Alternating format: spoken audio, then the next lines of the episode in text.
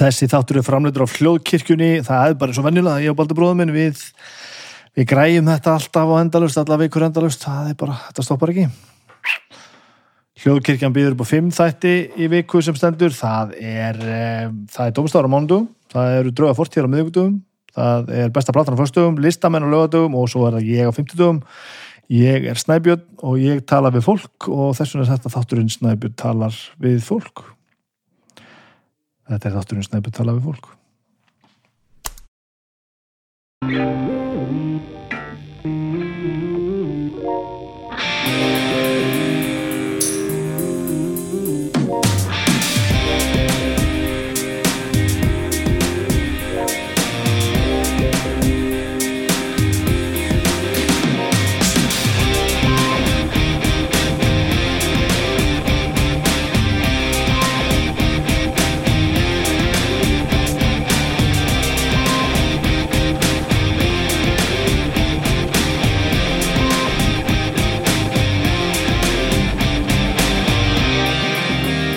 Komið sæður velkomin í þáttu minn Snæbjörn tala við fólk. Þetta er ég er að taka þetta upp hérna á má, mándaskvöld, mándaskvöld.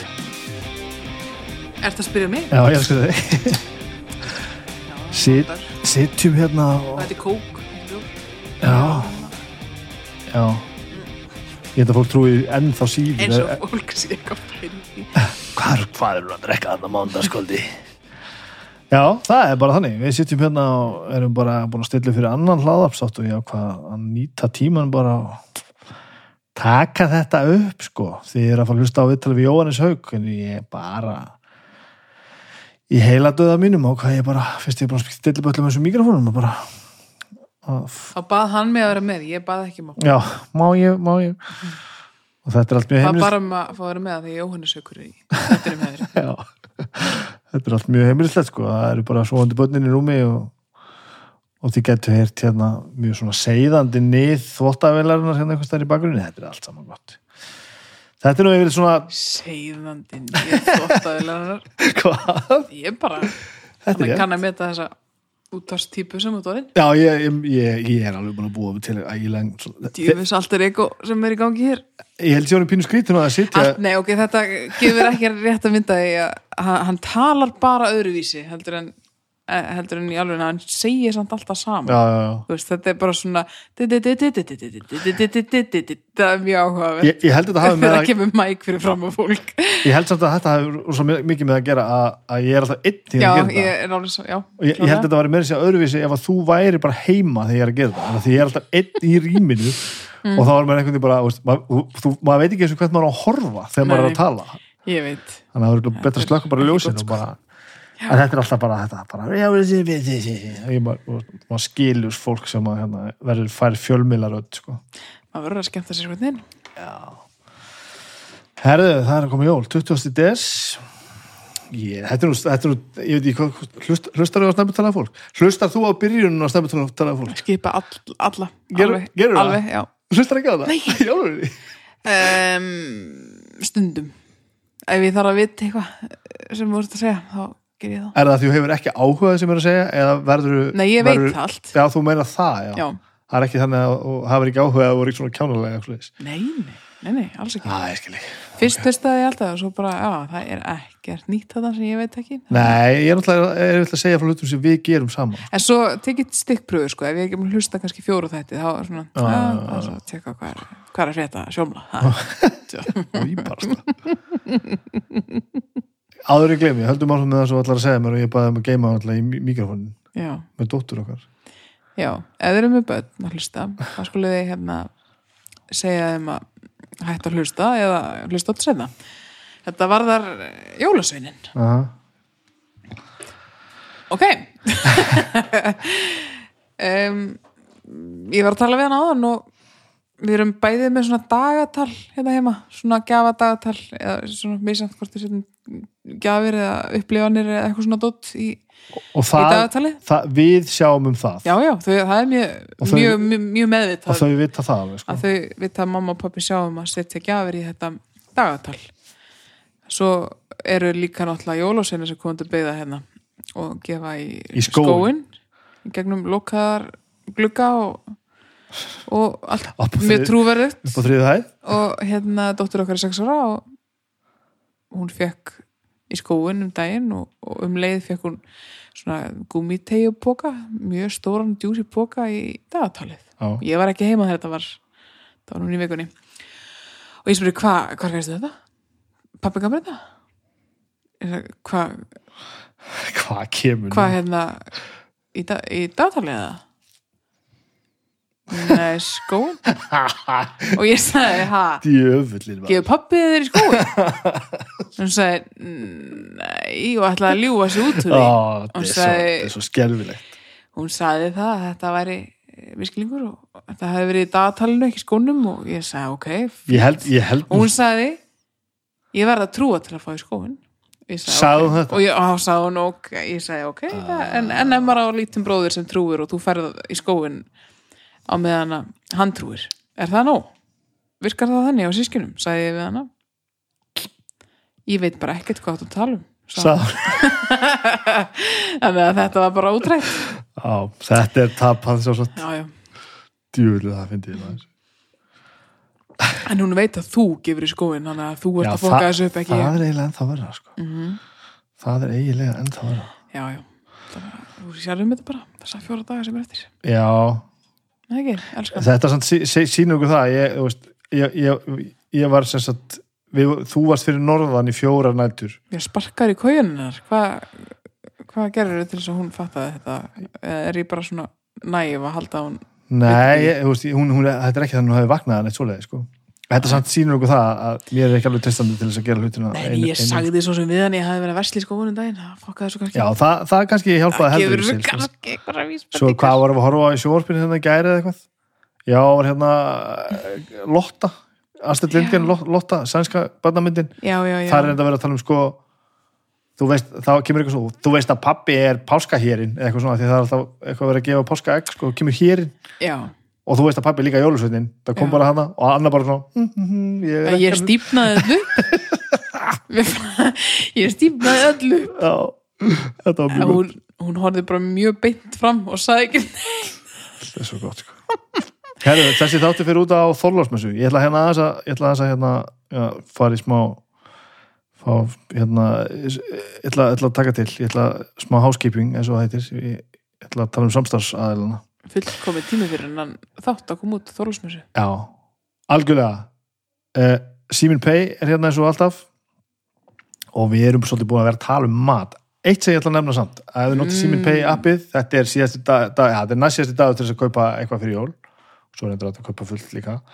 En það, en það hérna allt sem er keift í gerum appið uh, Simin Pay með, með öllum þeim undrum sem það er á bóðstofnum það þarf ekki að byrja að borga því fyrir fyrsta februar þannig að það er hægt að taka Nice. Já, það er nefnilega næs En ég, við erum búin að tala mikið um mat undan fyrir vikur, ég ætla að halda því áfram þess að akkurat núna þriðudags Hvaða mat? það er alltaf tilbúð, þú hlust, hlustar Ég ekki á nenni ekkert að hlusta, segðu mér þetta bara í mathallarfliparum á Simin Pay appinu er alltaf, Ég hef farið þangað. Já, ég veit þú hefur farið þangað er alltaf frá þriðudag frá þriðudag er alltaf nýtt tilbúð og tilbúð þessa vikuna sem byrjaði síðasta þriðudag er, er það er ostborgari frá Plan B sko Plan B Smashburger sem við notabunni höfum ekki prófað, sem er ótrúið með hvað, hvað, hvað, hvað okkur finnst gott. Og þar er ostborgari með smjöð suðunöndikjöndi osti, sögsuðum lauk, súrum gúrkum tómasúsu og sinnepi á 550 í staðin fyrir 850 það er gott. Vá, þetta hljómar eins og ég Það hef var mikil ra- áhersla. Já, þetta, þetta, þetta er hljómar eins og ég hef ræðað á þetta sko. Smassa nautakjöt, ostur, saksaða laukur súra gúrku, tómatsús og sinnep. Þetta er náttúrulega ég myndi velja mér eitthvað annað matsel í Já, hásamt þessu, já, þessu kompani Ég þarf að fá svona svona brasseraðan lauk svona s- sætt á móti held ekki súrt á móti besku Já, ég er þar ég held að þeir reddi því fyrir, fyrir á plan B ég hugsa það. er yfirleitt annað hvort eh, hvort tvekja á matseli hjá svona stuðum sko. Já. Herðu, fyrstur um fyrstur um byrja á þessu, þá ætla ég að tala um hérna hinn samstafsæðina, það er omnum bara nom, nom, nom, nom. það er kannski að þú tali bara um omnum það er alltaf ég hugsa að sé alltaf omnum öngstaðar inn í mér. Nei, om, það er það. Sko eh, að því ég fæ mér mjög oft omnum. börnin hef ekki verið tekinn af viðtækjunum síðan áðan bara, þetta fengi bara að hanga. Um, uppáhalds omnám uh, maturum minn er er hérna sísalt lakrís kúlu djöflanir Já, hérna, uh, hérna ekki í stikkin heldur hérna í Nei, pókunum Já, það, pókanum það er sko. svaðalegt það finnst stöf. mér óbúðslega gott og það er líka til svolítið karamellu Já, svona sísalt eitthvað. Og það er aðeins verra en það er alveg afgótt af því það er mjög, mjög gott hitt það er verra. Það er lýsing en það Já, þýðir alltaf hérna að það sé bara í omnum og það er aðeins verra þarna. já, þið skiljið hvað ég meina Já, þetta er alveg satt sko ég er að rósa þessu gríðarlega með því að segja þetta sé verra sem Já, er ég ótrúlega það, veit það. en já, ég, svo er ég náttúrulega búin að miðhandla þessar jólagjafa uh, djúsi öskjur hérna það Er, er alveg- það eldur sem hugsa sem jóla gjafir? Annað er alltaf bara svona ég hugsa alltaf gjöf þegar ég Já, sé já, þetta já. ég held að þessi geggjað að fá svona gjöf Við erum alltaf að gefa þetta í gjafir Annað var alltaf að hugsa sem, sko, sem hann að, aðvendu kassin, sko. Já, já, Hann er hugsaði sem bara fyrsti, annar, þriðja, fjóruði sunnudagur í aðvendu, sem er náttúrulega, veist, þetta er bara já, það er bara hólf. Það er bara fyrsta, annar, þriðja og fjóra hólfið, sko. En svo er hann að Winter Collectioni voru hérna þrjár plötu saman, sko. Í öllu falli, þá er þetta hérna, það er, það er að koma hátíð, sko, það er hátíðir á fullu og þetta er náttúrulega bara hátíðar sem þú finnur, þetta er bara meira heldur en já klálega. Mér finnst líka gaman að ég gaf um daginn svona hérna, svona gjafabrif í, í hérna, eitt svona ísrétt. Já, já, já, mér finnst það mjög fallegt að geta sett það svona ón á plötuna og svona eitt borða yfir. Mér finnst það mjög smart. Já, gerur það. Næs, vel gert. Glæsilegt, herru, þetta er bara allir komið, sko. Ég sé bara, herru, það er kick-off, það er mándaskvöld og reytis voru að sparka boltanum frá sér. Spila mútið Cleveland Browns. Ég held að sé nú ekki mikil glóra í þessu samt, þeir eru ekkert að fara ég spáði um svona sigri í þessum leik en ég veit það ekki, sko já, já, hann það svona þið út. Ég veit það. En þetta er eins og að bara árið ágætt hjá okkur. Ég, ég, hérna, þetta, er, þetta var langt spjall hjá mér og, og Jóhannes Hauki, sko. Eða langt, þetta var bara passlega langt. Ég hlakka mjög mikið til að vera búin að skipa og, og hlusta Það er á ekki hlusta á þetta sem varst að segja núna. Kannski strík eigin egoi þú en ég er mjög mikið til að hlusta á okkur spjalla. Jóhann Sökur er Þetta- skemmtilega skemmtilegur. Þetta var mjög gaman, við þekkjumst náttúrulega alveg ljómandi ágætlega. Mm Mhm. Hann, en nógu lítið til þess að það held sem er skemmtilegt hann til dæmis sagði mér bara að vera hálfu færingur og ég bara, hæ? Hálfu færingur Það var eitthvað svona sem maður, maður myndi halda að maður ætti að vita um vinn sína en, en maður kemst að því, þegar maður er 40 eitthvað ára og þú veist, úrglega fyrir að maður, það er fullt af fólki sem er kynnist nógu seint á æfinni og ert að kannski að vinna með nógu afmarkað, þannig að þú veist ekki allt um viðkomandi. Mm. Æskuvinnindir er einhvern veginn þannig, þú veist, og bara þessi sem hafa verið búin að vera með, með mér í hljómsveit frá því hún 12 ára, ég veit allt um það ég veit alveg nákvæmlega hvað er að koma allt, og allt, ömmuður sko. þeirra. En það er bara svo margir róti sem maður bara þekkir ógeðslega vel, og jói þekkjast bara mjög vel. Já, já, ég komst bara að það var svo margt sem ég veit ekki um hann bæði hvað, hvað hann kemur og hvernig hann hugsa sko. það er mjög, skemmtilegt. Og ég vissi svo sem alveg er svona, þannig að, þannig að ég, það er ekki óvart að þetta ég þetta sem þetta er hátíðarviðtal. Uh er hátíðarviðtal þetta er Þorl- Þorláksmessu eh, kringlu viðbjós viðtal og þetta fara með headphone kringlu, já, og, og, og bara grímuna á og, og, hettu og klára þetta bara. Ertu já, ok, ég þetta ke elska jólin þetta bara kemur óvart hvað, með hvað hérna hvað þú ert betri í lífinu heldur en ég. Já, að þegar að kemur þarna sko já. þannig er ég bara allt í lagi já, þú ert alltaf lægi að kaupa tvær þrjá gjafir á Þorláksmessu. Þú ert flottur í því sko. Elskan, já, ég góði en allt sem þarf að gera fyrir það þá það er þrjár gjafir já, þar þarf ég að sjöfla í höstum á mér sko, það gengur bara misvel. Ég, ég er búin að köpa fullt að gjöfum. Ok, ekkert fullt, en ég er búin að köpa ég, ég er búin að lesa stóru málin sko. já, já. Ég held að ég held að setja þetta upp svona eins og í fjölskyldu trí á blað. Já, það er satt. Og þá gæti ég kannski sýndir hvað ég meina. Já, já, ég held að það sé alveg rétt. Við- það vita ofbúðslega margir hvað ég er að tala um og Já, örgulega já. mjög margir hvað þú ert að tala um. Já, og þetta er ástæða fyrir samskiptum kynana eins og þau eru í dag. Og það leist, við þurfum ekki að pæla í því. Hérna, við skulum takk fyrir mig og Já. góða nótt Takk fyrir Gó- Hérna, þetta var mjög skemmtileg spjall, þið skulle njóta þess að hlusta á mig og Jónasök, það var mjög gaman að tala á hann og honum fannst gaman að tala um mig, ég sá það á honum. Og já, njótið bara vel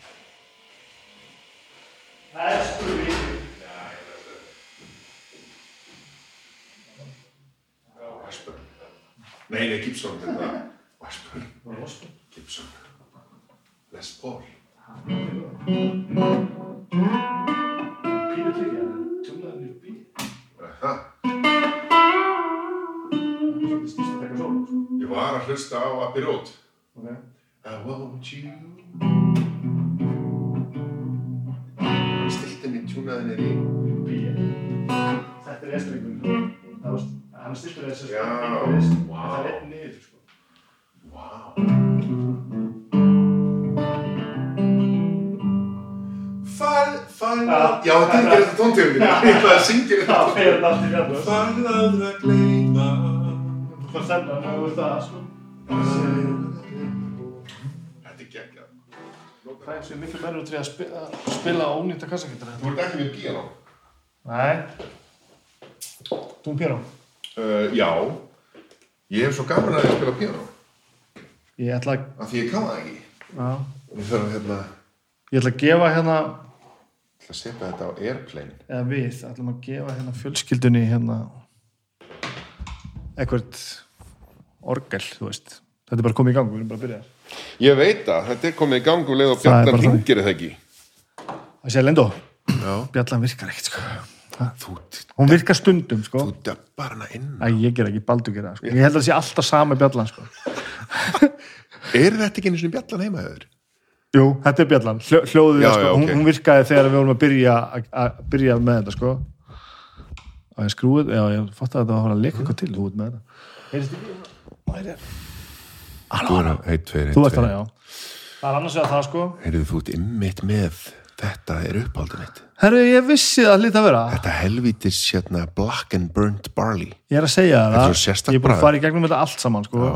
Og þetta er best. Þú, Þetta- þetta er hérna gjöfið sem við færum frá omnum til að Takk að þið fyrir. svolítið sent á aðvendunni en þú, þú nannu að Ég not alltaf omnum að ég er mikið að vinna í útlöndum og stundum með maður að, veist, þetta er alltaf takmarkuð verkefni í takmarkaðan tíma og maður kynnist fólki og maður vilt stundum gefa einhverju svona gjafir í lokin.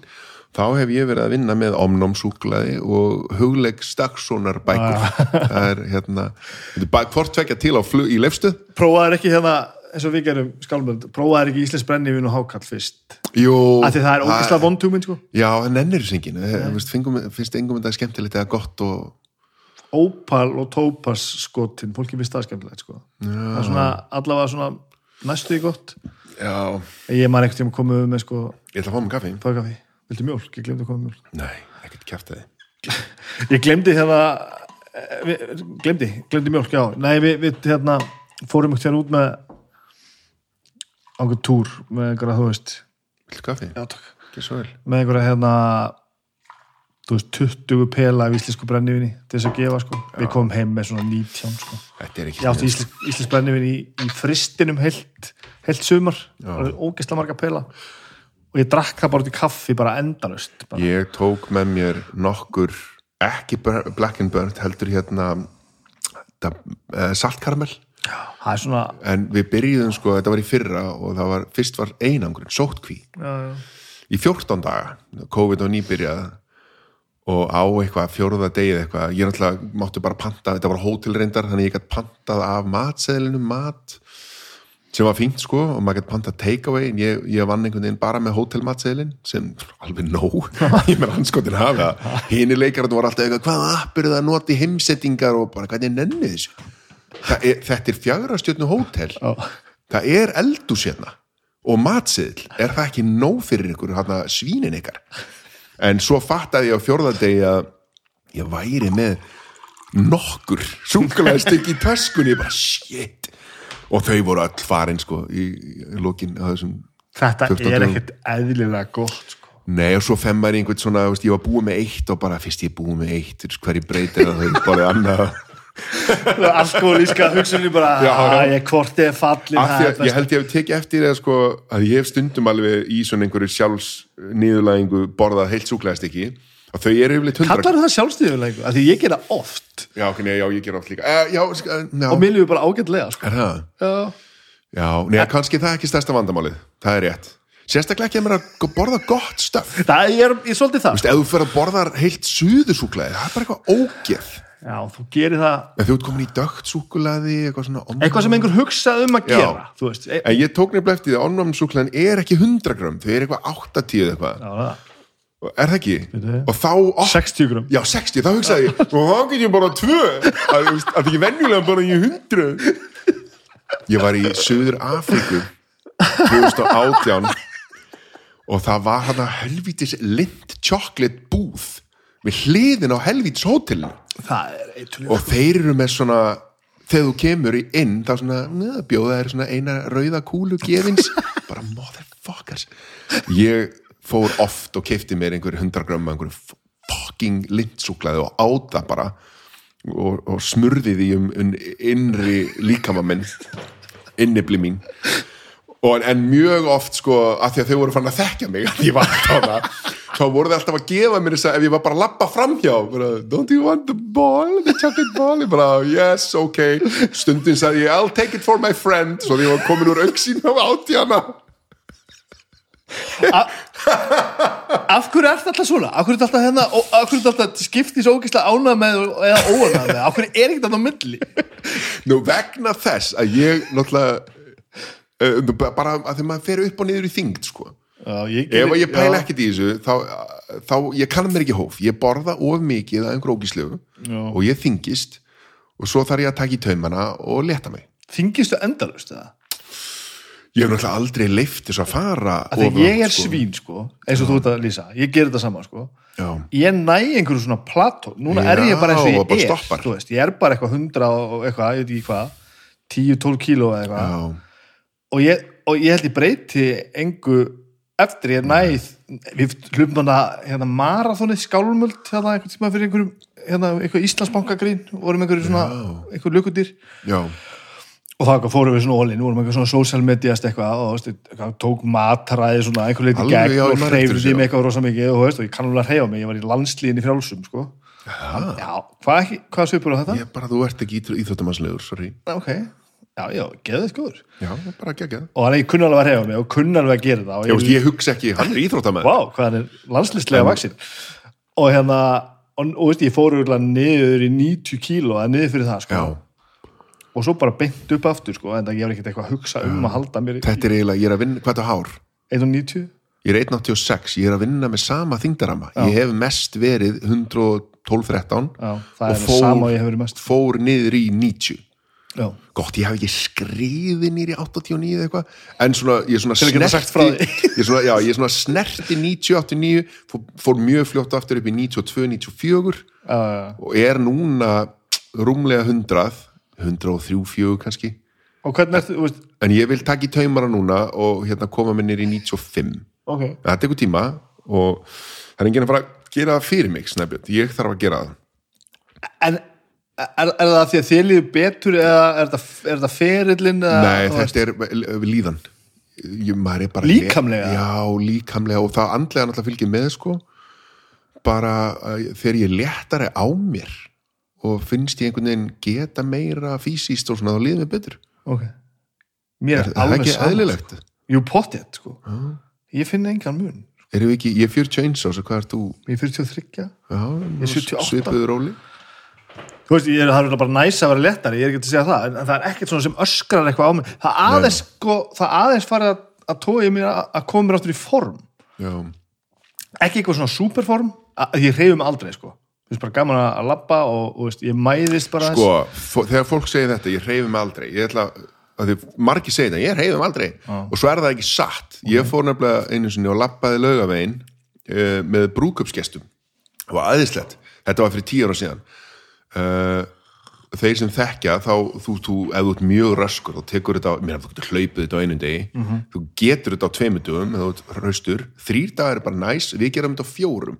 Því þetta voru brúðköps, uh, þetta voru hjónin sem giftu sig í Þórsmörk við lokin á göngunni en allir gestirnir og brúðhjónin löppuðu laugavegin saman Ok. og gistu hann að þrjárnættur og leðin þetta var dásamlegt, ógleymanleg ferð. Nema þar var einn sem var bara, ég reyði mig aldrei en svo var hann svo röskur og hann meiri þess að var að taka svona auka dítúra upp á þetta fjalla og tilbaka og meðan við vorum að labba og, og svo, svo hljópan síðasta spölin sem er hálmarathon Já, og ég bara býti býti og ég, ég fór aðeins onni í þetta. Þú reyfur þig aldrei. Þá kom í ljós, jú, hann fenn nú reyndar í sund þrísvar í viku. Og ekki pottin, hann fer að synda og alveg sko meir en kílómetri hvert skipti og svo er hann í körfu alltaf sko tvísvar í viku en það er náttúrulega bara með vinunum og maðurinn er í bullandi þjálfum já ég er ekki að tala um neitt þessu líkt sko. Ég reyfi mig að bara hann aldrei segist ekki reyfa nei, sig nei, nei, ég reyfi mig bara ekki, sko ég, ég Nei, fer ok. stundum Já, og hann hjólaði líka bara, þú ert, íþróttamæður Já, nei, ég til bara strætó vinnuna, sitt, svo kem ég heim með strætó yfirleitt, eða bíl. Stundum labba ég hérna, þú veist, kringum golfvöllin, það gerist svona, það eru svona tveir mánu síðan ég gera það síðast. Þetta hérna nesið, ég hafa fallegar minningar hérna ég hérna bað konuna minnar á ströndinni hérna, reyndar hérna fyrir hotninu, sjáum það ekki. Já, vorum í, og ég ánur reyndar ég er um borgabann og er ekki mikið fyrir náttúru öblin eða, eða náttúru meina, en laugavegurinn, ég labbaði hann, það var dásalegt nema reyndar raptinuskir, hefur þú farið laugaveginn? Nei. Ég ætla aldrei aftur að gista hraftunuskeri. Ef ég labba þetta, þá ætla ég að labba rakleis framhjá hverju? hraftunuskeri. Það er svona fyrsta stopp. Þú getur auðveldlega labbað framhjá því og gista á alltavatni. Hraftunusker er, leng- það er svo hátt uppi, það er svo kalt og það er einhver útikammar og það eru kójur og þetta er bara ógeð, þetta er ógeð, baby. Hvað er það langt síðan? Tíu ár, Heldur að hafa ekkert gerst síðan? Heldur það sé eins? glætan að það er svona ógislegt? Æ, bara kójur með ókunnuðu fólkin í opnur. En þú ert bara að gera hluti sem áttu að ekki að gera. Ef þetta- hendar ok, þá bara var stað, ok, útikamarinn var vestur. Já. Alltaf vatn, þar ertu komið bara klósett, þetta bara loka að þér. En þú getur til dæmis ekki verið í hljómsveit, sko. Að túra í hljómsveit, þá ertu bara með innikamar á ferð í rútunni. Og hann er ekki gæðslegur Nei, hann er það ekki, hann er það ekki. Ég, já, mér finnst gott að hafa almennilega saliðsastöðu. en ég sem sagt átti setningu hérna í ströndinni, þá ég lendi í svona kríu árás hérna út á nesinu eins og fólk kannast við. Og svo steigi í, svo, það var svo mikill gæsaskítur og ég sagði setninguna helvítis náttúru ógeð. Og hún er svo mikið náttúru bann að hún rifjar þetta upp reglulega. Helvítis náttúru ógeð. Þetta er samt pínu satt, sko. Þú er vantilega ekki verið sveit. Nei, Nei. neitt almáttur. Það er náttúrulega allt í ógeði. En, en ógeðið er samt aðeins hreitna heldur en ógeðið sem maður getur lendi ég fór á skotveðar með pappa mínum upp á tvítu hann skaut gæs og á, á löngufæri og við þurftum að labba yfir einhverja mýri og, og svo, þú veist, hann er eldri og svona og baði mig um að halda á kvikindinu og mér fannst það svo ógíslega ég gat það ekki. Ég svona tók í, ég svona setti ermina yfir svona, yfir Og hendur lest á engu bera. og, og, og sem, já, ég svo hjælt ég og svo bara fríkaði ég út eftir nokkuð skref og ég bara, ég get ekki, ég get þetta ekki. Og hann sneri sig við og horfði á mig bara, hver er og þannig að hann þurfti að bera hana, kófsveittur og var að drepast, náttúrulega búin að labba alltaf þessa leið og en svo náttúrulega átt ég gæsa bringu um kvöldið með bestu Það er með þetta, sko. já, en mér líður best á Malbygginu Já. uh, í borginni Já, fara þetta frá upphæðu bara. Ef, veist, að því nú, þú fellur í hennar stórkostlar flokk sem er eiginlega upp á slokkurum minn, sko. já, Fólki sem ég þekki en þekki samt ekki. Ég Já, ætla með einmitt. veit eiginlega ekkert um þig, sko. Nei, við þekkjumst náttúrulega gegnum, er ekki bara gegnum, gegnum denna Ég held það. Mm. Ég. Ég man ekki hvað við heitist fyrst. hvar kynntist þú denna? Ætli ég hef ekki kynst enna þegar vorum að þegar hann var að leikstýra fyrir Kópá leik fyrir Kópá ég kynntist honum fyrir norðan þegar hann var að leika hjá leikfélagi Akureyrar og ég líka. Er það ekki eftir það þá? Ættu að kynast honum ég, allir ég hef nei, kynnst ég undan honum 2006 því. já, það er þá set, setna vantarlega en ég er að nei, anskutin, það er á svipun tíma. Ég er ekki góð með tímasendingar.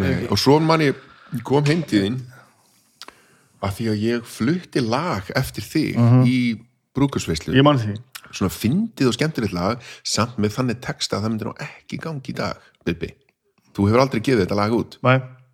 nei, það er svona, það er húmor í þessu en hann er mjög svartur. Hvað er, hvað er svona í því sem við myndum ekki fljúa Æ, þetta með herðatrið já, fóstureyðingagrín, er það ekki samt nógu hérna yfirgengilegt til þess að Jó, kannski. Ég heldur þú ert komin Ég- yfir ákveðin absúrdisma. Já, eins og núna finnst mér þetta ekkit sniðut sko, en mér fannst þetta bara mér fannst þetta svo sniðut en ég meina það má. Mér fannst þetta að finnast að lag í heimi sko.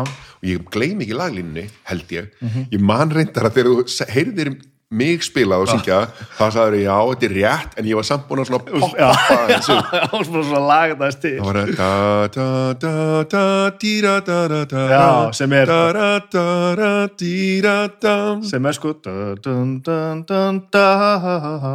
að þú strax búin að fokka þessu upp sko. da da er þetta aðeins ah já, ég breyti já.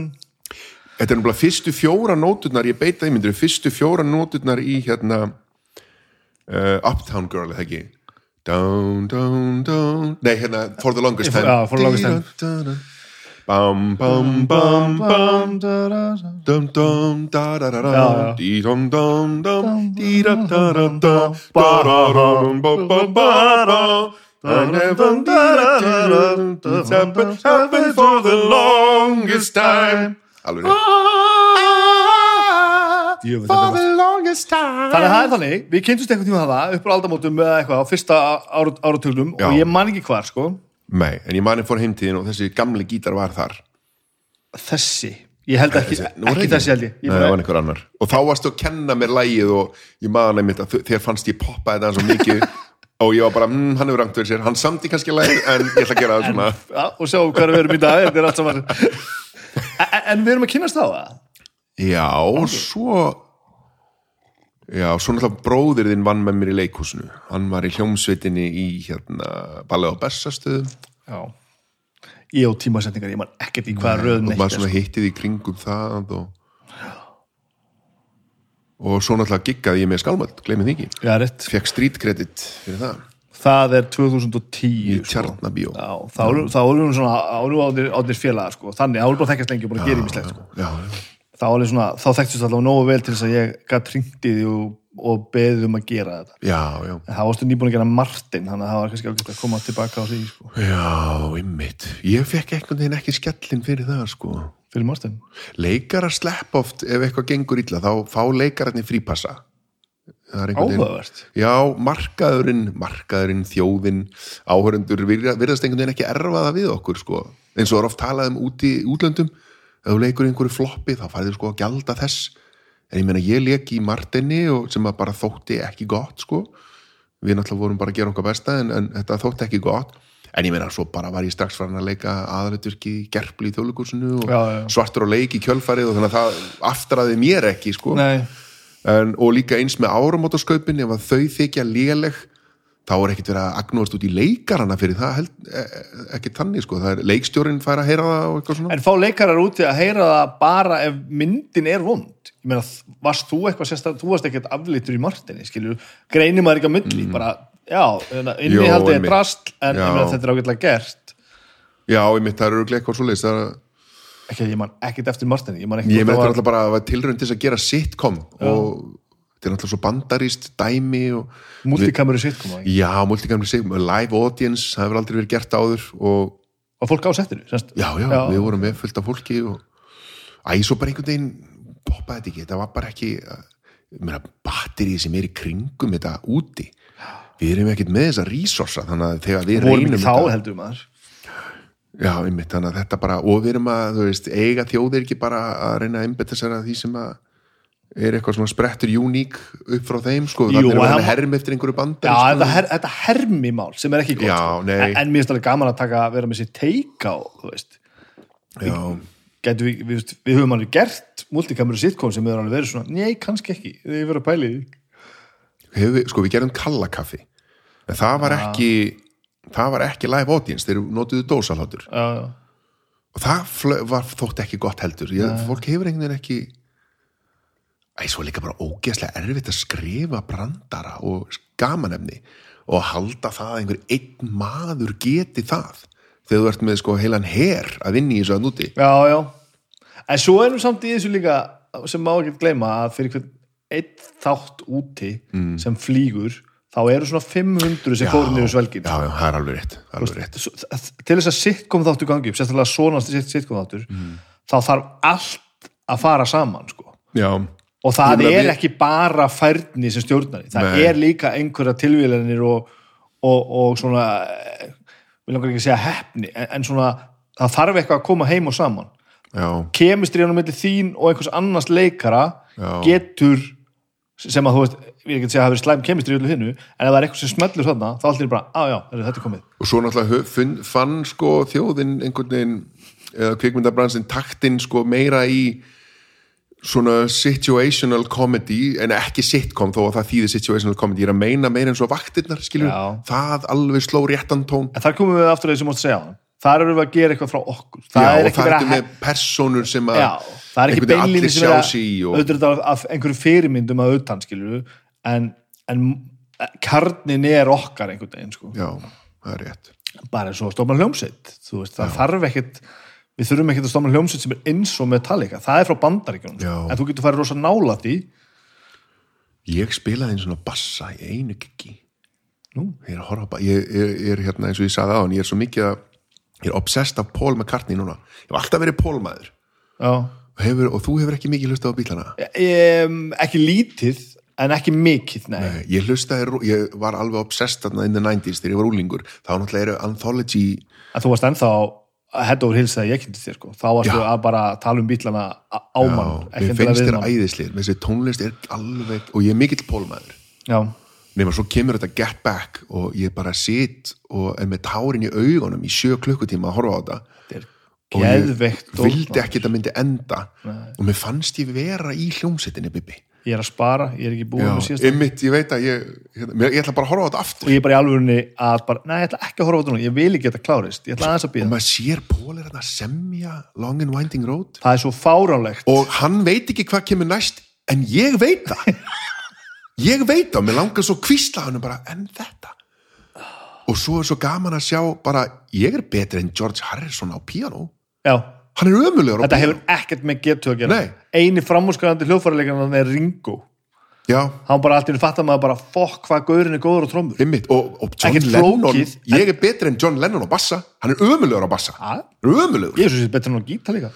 Mögulega. Þetta hefur ekkert með þá færðin að Nei, gera sko. einmitt, og það er svo flott að sjá það að þessa snillinga að, að summa þeirra fjara er stærri sko, heldur en, heldur en einingarnar sko. Og líka bara sjá þeir eru með nýtt lag og eru að renna í fyrsta skipti Já, þeir eru bara bara lélegir. eins og hvað annað bílskúsband sem getur ekki neitt sko. Nei. og þannig eru búin að vera bítlarnir eiginlega allan tíman sko, frá því að veist, þetta er bara að enda þarna, við erum bara að klára bítlarna þarna sko. þannig að það er ekki eins og þið séu svona já, þú voru ekki alveg búin að finna sig, jú, jú þeir eru búin að finna sig alveg, Já. þeir eru bara þeim tíma í þessu, og Paul og þeir geta stundum ekki raska nema þarna, sko. Paul, hann ber höfuð og herðar yfir þá varandi hljóðfæralegi Já, öllu. það er þannig. hann er betri en þeir allir á bassa á gítar, á Já, píano já. og á trommur. Já. já, veit ekki með trommur en hann er allavega góður trommuleikari. Já, meina, Dave Grohl fekk hann til þess að trommin og fúfættisplötu þannig að það segir nú eitthvað, ekki það er svo, en hann er rosaleg og svo er ég að hlusta núna aftur, ég var að hlusta á Abbey Road á leiðinni og bassalínurnar sem Já. maður kemur með. Bassalínan í Something bassalínan í She Wants You og bara öllu þessu lögum, bara hvernig dettu þér þetta í hug?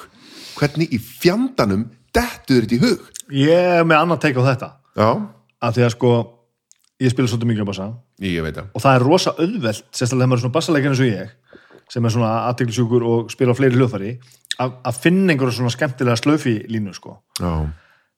Ég skil það alveg, en það er verða alltaf óþólandi. En hann er að gera ekki Það er fjandast máli, sko. Hann kann sig og svo einhvern veginn, einhvern, einhvern, með einhvern ótrúlega snillíka á, á, á, á baku sig þá, þá einmitt kannan listina að láta þetta þjóna læginu þó að þetta sé út um allt. Og alltaf. Og er bara á, á Abbey Road hérna, og eins og í Something sem er eftir Já. George Harrison viðkvæmt rólegt lag. Hann er að taka einhverja rosa slöfur en alltaf bara þegar það er pláss fyrir það. Og meiri segir rock standard sem hann samti sjálfur, Oh Darling. Mhm. -hmm. hann er svona það er hægt að spila þetta rosalega straightforward nema hann er að sneika inn einhverju litlum litlum slöfum nema svo í millikaplanum When I told you you didn't need me anymore þá er gítarinn að taka smá ding, ding, ding, ding, ding, ding, og þá heldur hann sér tilbaka. Af því að gítarinn er að gera þetta. Já, já. og hann er líka að syngja. Hann er ótrúlegur. Ertu búin að horfa á hana þættina sem að hann og Rick Rubin eða eru saman? Já, Þa, þar til dæmis kemur Rick Rubin oft inn á það sko, þetta er oft eins og tvö lög að þeir eru með múltitrakkana sko. þeir geta bara verið með, þú veist ef við hlustum bara á gítarn og söngin Einmitt. þá er þetta bara svona lag ef við tökum það niður og hlustum bara á bassan og trommunar þá er þetta bara einhver alltaf stefn allt annað, ég veit það það er ótrúlega heillandi sko. Þetta er, og það er svo gaman að, að hlusta á þetta og hlusta á, ég hef ekki hlusta á þetta í mörg ár af því að maður var einhvern veginn bara búinn að, að þjösna þessu Já. en nú er ég svona að byrja aftur ég á nefnilega með tilkomið þess að sérstaklega Get Back sko, en, en líka þetta stöð að því að mikil Rubin maður líka sko. Hver er Rick Rubin? hver er Rick Rubin? Já, hver er með síða hárið og allt saman? já sem Vá, wow, ok. hver er þetta? hann er, hann er wow, hvað er ég að byrja? þetta er maður sem að pródusera þetta slegiplutunar Já, ég hlust ekki á það Nei, en þú veist, hann var líka sko hann stopnaði Def Jam Records hann, hann, Já, hann er það. maður sem að stifti saman sko hiphopinu, svarta hiphopinu og metalum sko Já, ég Þetta hlust er maður sem það próduseraði allar setni tíma Kass-plötunar, Kass, Johnny Kass Ég hlusti, já, ég hlust ekki á það heldur. Wow. Þess vegna veit ég ekki hver þetta er. Þetta er eitt frægasti pródusent allar tíma sko. Hann er rosa svona eccentric eins og sér sko. Finn, það er það sem að góði í þessum þáttum að Pól er ekki að tala bara við einhvern. Hann er að tala við einhvern sem að skilur músík á hans leveli sko. Já, og líka pródusent ma ma maður sem skilur líka hvernig músikantinn horfir á músikana sína. Já. það er galdurinn í því. Að því þegar maður er líka búin að liggja yfir öllum, öllu bítlaefni sem til er þá er maður búin að sjá Paul McCartney endur taka sömu Ah, já. sögurnar margoft, Aha. alltaf með sömu sögurnar eðlilega þetta er bara hans ævi og þetta er hans sögur en, og, en, og, og ná það líka hún finnst nú ekki leðilegt að tala um sjálfan sig Ríkur Rúbin var nú stundum að reyna að Já. honum í eitthvað Já, annað hann bara, en ég, ég samt tók eftir því þegar að Paul, Paul dregur fram gömlu sögurnar nokkru sinnum í þessum þáttum Já, já. og maður finnur það þessi Rick Rubin hann bara svona, já já, veist, Já, hann, hann næstu því segir við erum búin að heyra þetta nokkur sinnum og hann fer er alltaf með þetta inn á áhugaverðar slóðir sko. Þú veist að- og þú hefur alltaf verið Paul McCartney maður? Breytist það eitthvað? Nei, nei, nei, þetta er bara búið að styrkja mig. Og já, ég var að segja, ég tók gigginu sinni sem bassalegur nú er ég með bassa, ég er obsessed við bassaleik núna. Og ég á kassabassa heima. Og ég sem sagt sit í sófanum og horfi á Get Back og er að spila með Paul. Og er að reyna að shit. það er náttúrulega mjög erfitt sko. Já. en ég tók bassa gig þegar ég var 16 ára án þess að hafa nokkurt skilning á því hvað bassaleikur væri. Ok. að ég spilaði á gítar. Gítarleikarar sleppa með að vera pínu dörti og jafnvel ekkert eins og það góðir og þurfa ekki að pæla eins mikið í eins og tempóinu á meðan bassin og trombunar þetta, þetta verður að þetta er ein eining sko Já. og þetta vita þeir sem spila á bassa nema ég var ekki búin að fatta það þá og við lendum í því að við erum með úlingaljónsveit og við erum ránir að spila ársatíð hjá grunnskólanum okkar eða hvort við erum 17 ára nema bassalegarinn okkar er að fann að vinna á sjó og hann er út á sjó þegar giggið er við viljum taka giggið og Þú kant maður. Já, ég kann, hljómana, ég er að spila Já. gítar og við vorum með annan sólógítarleikara þannig ég sagði bara, ég spila bara bassan og ég man að trommuleikara var bara ah. Og það líka, þetta var Egil Rapsson, trommuleikari Já, í dimmu sem að við vorum sko hann var svoleiðis miklu betri hljóðfæleikari en við allir. Hann var 14 ára, eða 15, við vorum tveimur árum eldri. Þannig að við hérna, veist, við vorum að leif honum að vera með okkur í hljómsveit. En hann var miklu betri við. Og hérna hún leist nú ekki að það að ég var að fara að spila bassa. Og, en ég gerði það og hérna, en hann alltaf bara ég spilaði bara bassan eins og gítar. Ég bara strömmaði grunntónin en það er alveg hægt. Já, en það er ekki gott sko. Ekki, sérstaklega ekki þegar þú fer að pæla í því sko. það er gott út í mótorhett sko. Lem. Lemmi spilaði náttúrulega bara þannig. Og það er ekki góð hugmynd ef þú ert fjagra hljóðfæra rockljónsveit að spila Bittersweet Symphony. Nei, ég hef ekki það sagt þér það þetta er þryggja hljóma lag með rosalega einfaldri melodíu húkurinn og aðalmálið er symfoníkablin þetta er aðalmálið í læginu já, og er ekki með fyrirleikana með Nei, og það er ekki alveg að sama að spila þetta á eitt streng á gítar. Og við tókum þetta lag. Og þetta er, það er ekki málið. En við gerðum það samt bara. Það er það sem er gaman með að vera í úlingaljósitt og láta bara vaða og okkur finnst þetta skemmtilegt lag þá bara tökum við það. Þetta er náttúrulega sem maður verður að gera eða, eða maður varð að gera. Nú er ég að taka viðtölu við sko, við sitt við sko, tónlistafólk sem er svona helmingi yngri en við. Já, og bara fremsta tónlistafólk þjóðarinnar það er aldrei stíðið inn í æfinguhúsnaði sum þeirra sko, fara bara í tölvuna. Já, já, já, auðvitað. Og þau, bara, þau hafa aldrei verið í hljómsitt hafa, og svo bara þegar þau eru komin eins og ég var að tala um Bríett um daginn hún fer bara með einhverjum hugmyndin í stúdíóið með pródusentinum og svo bara byrjaði þau að búa til. Og lægið verður bara til fer bara inn ok. í tölvuna og svo þegar þau bara, er þetta bara tilbúið. Og svo það bara að fara að finna út í hvernig það að spila þetta live ef það á ekki bara að vera playback sko. Vá, þetta er bara ekki það sem við gerum við bara, það sem var svo líka dyrmætt reynsla back in the day sko var að ef þú vildi spila eitthvað lag með ljóðstinni sem þú fílaðir þá þurftur bara að finna út í því hvernig þú átt að spila það. Þú gast ekkert fletti upp á netinu eða þú ert bara að snúa vínilplutunum tilbaka Já, og bara aftur hvaða og hljómur og er þetta og oftar en ekki þá er einhver skrítin hljómur einhver staðar og bara Óþolandi. Mhm. hvaða hljómur er þetta og þú bara veist það ekki og það er ógislega erfitt að finna út í sérstaklega ef þetta er einhverjar, einhverjar æfingar Já, grafið einhverju svona misgóðu Já, mixi ein, einhver dimm hljómur allt í einu og maður veit ekki alveg hvað dimm er Tveir gítarar kannski Já, klassa saman og eitthvað svona. sko. og bara finn út úr þessu og tala um, og líka bara textan hvað er hann að segja? Við vitum það ekki, En maður, bara maður kemst þú samt fljótlega að því uh, fyrir aðeins eftir hvar, hvar maður að spila. Það er að sneika sér fram hjá því mjög öðvöldlega það er engin að hlusta nei, nei, en þú ert að syngja einhverja vitleysu sko. Við, er- við tókum Parklife með Blur. Og ég, ég var nú ekki söng ég var ekki forsöngur í hljómsveindarinnar ég, hérna, og það er svo auðvöld að spila Parklife dingerik, dingerik, dingerik ding, ding, dingerik og svo all the people, mjög einfalt lag. Uh-huh. skemmtilegt viðlag. En hann talar svo mikið í erindunum. Já, þetta er ekki einhver gammal rótarið eða einhver djöðlega ég, eitthvað? svoleiðis, ég man að söngvarinn satt sveittur að reyna að hlusta hvað er hann að segja og skrifa textan og ég mátti að sé ekkert á vídeo það sem að eh, þetta var einhverju krúin í það sko. Að- mér finnst að þess að hann hafi ekki verið úr rótkrúinu heldur það hafi verið einhver sko bara sem að er að segja þetta, er þetta ekki Damon sem Nei. að, nú, og, og ég sá, vissi það er til eitthvað er þetta bara að fara á in- interneti og finna þetta síðasta skipti sem þessi gaur gerði, hann var svo þreyttur á þessu. Bara já, performera "Ah, nú, nú gerði þetta síðast skipti á sviði og svo bara aldrei meira, nú er bara erum við hættur. Og svo er alltaf, hefur hann beilað þreymur og setna eitthvað fyrsta lag sem ég spilaði með trommuleikara var Creep. Já, geggjala við erum á svo, svo svipuðum tíma sko. Já, Ég var aðeins í mótþróunum, ég var svo mikið að spila bæði frumsamið og svona meira rock, sko. Við byrjuðum í sko janúar 91, þá vorum við að byrja, Guns N' Roses er náttúrulega mjög já, þannig erum við bara að semja, bara strax. Í við erum alvöru, bara já. eiginlega ekki að, ég spil ekki coverlag fyrir en bara, ég veit bara ekki. wow. sko. við, já, við sömdum líka en það voru ekki góð lög sko. Nei, ég veit ekki hvort þau voru góð. nei, En þú veist, ég man sumur riffin eða þá.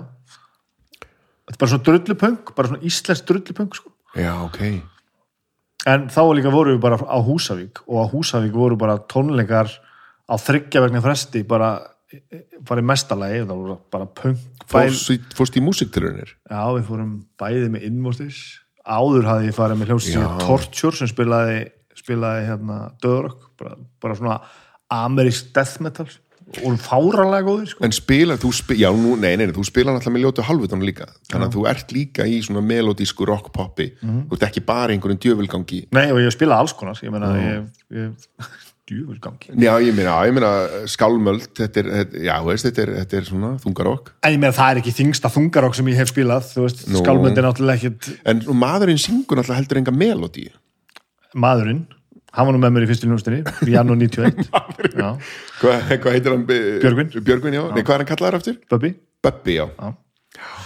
Nei, þetta er ekki melodía sem syngur er bara það, eru döður og sárhefin sko. Já. það, kom svolítið úr þessu, þessu death metal úr þessu death metal senu og erfitt að skilja hvað hann er að segja.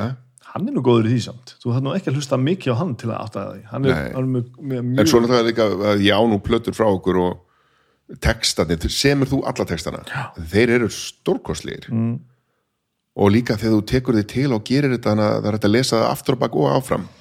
Hvað heitir það aftur? Slettubönd Sléttubönd, þetta ertu geðveikur Já, já, en þetta er samt bara Manstu getur þú farið með eina setningu núna sem er sléttuband, segja það, sléttuband eða bönd?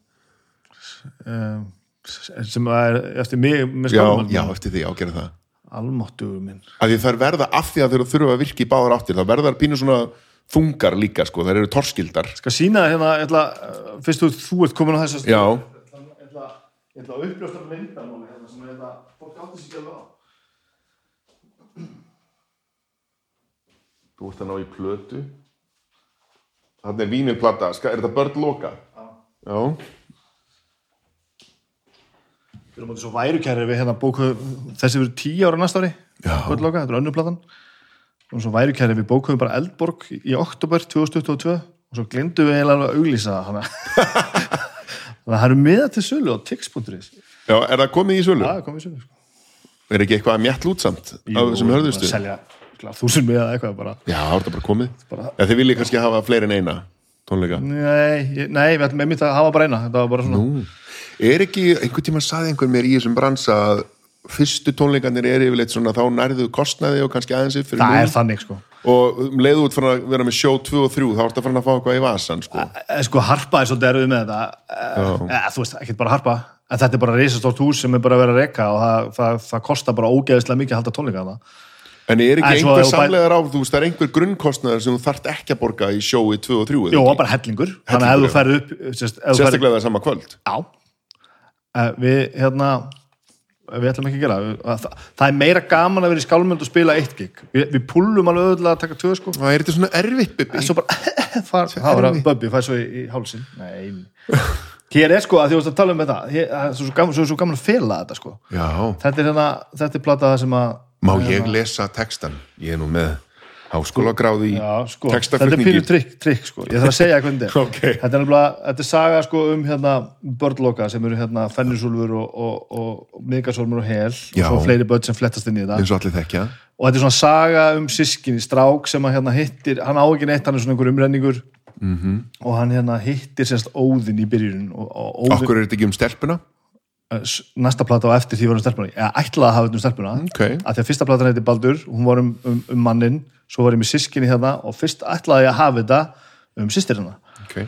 Og ég var með, sko allt nema loka draftið var, var um hérna sýsturina og ég bara, að, gekk ekki upp. Þannig að ég snýri því og hafði, hafði þetta semst, að, bara tókst þér að íta konunni frá. En svo, er svo er mér móralið tvö ár og, og platan eftir það er bara, er bara um Þórunu öðnu sem Nó, er bara já, já. geðvik hérna, geðvik hvern hetja Nei, heyrðu, ég ætlaði að fá mér súklaði, ég get ekki gert og smetta, ekki, ekki að fara að lesa. Það eru sömur sem bara þeir fyrirlítað að heyra smjatt þetta hérna, dótti mín, hún, hún sturlast. Já. þetta er eitthvað ástand, þetta heitir misofónia þetta er eitthvað raunverulegt sko. já, ég, það var einhver sem sendi okkur skilabóð og fleiri nett sem, sem segja Já. það bara, þetta er eitthvað Þetta og þau trufl- komið með headphonea inn í hausina Já, og það. er bara smjatt inn í eyru þetta tröfla mikið neitt ekki heldur, ekki neitt. En já, þetta er líka góð leið til þess að vekja hana, hún er unglingur erfitt að vekja hana, en ef ég fer upp að eira hann og ah, vaknar hann um leið bara og hatar þig. Já, bara þá fer ég að fæða með kaffi ég ætla ekki að segja alltaf söguna hérna en hann byrjar að hitta Óðinn sko. Mm -hmm. það er í fyrsta læginu og svo er svona einhver saga sem hann hittir hérna. Eitthvað, þú veist, fyrir á bak sleipni sem er líka bara að loka og, hérna, fjöturinn gleipnir og svo kom fennirinsúlfur og heiminn hrjóður sem er nautið sem að Já. Þór sker hausinn af til þess að veiða Migasson og svo kemur Migassonumur og Narvi, Narvi og Váli eru hérna þetta er flott cover, við erum að blaða hérna í gegnum coverið á vínilplötu hér er náttúrulega hel sjálf sko. Og gegnum þess að sögu sem ég ætla ekki alveg að fara í sko, þá sem sagt byrjar hann að hitta, hitta Óðinn. Og Óðinn stingur hans í bakið og end, hann enda með að koma að staði í lokalæginu sem heitir Loki, fyrsta lagi heitir Óðinn síðasta lagi heitir Loki, Já. þetta var ekki Óðinn þetta var Loki. Og ok, sko þetta er svo mikið verk Bibi, já, er ekki gaman að hafa gert svona? Já, þetta er geðveikt. Bara, þetta er æðislegt. Þetta er bara, þetta er það sko. Sko, það sem þú þarft að- að lesa til þess að fatta hvað ég er að segja. Já, við erum að reyna að koma að þessum sléttuböndum. Fléttubönd. Slettubönd sléttubönd. Sléttubönd. Það sem þú þarft að lesa. Sko, hérna, hérna byrjar platan sko, Loki heitir Óðinn opni, augum miðgarsvætta oki undir, vondu vopni veldur engra sætta. Já, hann er sett að segja um að loki sér komin á stað og, og það þurfum eitthvað að hefta það sem hann er að gera. Ná sjá ef þú, svo kemur hann alltaf viðla á milli hérna með þremur, þremur hérna línum. Já, byrju, Loki heitir Óðinn opni augu miðgarð svætta Sérst, Loki er að heita á Óðinn að opna Nei, augum hann segir sko, hann heitir Loki. Já, þetta er bara, hann heitir Loki, og nú Loki er, ó, heitir. nú er óðin að opna augum miðgarsvætta fyrir því sem er að gerast. Já, já, já, Loki heitir. Óðinn opni augu miðgarð svætta Oki undir, vondu vopni veldur engra sætta. Hérna Já, undir okkar af vondum vopnum og það er ekki engin Já, sætti. Loki er að valda þessu, svo Já. kemur hérna viðla sem skiptir í gjöldum áli Ok, ég er Óðinn, ég er Óðinn. Já, Ég er sá sem lesi ljóðin Hilmar Baldursson. Já, við svo sem haldið áfram ef þú vilt gera það. Finnum dugin ekki efast, alltaf sína gæsku, þetta meika sens, vinnum þegar sorgir sefast, sjaldan beitum græsku. Já, mjög fallet erindi. Ég er óðinn, ég er óðinn, ég er sá sem lesi ljóðin Hilmar Baldursson. Sofa skaltu aldrei ata árar sálu tæra. Já, ok, Þú sofa... getur sofið rólegur uh, þó, að séu árar og djöflar í kringu Já. þeir aldrei eftir að, hérna, sakka sálfið Ok, lofa óðinn, heimskir hata, heiðna sinnið næra. Þetta er torskilið. Það er bara að lofa óðinn bara, bara þú, þú veist Já, nei, lo, þetta- lofaði guðinn Já, þetta er bóðháttur bara. lofa mig. Já, lofa óðinn. heimskir hata mig uh, og þetta næra þetta heiðna sinni þetta, eh, þessa, þessa veist, Ok. sinnið, þessi, þessi, þessi veruleiki þinn Ok. og svo bara áfram áfram Þetta millierindi var mjög, maður skildi það strax. endirinn á loka Já. hann byrjar sem sagt hérna Ah, næra... þetta kemur sagt í ljós að sama, sami maðurinn byrtist en ekki lengur í gerfi af því að hann kemur ljós ég var að, ég var að ég laði fyrir því gildru og þetta enda með að hann fór, sýstur hans deyr og allt, allt fyrir steik sko. og hann kemur ljós að þetta er loki en ekki óðinn Hann byrjar, byrjar hér Næra sinnið, heiðna hata, heimskir óðinn lofa, tæra sálu árar ata aldrei skaltu sofa. og byrjar hérna á þessu er þetta sem þú varst að lesa og lest það aftur og bara Næra sinnið, heiðna hata, heimskir óðinn lofa, tæra sálu árar ata aldrei skaltu sofa. Oh my god! og svona er þetta sagt þrjú erindi sem að getur lesið hérna áfram Græsku beitum sjaldan sefast sorgir þegar vinnum, gæsku sína alltaf efast ekki döga finnum. Og virkar þetta aftur á bak? þetta er svona, saman þetta hérna Þetta er sama, já. sama. Finnum dugin ekki. Wow. Bibi, og svo síðast að Jesus. Býtu meira að segja Ekki- þetta sem að mér fannst vera mjög straight forward og það virkar aftur það á virkar bak. aftur og baka, já, þú getur lesið það hérna Straight forward í fyrsta læginu er þetta finnum dugin, ekki efast, alltaf sína gæsku, vinnum þegar sorgir sefast, sjaldan beitum græsku. Og þetta virkar aftur á bak, græsku beitum, sjaldan sefast, sorgir þegar vinnum, gæsku sína alltaf, e efast ekki, dugin finnum. Vá! Svo síðast að Sætta engra veldur vopni, vá, vondu undir oki, vætta miðgarðs augu opni, óðinn heitir Loki. Loki heitir óðinn opni, vá, Bibi. Hvers, þú veist, þetta er svo, svo sturla, hvernig, hvernig, hvað ertu lengi að þessu? Þetta er handverk. Þetta- Já, það, það, Þetta er ekki bara að grípa hugmyndu skíin og skrifa hann niður. Er Þetta svona, þarf að virka. það er svona sem þetta henda mér sko. þetta, er, þetta, er, þetta er hárrétt orð ég, ég veist, ka- kalla þetta einmitt alltaf ég segi alltaf sko þetta er kraft en ekki Já, allt en inspirerað kraft Já, en ég þarf þennan kvata til þess að gera þetta ég þarf þrautina, ég þarf þess vegna er ég svo góður með rím og, og höfustafi og stuðla að því að kraft væri sko að þú myndir bara gera texta sem virkar aftur bóka áfram já, já, en já, þú ert að segja sögu í algjörlega, og sko. það er einhvað revílatna og veist, upphaf og endir og það er listin sko. Vá. en ég er með þetta, þú veist, þetta tekur þannig að þú vinnur daga að þú vinnur í þessum texta svo mætir Buddy og bara Já, þetta er enda að sungja einhverjum kór en já, sama, já, en oft, oft er það þannig. Oft er það þannig. Já, já, en langaði þá að segja nennur við bara aðeins að taka utan um Já, en við gerum það í stúdíói, við erum grjót harðir á Já, að skiljist það. sem hann segja. Alveg klálega, og það er partur af listinni sko. Já, en svo er þetta náttúrulega þannig að- partur af ánægin er ná, náttúrulega hlusta og lesa og melta og og ég er, ég er ömurlegt ljóðskáld. Þú veist, ég, ég, hef, ég hef engan kvata til þess að sjá hérna einhvern fallegan fugla á flugi og skrifa niður eitthvað ljóð og gefa út einhverja bók. Þú veist, það er ekkert í mér sem kallar á þetta sko. Nei, ekki ennþá Nei, kannski verður þetta einhvern tímann þegar ég verður ógislega blankur. Já, En ef hérna- þetta ógslag blankur ætlar að gefa út ljóðabók. Já, já, Er það, ég veit ekki, kannski ekki. Er það það er safe það var bet. sannilega ekki gott. en minn kvati er bara þetta. Ég er hljómsitt og það þarf eitthvað til þess að syngja og ég vil að það sé töff. Og og það er- ég vil að þetta sé karnist og, og gott sko.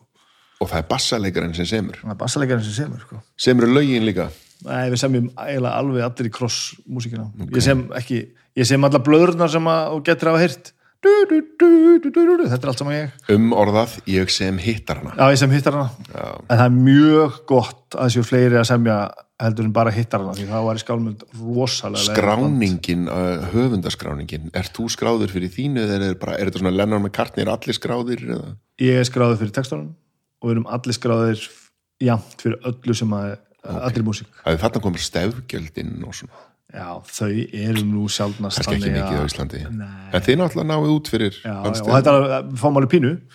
Já. en það er þannig og ég reyni að koma í þannig við í öllum verkefnum sem ég er í að skipta bara jæmt ég trúi ekki alveg á þetta er pínu annað þegar þú ert komin í hérna bara verið eitthvað svona laga höfundur og texta höfundur og svo bara Já. fengið til þess að syngja eitthvað bla bla bla en eins og minn veruleiki sem er bara ég er í hljómsveit ég trú ekki alveg á þetta bara já, byrju, ég samti þetta viðlag hérna þá fæ ég hérna 16% þetta það er nei, er hægt sko.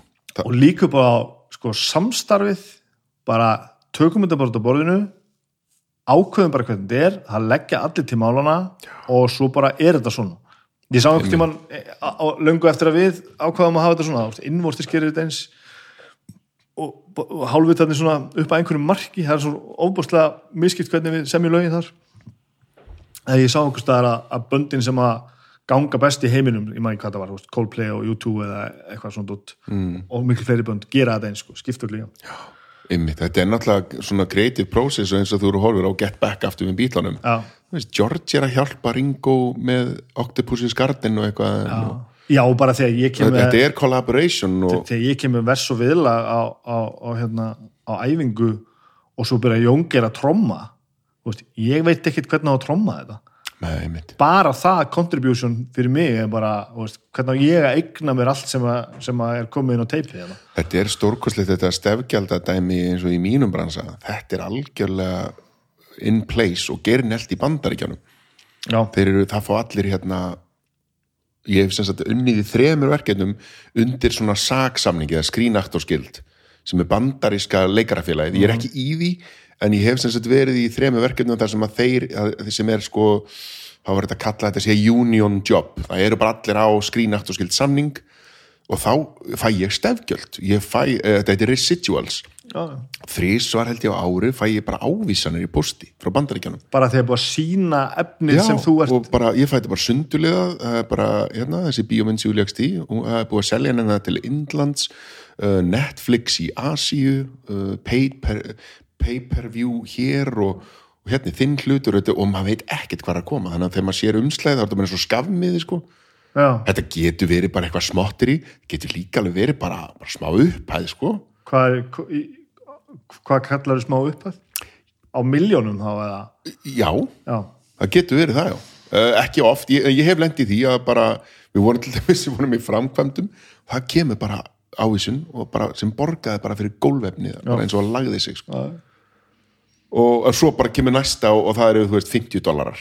Maður veit ekkert hvað kemur. ég held að allir sem að einhvern, tíma, einhvern veginn eru eh, á, á, komin á, á svona einhvern stað með það að vera búin að framlega nógu mikið efni að það sé einhverju svona róteringu mm. þetta stefgjaldagrín er ógeðslega fyndið sko. þú far allt í einu e-mail og það er bara 2500 Já. og bara ok, og svo, svo bara árið eftir sem er verið að borga fyrir það sama þá í einu bara 250.000 Já, ok, þetta er skrítið. Og ég held að þeir leikarar í mínum bransa sem hafa verið í svona jólamyndum já, eins og bara Home Alone skilur, hann, hann gæinn hann, hérna, Macaulay Culkin, hann fær áhersun bara fyrir það, og hún er alltaf há vegna þess að er alltaf, hún er alltaf sínd og seld svo mikið nema að, öllu jöfnu og þessi þrjú verkefni sem ég hef verið í þó ég hef fengið þarna ávísun sem var rúmlega miljón þá held ég að það gerist ekki aftur vegna þess að já, þetta er ekki já. ef- efni kemur út það er selt í ákveðin tíma svo er það bara svolítið búið. Mhm. og ef það er verið að selja það einhvern veginn tíu árum setna þá er það ekki fyrir háar upphæðir. Og mér skilst að það sé svona reglan. Þetta eru svona fyrstu árin og svo bara droppar þetta nýri en þú færð alltaf ávísinarnir og þú færð kannski ávísin upp á 1 dollara það er bara, þú veist, fer ekki einu svona skiptir inni sko. En þetta þýðir samt það að bara fólk sem er svona moderately frækt skulum við segja, vinsælt sem, er, sem er orðið, þú veist 55 ára já, og búið að vera duglegt að vinna já, það lítur þó að koma alltaf slatti af þessu. Já, ég meina, já, ég þekki eitt gæja sem ég gammal og ég og þeir eru líka með, ef þú ert í, ef þú ert í bandaríkjanum og ert í skrínaktorskild, þá ertu líka að byggja upp svona pension fund hjá skrínaktorskild sem, Já, að- ok. sem engin annar í heiminum einhvern veginn er í, hérna, veist, allstaðar í kvikmyndabransanum er þetta yfirleitt buyout, eins og heitir. Þú ert að ráðin í eitthvað verkefni, þú færi borgað fyrir það og svo bara heyrir þú aldrei í okkur aftur, þú þú ert búin að fá borgað við eigum mynda, bless, þannig er það. Æ, það er náttúrulega ekkert óskiljanlegt. Nei, það er alls ekki óskiljanlegt, en í bandarækjunum þá er þetta svona og þessi gæið færtur, þú veist örgulega ekkert hver hann er, en hann er búin að vinna consistently bara síðan um tvítusaldurinn og hann sagði, ég get hægt að vinna núna og mitt pensjón er bara fínt. Ég get Já. bara lifað þægilegu lífi. Bara þetta sag pensjón og hann fær residuals áhersanir og... og, og er það byggt á því að eitthvað sem hann gerði sló einhvern veginn í gegn Nei, hann er bara, nei, nei, bara, hann er bara búin að sapna í svona, jú, hann var í Mamma Mia reyndar. Uh, ekkert stóru hlutur ekki en það til dæmis residuals ávísinarnir af því eru helviti góða sko en þá eiginlega. Ja, svona, ég hætti búið að dvína. En hérna, en já, svo er þetta líka þetta pension sem að, sem að ég fæ nú ekki þó að ég sé fáið þetta residuals dót, ég verði að vera fullgildur meðlimur í félaginu til að fá þetta pension dót þú syns pappirsvinna er þetta? Já, já. En þeir, að þeir sjáum þetta allt bara félagið. Að ég er að meina það, Einmitt, en þeir geta það og senda ávísanir í posti bandarækjumenn Já, Þetta er ótrúlegt. Residuals. Við erum ekki góðið þessu sko. Nei, en svo komum við alltaf aftur að því þessum íslenska markaðir það, það er ekki til skiptana ef þú ætlar að fara þessa leið þá er þetta rosalega lítið ég hef einu sinni sko, þú, það er alltaf, er alltaf að semjum allt sko. Já, já. en yfirleitt er þetta buyout. Ég hef einu sinni samið um svona residuals eða svona sölu af DFD ágóða. Og það var af Martini sem við nefndum á hann. Ég satt inn á skrifstofu framlenda og bara, herru, ég er hérna aðalgæin, ég er Martin í þessu. Ég ætla bara að fá einhvern bakenda fyrir DFD-sölu og samdi um 5% af ágóða af DFD-sölu ágóða, það hóttu fyrst að ná eftir nulli svo, og ég held að nullið átt að nást í þúsund eintökum og það seldust 500 og eitthvað. Þannig ég fekk nú ekki til það. En það var í samningnum. Svo er annað í þessu sko ég man eftir einhver samninga þegar ég var eitthvað að reyna að semja rúf einhvern tímann og var að skrifa eitthvað rúf stundir okkar? Já, ég held að það hafi verið það. Það Já. hýttur eiginlega að vera og þá sko ég maður þegar að stundin okkar og allt innu með lög sem áður rosa mikið eins og ljótur hálfvitaðir lekt. Er bara þá var það, varst þú að skrifa. Já, algjörlega sko. Já.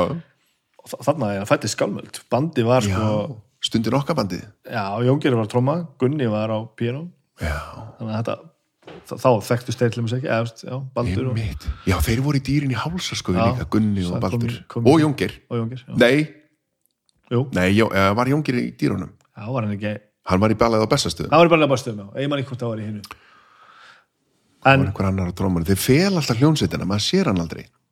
Og trommarinn er stundum undir sviðun í svona búri. Að Jóngir var bara upp á traktor manni, Já, hann var ballað á eitthvað. Já, það ballað, fyndið. ballað á bestastöðu En þá er mitt sko blöðtrópa eru náttúrulega að semja eitthvað um eitthvað og við veist, ef, ef eitthvað er í endursýnt að þá myndum að fá eitthvað.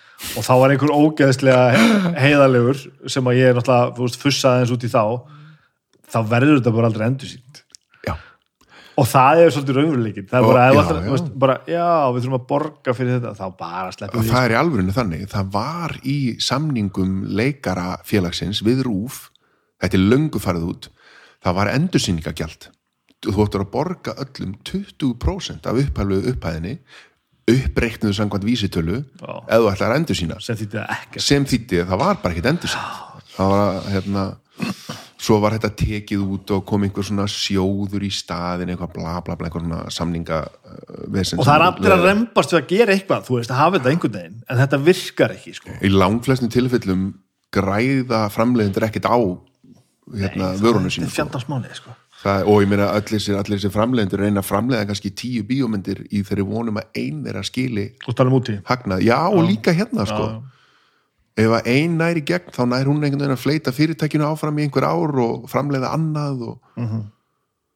þetta er hérna, já, já, þetta er einhver rosa þetta er ekkit sure thing. Þú er, ferð ekkit í, eins og með ljóðabækunar eins og með þú ljóðabækur getur ekkit bara, herri, ég ætla, ef mér vantar pening þá ætla ég að framleiða bíómynd. Og eins og með samt eiginlega allt. Ef þú ert í einhver svona framleiðslu og entertainment eða alltaf svona einhvern veginn þú veist, það er bara, ef þú ert svo bara allt í einu Arnaldur skilur það sem Já. bara, að þú verður bara svona áskrifandi af því að fólk kaupi draslið, sko. Og þá oft er líka bara að frekar stutti að fólk gera ekki, sko. Já, ég meina ef að hann myndi að fólk gefur honum sjens út af nafninu en ef að bókin er ekki góð þá hlýtur að svona, hann þyrfti nú að gefa allavega út tvær ef ekki þrjár í röð sem væri sorp, sko.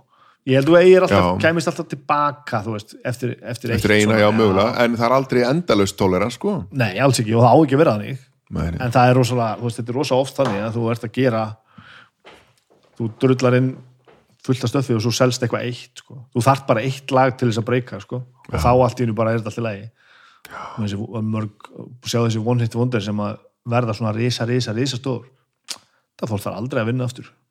Já, þá er þetta alveg múti sko. já, akkurat. Það er bara þannig, þú hittir bara þú veist, en þú gerðir hundra lög þau fóru bara eitthvað þetta eina bara. Eina sem er hittari. Magna, ég vil eitthvað vita um mig farið ekkert að vita um mig baby. Hvað vitum sem hvað ég til dæmis veit ekkert. Sem fólk veit ekki. Ég veit til dæmis ekkert bara, þú, þú sagði mér að hann var í borgabann ég til dæmis áttaði mig þá strax að ég vissi það ekkert endilega. Já, ég bara ég, alin upp í Hafnafyrði og með viðkom í færiðum í nokkur ár og kom svo aftur. Við komum í færum í nokkur ár? já, þrjú ár, mamma er færisk og flutti með mig út þegar ég var sjöra er mamma, fæ, ertu hálfur færi einhver? ég gái er halvur föringur og ég du að tossa förist? Í álfur? ég gái ég gái ekki hafði ég hugmynd um Ég reyndar einmitt takmarkaða færi sko, ég lærði hana þegar ég var ungur þannig að ég hefur ekki með á það að orðaforðu minn er á við tíur á batt sko. þannig um leið og að vera að tala um eitthvað að pínu flókið þá veit ég ekki neitt sko. það er rosalega hvað maður fljótur að týnast. Já, við hérna já, ég, ég talaði hann alveg ég flutt út til ég var sjö ára, bjóði þrjú ár talaði, börnir er svo fljótalega tungumál en ég talaði færi sko alveg líta löst þú heyrðir ekki á mér að ég væri ekki færi einhver sko.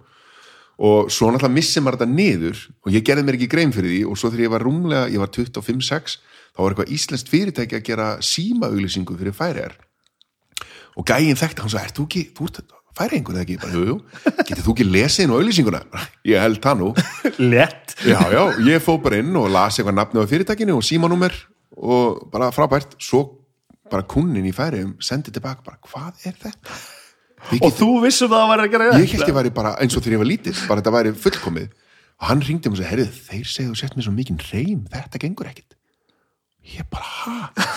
ég vissi það ekki. En auðvitað er í mér reym, ég er ekki búin að vera þarna þú veist, í 10-15 ár og talið ekkert að jafnaði lengur og lýsir þið svo vel að efast ekki eins og því bara, já, ég, ég, f- f- já, Nú færi sko, já, að því að síðast þegar ég vissi þá talaði ég færi svo líta löst en ég gera það ekki lengur. Hvað þrjú ár voru þetta? Akkur, akkur fóruð út? mamma er færisk Já. og hún er sko uh, veist, hún var svo ung hún var bara 20 og eitthvað. Og ég var hérna 6-7 og sko, ég held að planið hafi ekki verið einu sinni að flytja uh, veist, hún er bara pínu impulsív og við fórum þetta bara um sumarið af því að það var aldrei svona sest niður með mér og nú ætlum við að flytja til færiða fjölskyldan þá? Já, það var bara ég og hún sko. Já, og, og pabbi, þau ekki voru ekki eða? saman sko. Aldrei saman? Uh, nei, þau voru svo ung og nei, nei, þau voru aldrei þannig saman sko. og við förum sem sagt bara um sumarið, ætlum bara að vera um sumarið í færum það var einlæglega bara planið hjá henni nema svo einhvern veginn bara kynnist um fólki við fylgt af fjölskyldu og búum hérna á neðri hæðinni hjá einhverju frænk okkar og allt í hennu er það hægt áfram og, og allt í hennu segir hún bara, herri, viltu ekki bara prófa bara að byrja í skólanum hérna? Ég bara, jú, jú. Ég er náttúrulega búin að kynnast krökkum þetta var svo áreynslulöst svo bara byrja ég í skólanum hún bara byrjar að vinna einhverju dagheimili og svo bara líða þrjú ár.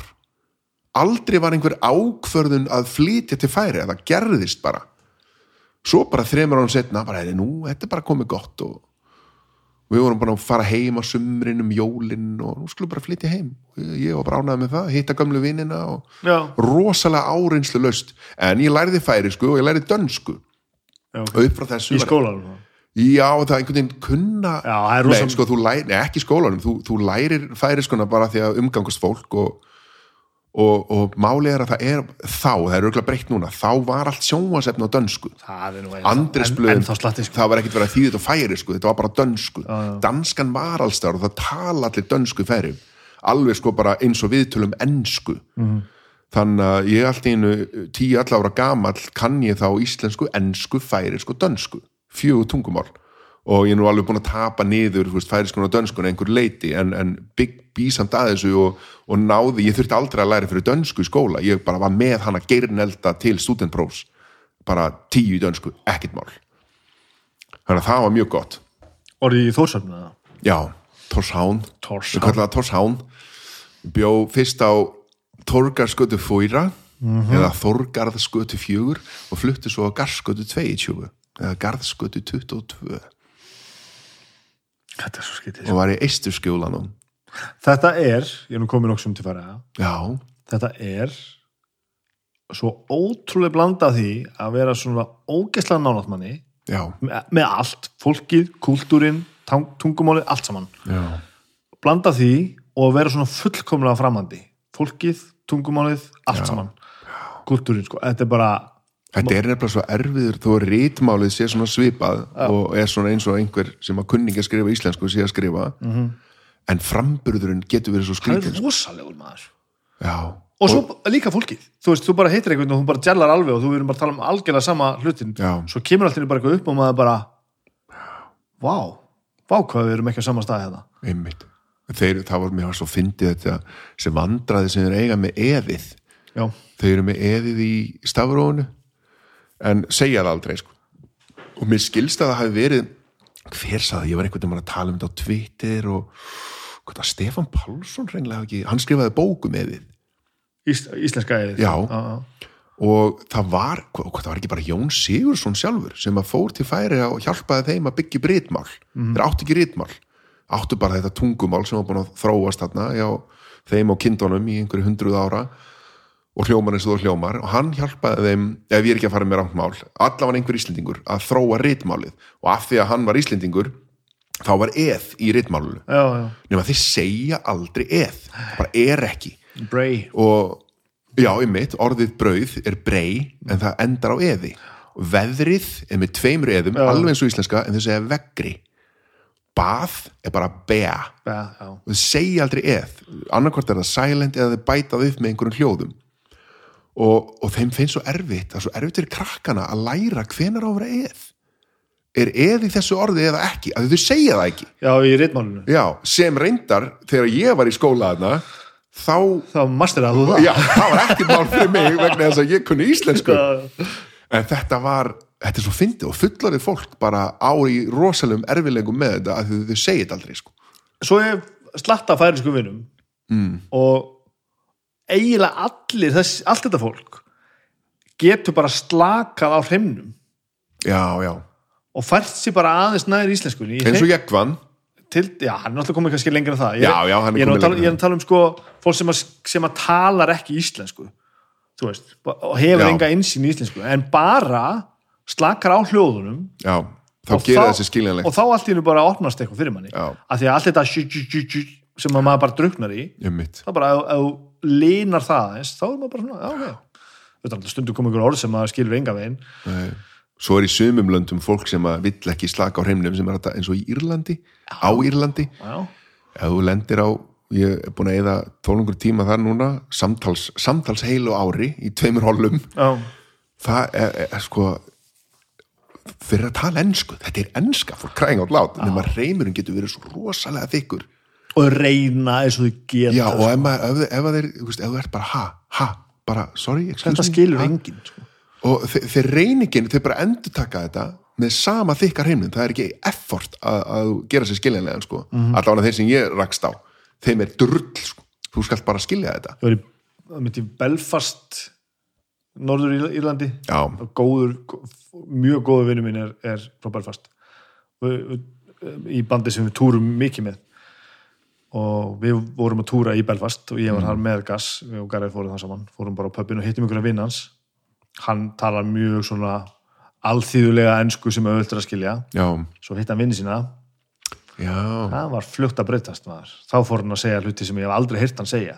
Og ég hætti að skilja hann sko. já, bara svona þegar hann komst í normið sitt sko þá fóru, fóru öll hljóðin að koma allar þessar áherslur og auðvitað slangri líka, rosalega mikið svona úlingaslangur sko svona, já, eða ekki bara úlinga, bara svona heilt yfir. Það var alveg bara svona eins og að sjá mann bara, bara einhverjum umskiptum. Já, en komin úr aðstæðum, bara við einhvers staðar í Tjekklandi að drekka bjóður, hann með allar þjóða kveikindum, þá hljómaður ekki svona sko. Já, en þetta er, þú veist og ekki bara írar, ég meina, sjáðu bara með heilu tungumálun eins og þegar maður ætlast til þess að, að frakka reyna að skilja mann eða tala við mann. Þeir segja bara drulla sér sko. Ég hef aldrei komið til Frakland já, það er alveg eftir. Já, ok. Þegar, auðvitað náttúrulega ekki sama hvað maður er Nei. og ekki alveg sama við hvaða aldur þú ert að tala og svona, og þungar á sér sem betur fyrir yfirleitt frekar um, umburalind þú þarft eiginlega að vera svolítið umburalind manneskja held ég til þess að, að umgangast þungarokk. Það var engin sem rétti að þeir þungarokk og sagði, gjör svo vel, þetta er, þetta er mainstream. Þetta skulum við gera. Nei, þannig að það loði svolítið við metalsenuna að þetta er svona fólk sem hugsa fyrir sér sjálft Já. og sér kannski þar að leiðandi heimina í aðeins stærra, stærra samingi einhver random frakki á einhverju veitingastað. Hann er ekki að fara að gefa enn neitt sens hann talar bara frönskunum sinna herra Ég var nú, ég kynntist frakka, eða kynntist, ég viðkomandi varð á vegi mínum í Marokko, það var náttúrulega frönsk nýlenda, það eru fyllt af frökkum þar og, og fransku veitingastæður og við fórum út að borða hérna, ég og nokkri leikarar og það var einn, einn sem var vegan, þetta var fyrir, þetta var 2014 Já. og, og, og frakkin, þessi kona sem áttu veitingastæðin, hún var bara, hún hafði engan tolerans fyrir, þessu. bara hvað er þetta að byggja um? bara ætlar að fá eitthvað á matselum eða ekki, og bara, en getur gert ok, bara pönn, bara steikja grammiti bara steikja grammiti, já, ok ekki bú smjöri oh, og bara, og það komar að vera hljóð bara, oh. og endanum fekk þessi leikona disk með ráum svepp einum ráum svepp, bara this is what you want er en ég hef ekki farið til Fraklands en ef hún er að representera landið sitt að einhver leiti með þessari framkomu þá? Ég held að það sé nú að lagast. Fjandinn hafa, sko, en, þetta, en þetta er og svo alltaf auðvitað misjátt eins og er aldrei þetta alhæfa fólkið já, og maður læra samt í Fraklandi að hérna, gefðu pínu. Segðu úi, bara, fílaðu það. Já, ásett aðeins að tegja þig til þeirra sko. Ok, um leið og þeim finnst að þú sér bara hvað ætlar þú geta að tala ennsku um mig? Þá er bara, er, þú, þú ert umölu manneska ég ætla bara að gera það lífileg já, ok. Leið og svona til, gefur bara þetta litla Ok. sem þú hefur sko. Það verður svona pínu hömbul þá er svona eins og það komið til, mann sko. ég reyndi það í Þískalandi nú er ég alhafa svaðalega já, ég reyndi þetta, ég var að leita hérna uh, Gýðinga kirkjugarðinum sem er í Berlín, eða ekki, var ekki í Berlín, jú Berlín. Og ég stoppi einhvern og var eitthvað Unschuldigung, uh, wo- bist der jüdische Friedenhof, bitte og hann sagði, we can speak English. Ég ætlaði eitthvað svona ég tala ekkert þýsku en ég taldi um sem nú geta var- leiðbynningar en var þetta ekki einmitt það? Var hann ekki þá bara að koma tilbaka til þín? Jú, þú- en mig langaði Já, að reyna. Ég var búin að hafa fyrir að læra Júdisinn Friedenhof og þú hefur ekki bara satt um að fokka sig. Ég ætla bara að tala um einhvern annan á þýsku. We can speak English, it is okay. You go down the street to the right. Hvenær fórstu sér til, til færa? uh, 95 já, ok. Ég hef ekkert verið að það. En ég er búin að bóka í júli á næsta ári. Ok, Nú á að fara í fjölskyldu frí til ferja. Bara frí? Bara, Já, bara, skoða? með norrænu og krakkarnir eru mjög spendi fyrir því. Að því þetta er skemmtifærðaskip ég veit ekki hvort þetta verði skellur fyrir þau. Ég, hvernig er norrænu, hefur þú farið í norrænu nýlega? Ég meina það er veitingastæður, það er það er alveg svolítið síðan í fór sko. þau eru svo peppið fyrir þessu. Norræna er samt alveg allt í læg já, er það ekki? Er ekki, en ég meina, ég sagði líka, bara skrakkar þetta er einn dagur, sko, við erum ekkert að fara að vera lengi í norrænu, þetta er bara ferja samt sko, þetta er ekki, ekki sem maður myndi kalla skemmti fyrir að skip nei, nei en þau en eru, það er alltaf, maður, þú segir, þetta er einn dagur, það er alveg nóg, nóg, nóg fyrir börn að skoða sko. við bókuðum Airbnb, og dótti mér, hún er svo spoiled hún er 13 ára, hún er alltaf vönni hún er farið mikið til útlanda, þar sem ég er að vinna Mm. þar sem að, þú veist, gistingin er bara fimmstjörnu hótel Já, og og því að pappir frægur leikari emmitt og svo hérna erum við hérna, að bóka eitthvað frí á okkar eigin vegum ekki eitthvað sem einhverjur bandarísk stórfyrirtækir að borga og ég síndi henni myndirnar hún bara, ég er ekki að fara að gista þarna hvernig er lobbyið? Bara, þetta er ekki hótel ég er ekki að fara að gista þarna bara, hver ertu? Bara eh, þetta er það sem þú ert búin að sína þessi eðlilegt. ég, nákvæmlega, og fatti ég bara hún er bara vön hinu sem er bara algjört rugl. Já En ég meina hvað ætlar það að fara að gera? ætlar það að fara að afþakka hótelin þegar að, þegar að kveimindastúdíunum bjóða er er við afsakaði til þess að sína að dóttir mér upp fordami þá ætla ég að þetta er agalegt. Akkur var þetta bara til þess að fara á heimsækja færi þar aftur? Já, já, eiginlega, al- algjörlega. Ég áfyllt af fjölskyldu að- og mamma er líka, mamma er hérna á stórammali, hún hefur ekki verið þarna síðan 95 heldur. Já, ok. Og hún er alltaf bjóð þarna alltaf líka og, Það er merkilegt að vera, vera færiðingur og hafa ekki komið þangaði að þetta er nú ekki langt í burtu sko. Nei, ymmit og, og hálfbróðu minn sem, sagt, sem við erum sammaðra uh, en hann, hún eignaðist hann með að hann er alfæriskur. Hann hefur all, jú, hann hefur komið að einu sinni fyrir jú, hann er 95 þegar hann var 5 ára en hann hefur þess utan aldrei komið Hann er Íslendingur í rauninni. Já, minna, hann talar ekki færisku Fyndið. Hann er alltaf búið hér.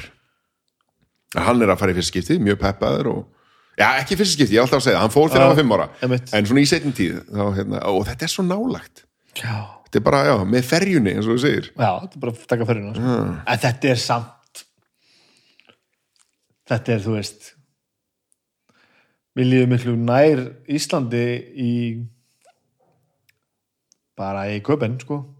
Já, og bara oft bara í, í, einhvers staðar á Breitlandi já, það er eitthvað, Bara- þetta er rosa minna sko. bara að fara um borð í, þú veist, Æsland er vél. Aha. eða, þú veist, uh, Æsland Express eða það var bara, þetta var íslensk flugvél. Ef maður er búin að vera lengi úti ef maður er búin að vera að vinna eitthvað svona þá finnst manni, að mér finnst um leiðu komin um borð í íslenska flugvél þá er, kemur strax tilfinningin bara, "Á, ég er, ég er að vera komin heim sko.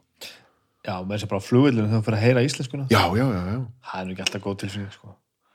Já, það fyrir eftir hvað maður, hvað maður er búin að vera lengi úti og hvað maður, hvar maður er búin að vera og svona.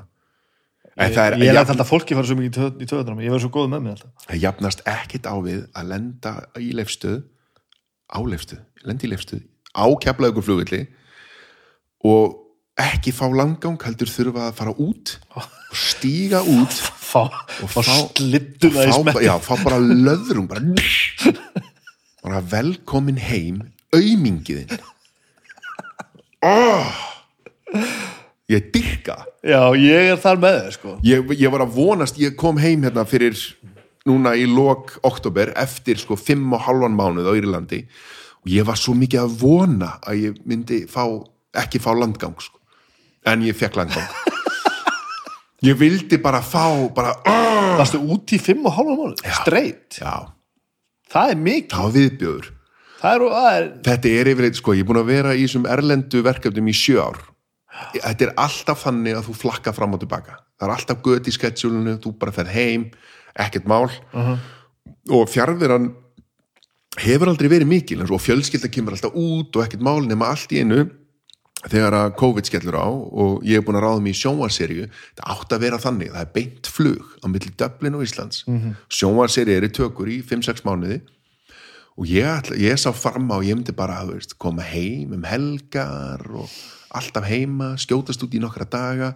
Þannig hefði það verið en COVID bara hérna, heimsvaraldur og ég þurfti bara að fara út og vera þar allan tíma og enginn sens á öðru? Nei, vegna þess að ef það kemur upp það er þá þarf að rótira að það var bara tekið fyrir það þannig að tveggja vegna fríið þitt er allt í einu ekki frí vegna þess að það þarf að breyta kra- og í fyrra þá svona ok fóru allir svona inn á það.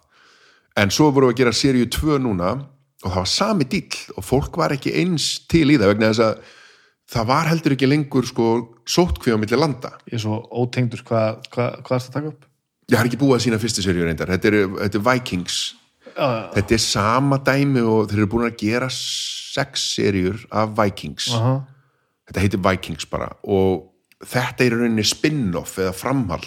Þeir sem sagt er að halda áfram í sama konsept nema 100 árum setna Áhugavert. og núna heitir þetta Vikings Valhalla og er spin-off, gerist 100 árum setna en við erum ennþá í sama heimi þú veist það eru sömu staðirnir og eitthvað svona.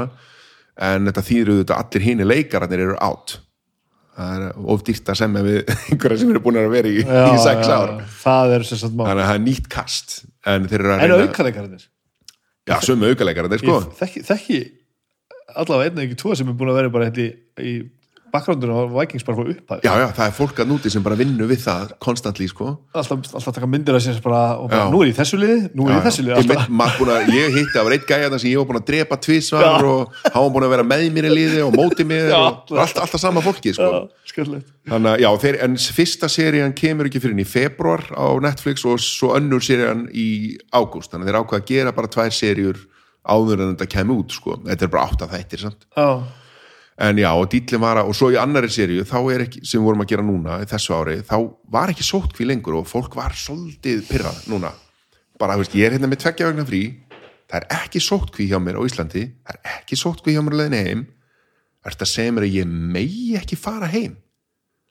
Þetta, fólk en var þá áttu bara að vera á launum. já, það er alveg þannig. Æ, meina veist, það er engin að hvart yfir laununum. Nei, nei, nei. Að En, en ég er kannski ekki að meina það, ég er að meina ef að vera, ef þú ert að ætlast til einhvers af mér sem er ekki innan einhverja rauksundafæslu og, og lagarama, veist, ég veit að hvað ætlar að binda mig við stólinn? ég minn enda var fólk ég, að launum. ég eitt skipti það að að ég fór heim í eitt skipti. Bara í óþökk. að því að sko það var alltaf þetta ef það kemur upp smitt þá rótirast dagskráin. Og það er alveg legit ég get einhvern veginn ekki fengið símdal bara, herri, það eru tökur hjá þér á morgun. Já, ég er nú reyndar á Íslandi. Já, já, þannig að ok. En veistu við það? uh, já sko, breytarnir voru farnir að fara heim um helgar. Þe þeir bara, meina, þú getur farið í ferju heimtíðin frá Írlandi. Þeir bara fóru, í- það voru alltaf test mánudum, miðugdum, föstum svo bara eftir föstastestið bara fóruðu heim, koma aftur á sundarskvöldi ekkert mál. Já. og engin sótkví og ekkert, ekkert vesen sko. En ég lendi einhvern veginn því að, að ég átti nokkur atrið eftir, þetta var svona undir lokin. Og ég, öll mín atriði voru með sömu leikurunum og einn þeirra fekk COVID. Og þá var þurft að breyta dagskránni. Og allt einu var ég í átján daga fríi og Bara býða eftir honum. gæinn, já, býð eftir honum. Og ég hugsaði, erðu, hann það er ekki hægt að rótira dagskránni þannig að ég farin, Nei. ég er farin heim. Já, já. ég bara pantaði flug, fór heim og þú veist framleiðandinn kom eitthvað "Þetta- ég er mjög vonsvikinn og bara það verður bara að hafa það. Já. bara grow up. Þurrkaðu tárin, ég er heima hjá mér. Og mér fannst þetta að ég var ekki að stopna neyn í hættu. Sagði það er engin PCR-próf það er engin hætta á því að ég lendi í sótkví ég kem aftur á miðvikudaginn andaði rólega. En þannig að þú varst ekki að brjóta hann en að samninga. nei, nei, nei, samningur var gerður pre-covid. Ef eitthvað er, þá eru þeir að segja, samninga. þetta er bara óbeldi, sko. Já, já, já, þannig að þú veist að Það er betra fyrir okkur að þú sért bara lokaðurinn í hótelherbygginu. Já, þannig að ég var aldrei neitt að hættu með það en, en þú veist, hann vildi þetta hann var ósáttur með þetta en bara það verður bara að hafa það mm -hmm. Guð mér almatur Ég fór heim í nokkra, nokkra daga og fór svo aftur út og kláraði þetta og... Hva, hvað, er það, mik- hvað er það mikil vinna? Hvað ertu búin að vinna mikið, þú veist, á þessum fimm og hálfa mánuði? Það Er brjálað að gera? Nei, sko, kannski að jafn, það koma kannski vikur, það tekið upp fimm dagi viku, frí á lögutum og sundum. Tökudagarnir eru ógæsla langir, þú vaknar svona sex, sumir er að vakna fimm og þú vinnur til sex, svo þarf að dýrika taka af þér, Já, þú komin heimtíðin kannski átta. Þetta er langi dagar Aha. og það, þú veist, þú gerir ekkert annað þann daginn. Og ef þú ert að vinna þannig fimm dagi röð, þú veist, þá er það alveg hellað, sko. En hérna en þú veist hvernig svona þættir eru? Það er alltaf margar sögur í gangi og það er Já, fullt af leikurum. Veist, eina vikun er ég kannski ekki að gera neitt. Næsta viku, næstu vikun er ég kannski inni allar daga. Svo kemur vika þar sem ég er kannski tvo daga, Og- þrjá. og skipulaðið er alveg þannig að þú veist alveg hvað er að fara að gerast. Já, já, já, já. Og það klárast alltaf allt yfir daginn sem maður búið að leggja upp með. Já, með undantekningum þá er það kannski fært og, og þannig að þú veist, jú, jú, þetta eru hefi dagar þegar þeir eru en það er alltaf frí á móti. Þú ert alltaf einhvern veginn farið hérna nóga dögum til þess að recovera en þá er stundum eru svona stöndæfingar við erum að stefna hérna stóra bardaganum í þætti fjögur og þá á, þú veist, þegar þú ert í frí og virkundum þá mætur í tvo tíma í stöndþjálfun. Og það er verið að æfa kóriógrafina þannig að hún sé sem best sko. Mm.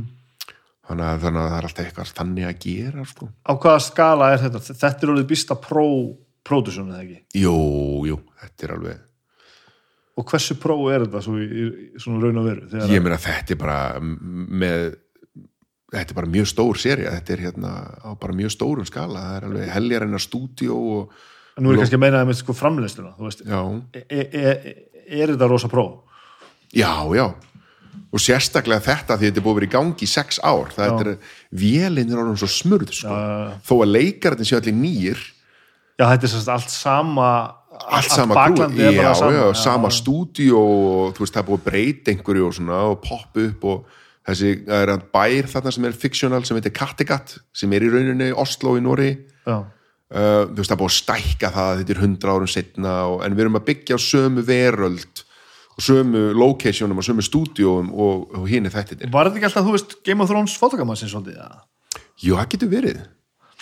Jú, ég meina Game of Thrones er náttúrulega á einhverjum skala sem að sprengir allt sko. Já, já, en þú veist, þetta eru, það eru tvö það eru tvö krú í gangi allan tíman Já, sem er eins og í Game of Thrones. En jú, jú, þetta eru örgulega ekki á sama budget og Game of Thrones, en þetta er mjög dýrt enga síður, sko. Og hérna og þetta með að hafa tvö krú í gangi allan tíman, það er helviti ég myndi ekki nenn að skipulegja þetta, sko. Þannig að það er hérna, jú, jú, og ég meina allt utanum hald og þetta er fyrirmynda, sko. Og hvað varst að gera, það vart ekki vinnunni? horfa á sjónvarpið. Ég var búið mikið bara baby. Já, að því að heima með, með þrjú börn og nóg að gera og þau voru hjá mér í tvo mánuði. Ok og sem betur fer það einhvern veginn raðast að þannig að sketsjulið hjá mér var nokkuð opið, ég var kannski með einn, tvo dag í viku í vinnu og var svo bara á frí á Írlandi með krakkara þessu utan. Hérna hvar já, já, uh, Dublin og þar í kring. Já. en hérna, þar. En svo þegar þau voru farin og maður átti kannski frí þá ég bara eitt oft heilu dögunum bara upp í sofa sko, ég reyndar fór alltaf í göngutúra og náði inn reyfingu en djöfill fannst mér gott að gera ekki neitt. Bara að leifa sér það sko. það er svo gott, sko. Já, já, það er svo sillilega gott. Ég er mjög góður í því, sko. Já, það er rosalegt sko. já, ég er aðeins svo góður í því. Ég horfði á hérna köllu þegar þeir kom út íslensku þættinir já, ég horfði á þá á 17. júni, ég var einn þá. Einn í Írlandi á 17. júni og horfði á heila alla seríun á einum degi. Ég, ég bara hafði ekkert betra að gera. Nei, ok. Og þú er ekki dottið í huga þú veist að fara að gera eitthvað gefið kreatíft í tímaðin jú, mér datt alveg í hug. Ég ætti að gera hitt og þetta. Ég ætlaði nú að, ég hef aldrei lesið sjálfstætt fólk. Og það er svo góð bók sko. ég keift hana og var með hana með mér. Ég las hana aldrei. Nei. en ég var með hérna, tíman á vatnið eftir andrasnæ. Ég las hana í staðinn. Þannig ég las hana. Og gerplu eftir lagsnes, ég las hana aftur þannig að það er eitthvað það er þykk bók. Já, já, ég er ekkert að gera lítjóður sko. ég myndi bara gera nákvæmlega sama þetta sko. og horfði á fullt af sjómasefni og bíómyndum. Já. en það er ekkert um það að ræða út í svona verkefni að þú, þú ert ekkert að gera eitthvað annað á meðan. Þú veist, vinna eitthvað annað á meðan Nei, nei, ég meina það kom upp þarna með að bóði hlutverk í bíómynd sem hefði verið tekin upp á Bretlandi. Já, sem hefði bara tekið einhverja þrjá daga og ég gæti ekki tekið það að mér vegna þess að einmitt þetta, ég gæti ekki ferðast á milli Já, já. og umbóðsmennin voru eitthvað svona, já en hann er nú í fríi hérna samkvæmt skedjúli, það er bara já en það er, það er ekki hægt og að því að ég er contractually bundin Vikings þá mega þeir segja nei sko. já, já. Nei, það er alltaf og þú veist, ertu bara komin að þennan spenna bara áfram og framlega meira þessu það, já þá bara eftir kemur ljós þegar að serían já, finnir það bara að gera tvær serjur og engin, engin veit nei, það er búið að gera tvær sem eru 16 þættir í heildina, heildina það er nú ekki það mikið sko. Svo sína þeir það og svo verður bara metið út frá tölunum hvort að þeir gerir meira eða ekki. Þessi heimur maður. Er þetta orðið- það er það verður að framlega svo ógæðslega mikið sko. já guð með almatur ég ætla að mér svar hérna en upp á teiknumyndasamin í heiminum Why the Last Man Já, nú er rosalega mikið hérna í disco að gera. Að segja, þetta er einhvern veginn manga. Nei, nei, þetta er bara þetta. þetta er bara, þetta er bara kom, skemmtilegt komik, hættu þessu Já, skemmtilegt. ok. Það er rosa mikið í diskunum að hérna, búa til bíó, þetta, er náttúrulega graphic novel. Já, graphic novel. Graphic novel. Það er verið að gera hérna gera sjónvarsætti upp úr upp úr hérna upp úr gömlum eða svo, já, teknimyndasjóðum sem að þú veist, þegar að, eins og Pritzer var allt í hennu allt í hennu var, var að gera tífi upp úr því mörgum, mörgum, mörgum ára setna sko. Var gert, já tífi, ég meðist Já. að segja tíu Var gert tíu upp á Nei, því. og, og, og, og lagt að stað með það og það gekk svona bara ágætlega The Boys, ég er góður í minni og hérna, Boys, hljómsendin nei, ekki, ekki ljóstin Er það graphic novel líka? það er líka graphic novel og geðvik seria sko Já, og svo var hérna Why the Last Man og sér sá ég það bara að það var að framlega það og bara Hulu var að sína þetta tíu þettir eða eitthvað já, og ég bara, þú veist, vissi ekki hvert ég ætlaði og setti í gang og þetta var drull, þetta var svo leðilegt sko, Já. bara og svo er ég bara, ég verður að klára þetta ég er hopeless fan, sko. Það lítur um kannski bara að verða skárra. Svo leit ég bara á internetið og bara það er búið að cancela þessu, þú veist það er bara lagt á stað með allar heimsins hugmyndir svolítið eins og við erum að tala um áðan, þú veist þú bara setur hundra játn í eldin og bara eitt er að virkar, sko. Einmitt. Og þannig að, ég kláraði ekki eins og sér það var ekki eins og til, tilgangu með því. Þeir eru líka alltaf einhvern veginn að reyna að búa til cinematic universe. Mm. hann úti sko eftir, að, eftir að Marvel varði eins og það er sko. Já, já. og DC hefur einhvern veginn aldrei náð sér almennilega á strik með þetta. Nei. og ætliði svo, svo ætlaði Universal að vera með þetta Dark Universe. Tilkynntu það einhvern veginn bara við ætlum að vera með Dark Universe. Og hérna The Mummy er fyrst og hún er ömurleg. Virka, það virkar ekki og svo ég, ég var í þarna Bloodshot með Vin Diesel sem er byggð á einhverjum svona comics. Og það var einmitt þetta. Þetta á að vera cinematic, uni, cinem, cinematic universe. Bara róið ykkur. Ef að gera þessa fyrstu og sjá hvernig fucking Já, gengur. einmitt. þetta átti að vera fimm bíómyndir. Svo bara gekk hún ekkert vel sko. Nei. hún er eina af þessum sem ég gerði undir SAG contract. Ég fæ svona residuals Það er stór mynd, fyrir við viljum fá, fá, já, já, fá eitthvað fyrir það já, já, en ég er litlu hlutverki sko, að þetta er það fá ekki allir jafnan hlut, þetta er ekki, er ekki sovjetríkin sko. Nei, ég er ekkert að fá að sama á Vin Diesel. Nei, þetta ekki Kuba sko. og þar er mitt hérna, já það var í Suður Afríku þetta var tekið þar. Já ég held ég hafa nú sagt einhvern mann frá þessi ég leik, þetta var rúsnesku karakter svo einhvern veginn breyttiður í því og var breytt, breytt í breyta og ég þurfti að döppa allar línundar mínar á bresku. Eftir að þú varst bresku búin að taka upp? já, að það var einhver yfirmaður sem sagði að ég er svo þreytt að hafa rúsnesk illmenni og bara breytum því ok, virkaði það? já, ég meina, en, veist, mér finnst það sjást sko. Vá, hvað ég ætla að horfa á þetta mér finnst syngið ekki alltaf verið í lægi sko. Áttu, er ekkert orginal hljóð á þér í nei, myndinni? ekki neitt þetta er alltaf bara þetta er súst maður já. Djúvill er ég að að tekka þessu ég held hún sé á Netflix núna Ok já, hún er einhverstaðar Þessi sirkus maður. Já, ok, herðu, ok ég, Takk fyrir það ég, Takk fyrir að gera ekkert úr því sem ég hef búin að æfa og græja og gera svo, svo skrítið að vera að döppa sjálfan sig einhvern veginn. Já. Með öðrum hreim. Það var mjög sérkynlegt Taktu mig áfram að þú varst komið til Íslands. Hvað gerir það? það var hann að, já fyrir ekki, ég var að hugsa um það. Var ein lína það sem ég segi, ég er að byggja með að fjarlæga einhvern gæja sem ég er að tala við. Og ég segi, put him back in this box með svo rúsnesku reym og ég þurfti að döppa það með put him back in his box. Og þetta er einhvern veginn, það var svo skrítið sá ég fysikin að breytast á þér sko ég, why- I didn't I did not kill your wife. I did not kill your wife. Og það var svo það er allt annað hrinjandi í bresku. Og, og en, engin sjáanlegur það var ekki sjáanlega ástæða fyrir þessu nefnum bara því að svona bara, nei, vil ekki vil, Nei, já, það var bara einhver executive hann- leikstjónur ringdi og bara bara getur þú gert, kanntu gera breskan hreim? Bara já, já, ég held það bara ok, nennur, ég ertu til að bara er ég til, ég verð að gera það. Djúvill er þetta var magnað.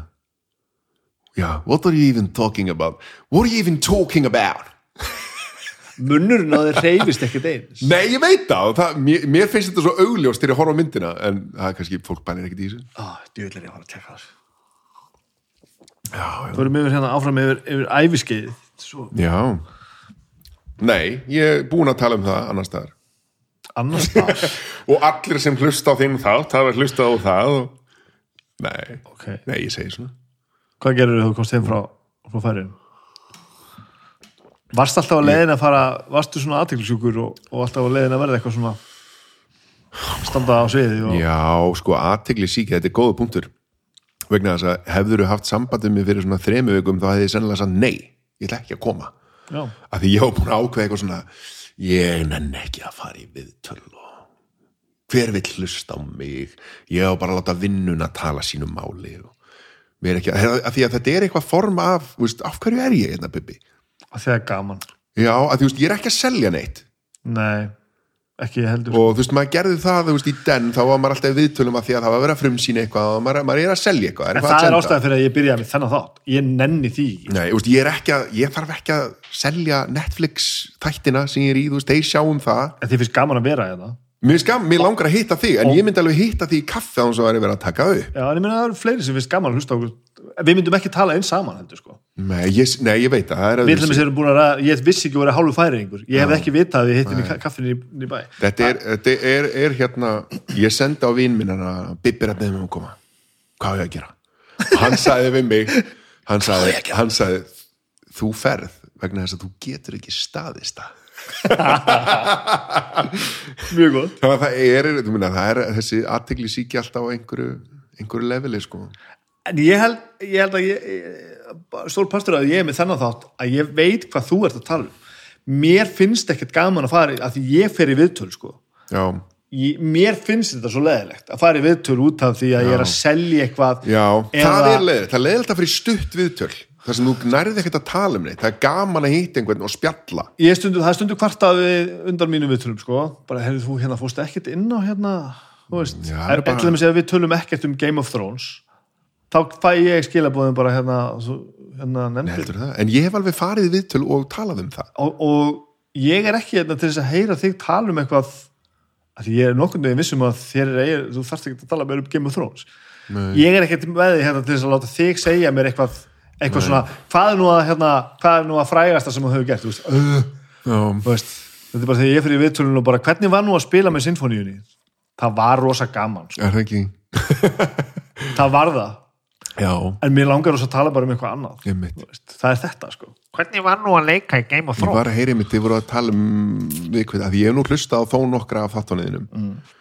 Þið voru að tala um hérna, fyrir utan það hvað þú talar um hvað þú og viðmælandi þínir eru geðveikir og þurfa að fara til hérna þessa sálfræðin sem er snillingur og eitthvað aðti hátið. Þú, það fara ekkert svoleiðis hjá mér, ég er ekki að glíma við það, en það er mjög áhugavert að hlusta á það, Bibi. Það er rosalega áhugavert.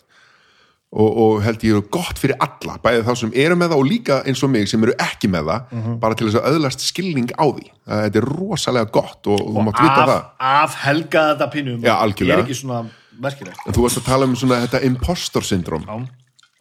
Ég, þá fer ég að hugsa hvort ég sé eitthvað, hvort ég sé með einhverja svona meglomaníu eða að ég er ekki með það. Nei. Ef eitthvað er finnst mér ég vannmetinn sko. að hérna, mér finnst ég aldrei eitthvað svona ég ætti ekki að vera hérna. Ég hugsa alltaf bara ég ég er eiginlega betri en þið sko. þú kemur þannig fram sko. Ekki, e, e, ekki þannig að þú verður óþróndur hrókafullur en, e, jú, jú, stundum. En, en, en þú veist e, þú ert ekki að fela að þér finnst þú alveg að heima það sem þú ert. Já, og, mín, ég held að hjálpi mér þegar ég er komin á tökustað á móti Vin Diesel eða einhverjum af þessum uh, gæjum og, og finnist ég bara algjörlega heimar Já, mér, ég auðvitað. hugsa ekki hvað er ég að gera þetta ég, nei, ég hugsa bara ég kann þetta alveg jafnvel og þú, nú skulum við bara búa til senu hérna. Ég er miklu meira þinn megin í þessu sko. Já. ég er ekki illa haldan að impostor sinni. Nei, ok, já. Það er ekki þannig. Nei, er það ekki bara eðlilegt að vera ekkert haldin Já, því ég var að hugsa, er ég, er ég einhver narsisisti eða? Fyrst þetta heitir syndrom þá getur ekki verið að það er að vera eðlilegt Já, og þú veist, og, og það hlýtur að vera einhverstað millivegur á milli þess að vera sko megalómaniak Já. eða að vera með imposter syndrom það hlýtur að vera hérna eitthvað norm hérna á milli sko. ég hugsa að þú sittur aðeins nær mega Já, já, já En ég hef upplifað þetta sem þið og hafið sko. talað um þetta hérna svona þunglindi og þegar maður er hérna að koma ekki einhver í framkvæmd og þú er ekki að ringa eitthvað símtal og svona ég, ég tel þetta bara á fingrum annar handar svona, mó, eða bara tvisvar. Ég á tvö moment, bara um æfiskeiði þar sem ég hef upplifað þessa lamandi tilfinningu að bara get ekki gert eitthvað. Þetta, en, en það er bara einangrað þessi tvö tilvik.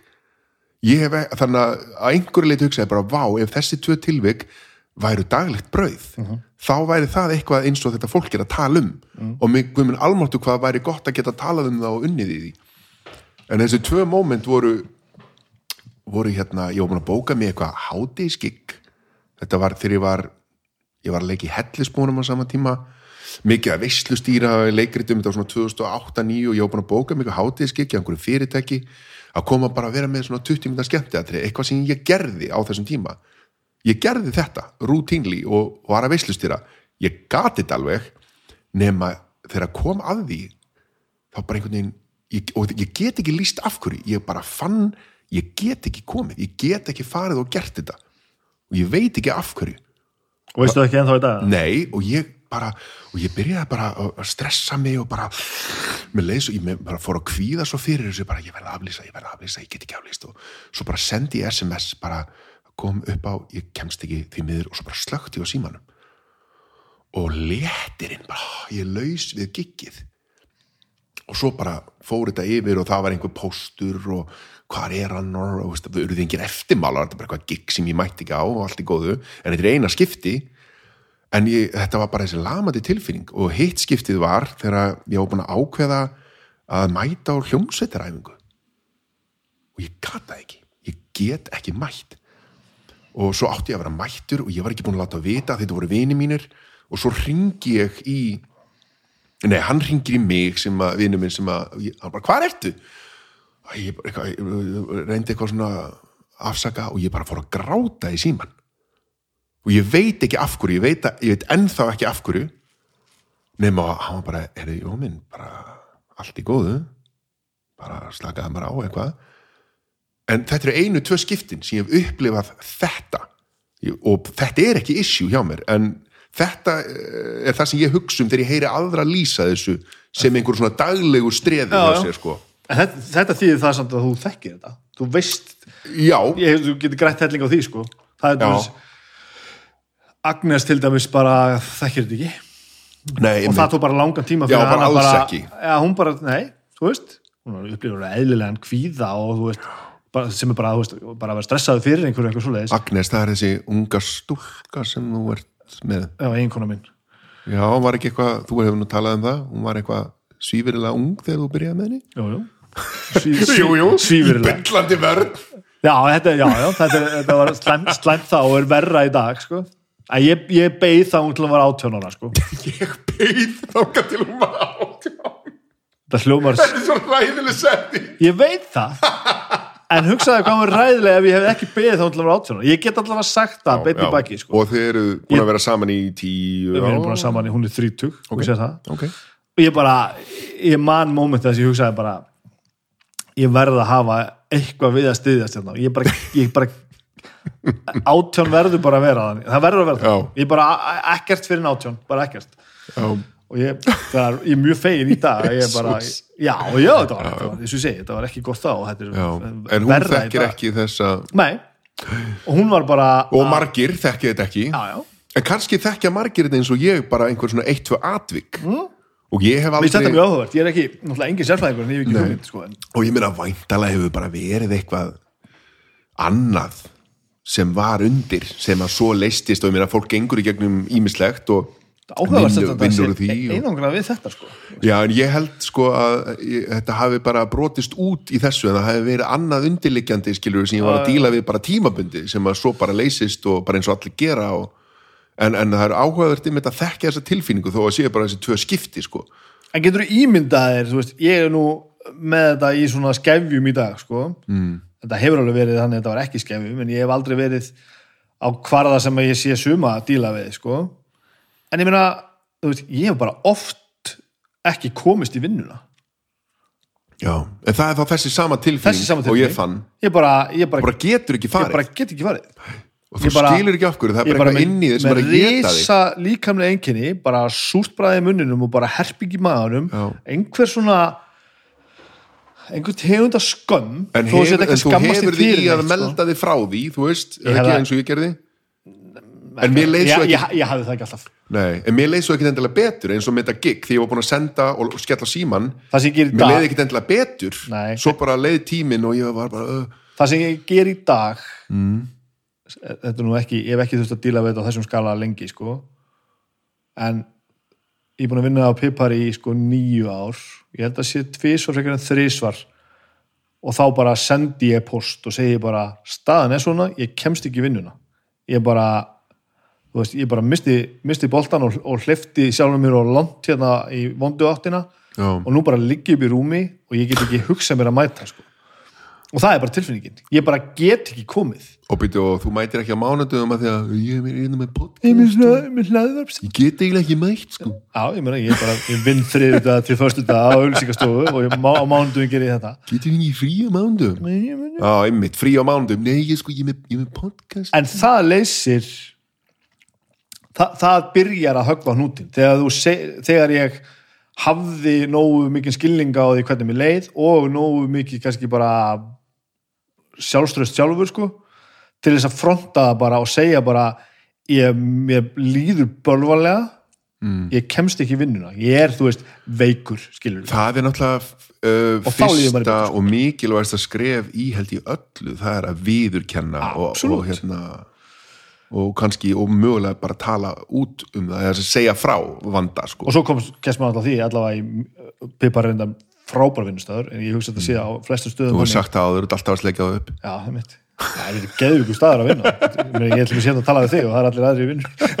Þetta er bara vinnustæður sem átt að sjá því að það skiptir máli hvernig fólki líður. Veist, ég þarf ekki mikið meira. Veist, svo, svo getur, getur ímyndaðir sum vinna hendar einum og öðrum ekki sko. en um leiður bara að segja þetta bara, hérna, ég, er bara, ég er bara fókt og ég kemst ekki í vinnuna.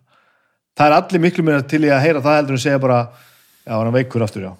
Já, þú veist, þessi sem er alltaf veikur tvo dag í, í mánuði, já, þú veist alveg þetta er ekki, þetta er ekki flensan sko, ef þú ert líkamlega veikur tvo dag í mánuði þá þarft að fara til læknis já, Þú já það er náttúrulega vera bara- veikur já, mánuði. stundum er þetta bara einhver helvitis bara, sorry, stundum er þetta aumingaskapur og leti en þá Það er að fara að til. hvort að það er til sko. já, við er það til ég hef alveg verið ég hef alveg verið þar líka skilurðu. metnaðalög skakot verkefni Já, nákvæmlega. einmitt en svo bara, en ég get ekki svo sem skilgrinda heldur og Nei. það er auðvitað persónabundið við en þú myndir ekki gera þetta í dag þú myndir ekki vera það metnaðal- metnaðalaus að þú myndir bara svona, næ, ég nenni ekki að mæta ég ætla að ringja og séstra veikur. Nei, það er bara vegna þess að við erum komin yfir það að taka þann pólinn í hæðina. Já, einmitt. Ég, seg, ég, ég get alveg ringt og sagt bara, herri, ég hérna mér langar ekki að gera þetta sko. já, það þarf ekki að vera kvíðin, ég er samt bara komin á þann stað ég segi bara, herri, ég hérna er, ég ætla ekki að e, veist, ég, ekki það að ég vil ekki vera já, þetta rétt svíkingur að, að að skuldbindingar. ég hef verið í vinnu þar sem að, og, og skóla þar sem að er einhvern veginn bara veikindadagar Já. en ymmit, kannski er það ekki lit og aumingaskapur kannski er það vegna þess að ég var metnaðalega skakvært verkefninu. Og af hverju var ég metnaðalega skakvært verkefninu? Þetta kom alltaf á sama stað. Já, já, það er, það er svolítið rétt hjá þér sko. En þessi tilfinning sko, og ég meina dagurinn í dag var, ég er alveg pínu í þunglindi stífu núna sko, bara í svona skamdegi stífu. Og ég vaknaði í morgun og bara það er nú eitt sem ég er þakkláttur fyrir að vera laus við. Ég, mér finnst þetta æðislegt. Þessi, ég býð eftir að byrja að dimma aftur. Mér finnst þetta svo geggjað sko. En mér finnst þetta líka geggjað. Já, ok, þannig mér líður vel í mér finnst myrkur svo kósi já, mér finnst þetta allt frábært. Ég eiginlega hérna já, líka þegar það virk maður sé ríkið svo vel þegar sólinn er svona lág að hérna veist, heima og þegar það er svona dimmt og maður getur kvikt á ljósum og kertum það er allt svo cool og flott sko. og ég sammála öllu þessu Já. en það breytir ekki því að börnum mín vöknu en að hálf sjö sjö skilur við já, og ég var að fara að taka viðtalið þig og þetta er að græða eitthvað hérna og það var eitthvað í vinnu sem ég þurfti aðeins að segna, ég vissi það. Ok. Uh, kona mín er ekki í vinnu og þetta er eitthvað að gera og svo er þetta hérna. Og svo bara byrjar þetta. Og ég bara svona er að, er að, er að losa svefnin og bara og þá langar mig bara að liggja sko. er það? já, en þú veist, að því að ég er á kannski bara búin að læra nógu vel inn á þetta eða er að hugsa nógu vel um sjálfum með að ég veit það bara að þegar ég fer fram og pissa já, og bara þrým mig framann og greiða mér hárið sko, þá er ég komin 70% af leiðinni að komast yfir þessa tilfinningu. Ég veit þetta er ekki sönn tilfinning sko. Nei. Ég tók dífi í gerkvöldi það var samt, samt svo trivial að tala um þetta eftir að þú ert að tala um eitthvað svona condition. Ég, hérna, því þakki mitt byrjaði að leka í gerkvöldi Pippi, þakki mitt þetta er ekki, það er ekki munur þannig á. Ég er ekki að grípa fram fyrir þér. Þetta, condition er ekki condition. E, e, þakkið á ekki að velta þér úr úr, úr jafnvægi ef allt er verður í lag, lagi. nei, það er sko, við fluttum í þetta hús fyrir tveimur án síðan, þú veist, það gera okkurslega mikið. Já. við erum búin að skipta um gólvefni færa eldús, slá upp veggjum uh, múra húsið, mála skipta um gler, allt, nema þakið. Við vissum að myndi þurfa að taka þakið en þakið var ekki efst á lista og við hugsaðum svona, já, ok, þakið verður eftir þrjú til fimm ár. Nema svo sit ég í gerkvöldin í sjónvarstofunni minni sem ég er rosa ánæði með. Og ég er með svona hljóðdúk í loftinu. Þú veist, það eru ull fyrir innan og dúkur sem er alveg svona strektur yfir. Annars skiptið á viku sem að þessi dúkur er nefndur í mín eyru og ég er alveg ég veikur fyrir því að setja bara dúk sko. ég er með svona hljóðdúk á svefnherbergis gangi Mhm. inn í öllum svefnherbergjum inn á sko heimaskrifstofu og inn í sjónvarsherbyggi þetta er geðveikt Bibi, þetta er geðveikt. Að ég ætla að fara í þetta. Að því fyrir innan, þú myndir byrja því að ulla loftið Mhm. með steinull og svo eru bara setti listar sem að dúkunum er strengtur á og þetta lítur út eins og bara stiftur veggur. Mhm. þú sérð ekki munin sko. nema ég sita ná, allt í hennu sé ég bara dropa. Dugg, í gegnum gegnum dúkin fína loftið. Og ég horfi upp og sé svona pínu svona bleitu ah, og ég hugsa allt, sem ég, allt sem ég óttast. Og það er, það, veist, það er bara þak fyrir ofan það er stift þakplata og svo er stólað þak með bárujárni sem ég vissi að væri fara að da, da, er að fara að koma tíma á það. Nema augljóslega er bara komin tíma á það. Og ég, eina sem ég gætt gert Bibi var að skera dag, gata dúkin ég náði hníf að því að kannski er bara pollur það var nú ekki þannig. En ég skar dag, ga, nú er svona fermeter skat í loftinu hjá mér. Ég þurfti að skrúa niður ullina og sé þá hana örðunna sprunguð þar sem að vatnin kemur út. Þannig að ok, ég er bara með fötu. Og einhvern veginn hringdi í gæja í morgun og þeir geta gert þetta í mars. Þangað til er bara gat í dúknum mínum og, og ég var svona að því ég er nýbúin að þessu ég er nýbúin að græði þetta allt. Munurinn á þessu er samt það að þú hringdir sko. Þú tókst upp nýfin og þú hringdir. Já, auðvitað, Þa, já, það er náttúrulega fyndið að því að ef þú ert með einhverja það er fá, af hverju ætti ég ekki að ringja Bibi, ég þarf að ringja bara getur það ekki. Þetta er bara eins og þú komst ekki hljónstæðing en þú þarft að ringja, annars verður ekkert gert. Getur líka bara farið inn í, inn í herbyggi undir sæng Já. og beðið. Já, menn, þá verður þetta verra. Já, en það er það sem að það sem að, það sem að fólk með þessar raskanir er að díla við, það Já. verður allt verra og svo, það er stóra málið. Já, ok. að þú, svo býðuru og svo stækkar hnykillin, bara stækkar og stækkar og stækkar. Það er svo hræðilegt Bibi ég veit það maður. E- Getur þú ímyndað ef ég myndi ekki gera neitt varandi þetta þak, ég verð að gera það. Það er engin annar að fara að gera það. Hvað er þessu margir hérna út í bæði sem að gera ekkert í þessu með þakki og hafa bara fötun undir? Það er bara ekki lægi nei, Nei, nei, það er ekki lægi þú mátt ekki skamma fólk. Eh, það er ást Já, en ok, en hvað þá? Hvað þá, ef, ef farðu og verður út, út um verkværið þannig að getur hringt símtalið. Þetta er bara síntal í þakgæja, sko. Ég veit það. Ég er ekki við sem ég getur hringt þetta símtal. Ég er mjög erfið með síma sko. Ok.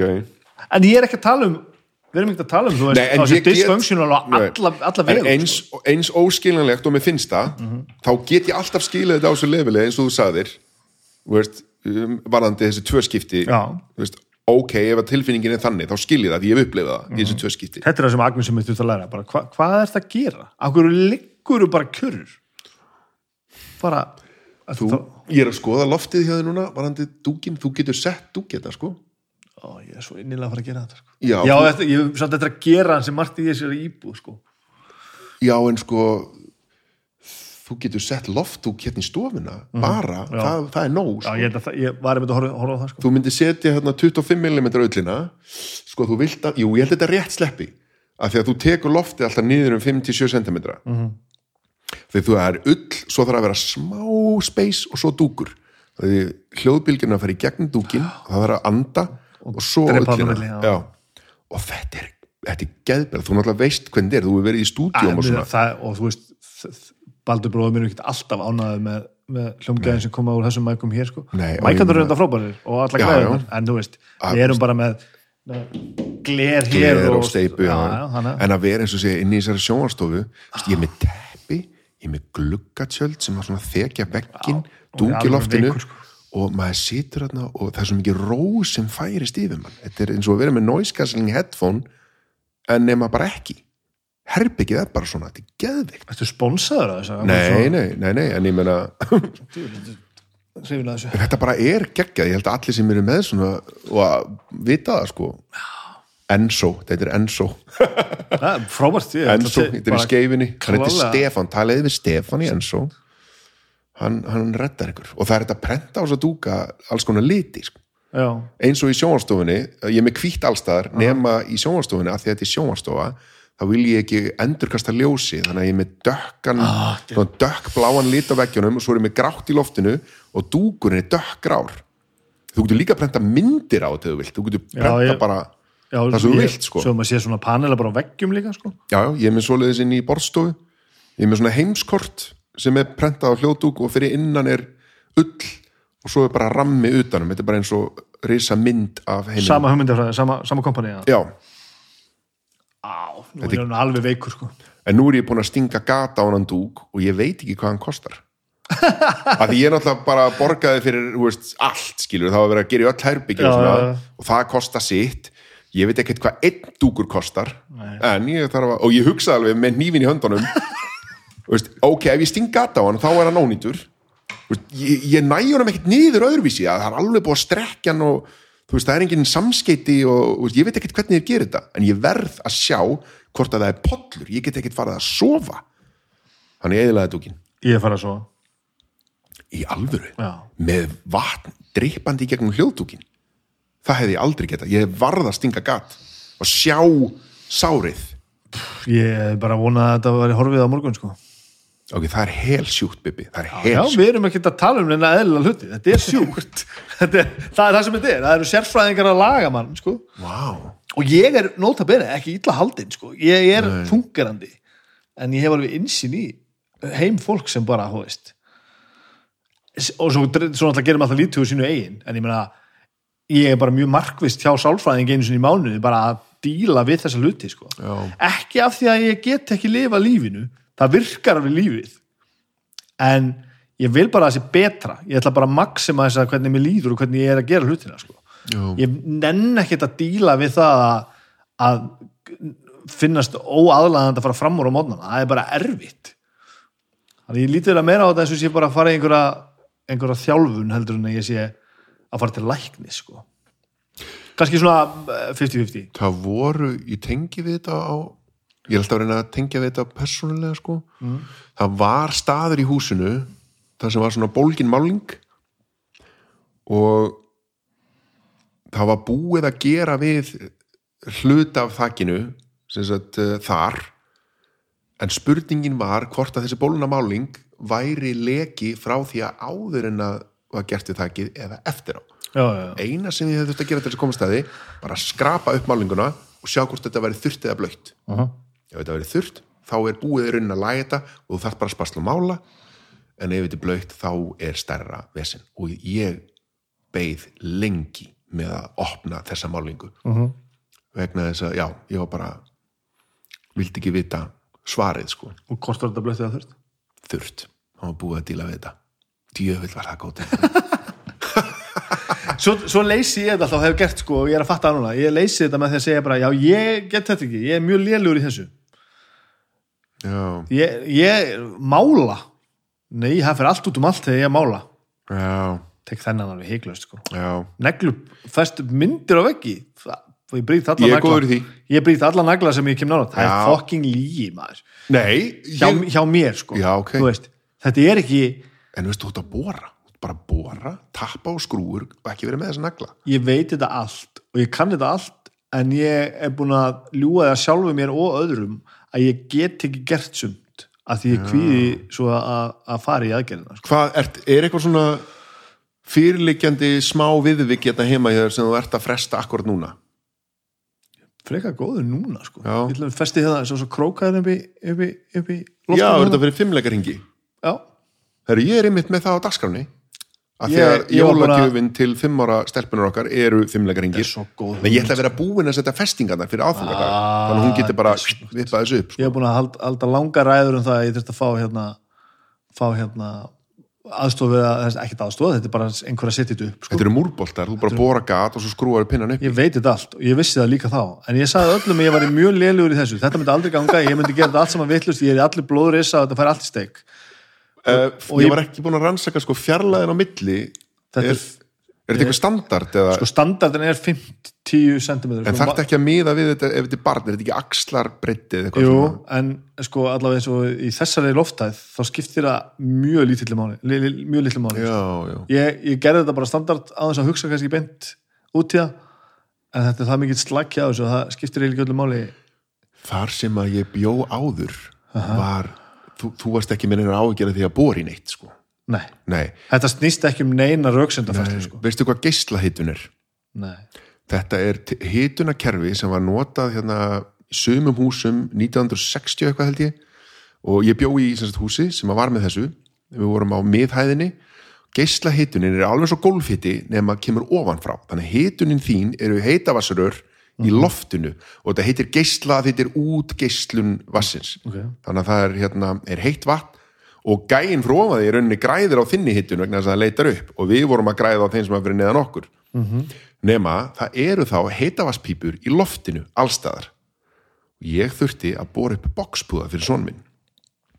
Og ég hugsaði bara ok, ef ég og þessi rör er úr einhverju sem að fer ekkert sko, það sem fer er bara þú veist, uh, það sem þessu stjórnað þú veist, kistan þar og eitthvað bla, bla, bla, það er það sem þú lagar rörin sjálf er úr úr einhverju þú ert aldrei af áhugjræðum nema þú borir í þau.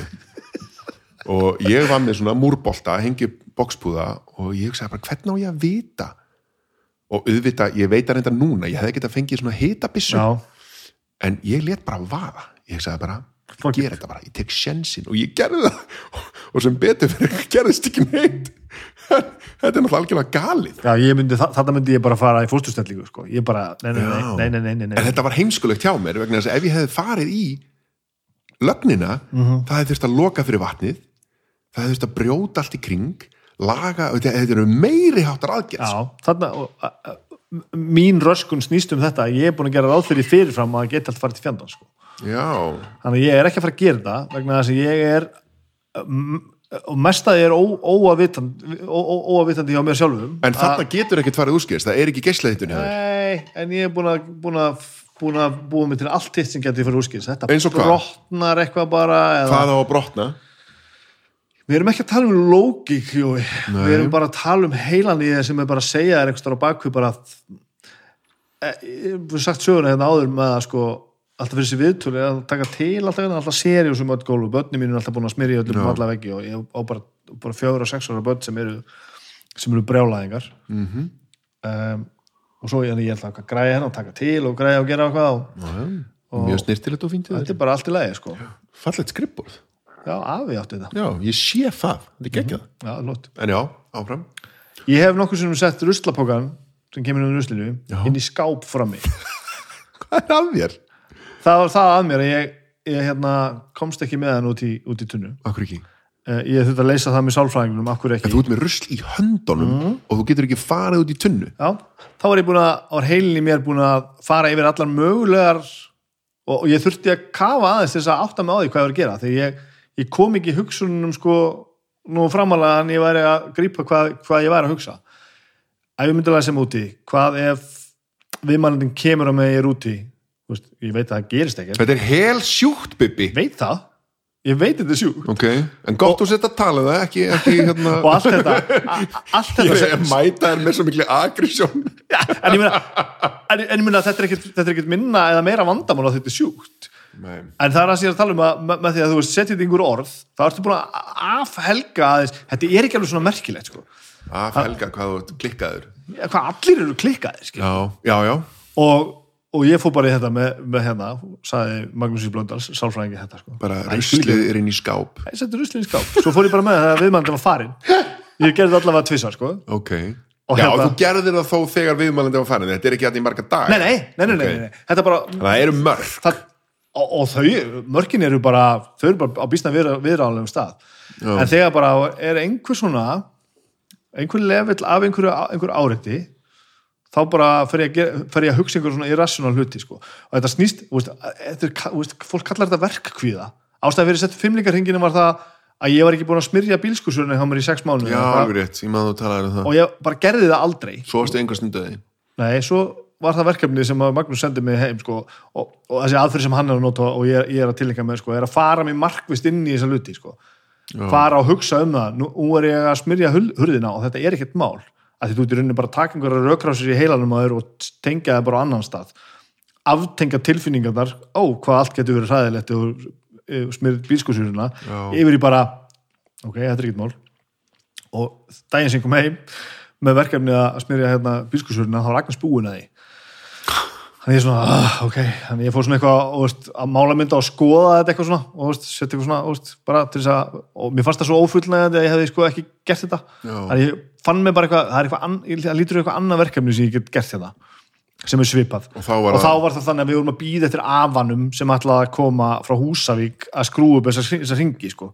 Eitt gat. Tvö reyndar, en þú veist. Já, já. Og ég bara svona þá ætla ég að gera þetta Mhm. með aðferðafræðinni sem átt að fara í að smýra bílskursurina sem þýttir náttúrulega að fara út í búð kaupa hluti, Já. tala við fólk uh, uh, bóra, græja, gera sko. Fórstu í hérna fagmanna ég fór bara, ég fór bara í bíkó hérna út á Já, granda sko. þeir eru með svona, ég fer alltaf í húsasmiðun og fer hérna í það vilja allir hjálpa þér maður. Já, ég fór bara og sagði, herðu, ég veit ekki alveg hvað er að gera. Sagði, þetta, þetta, þetta. Nema þú lendir einhvern jólaseinum sem veit ekki neitt. Ég er með hérna Ég það hefði ekki hjálpað mér þennan dag. Handriðið á svölunum mínum er úr gleri. Og þetta er svo fancy gler að það er þú veist, það er ekkit þetta er bara gler, bara frístandandi gler. Það er onni í einhverju svona skuffu eða eitthvað.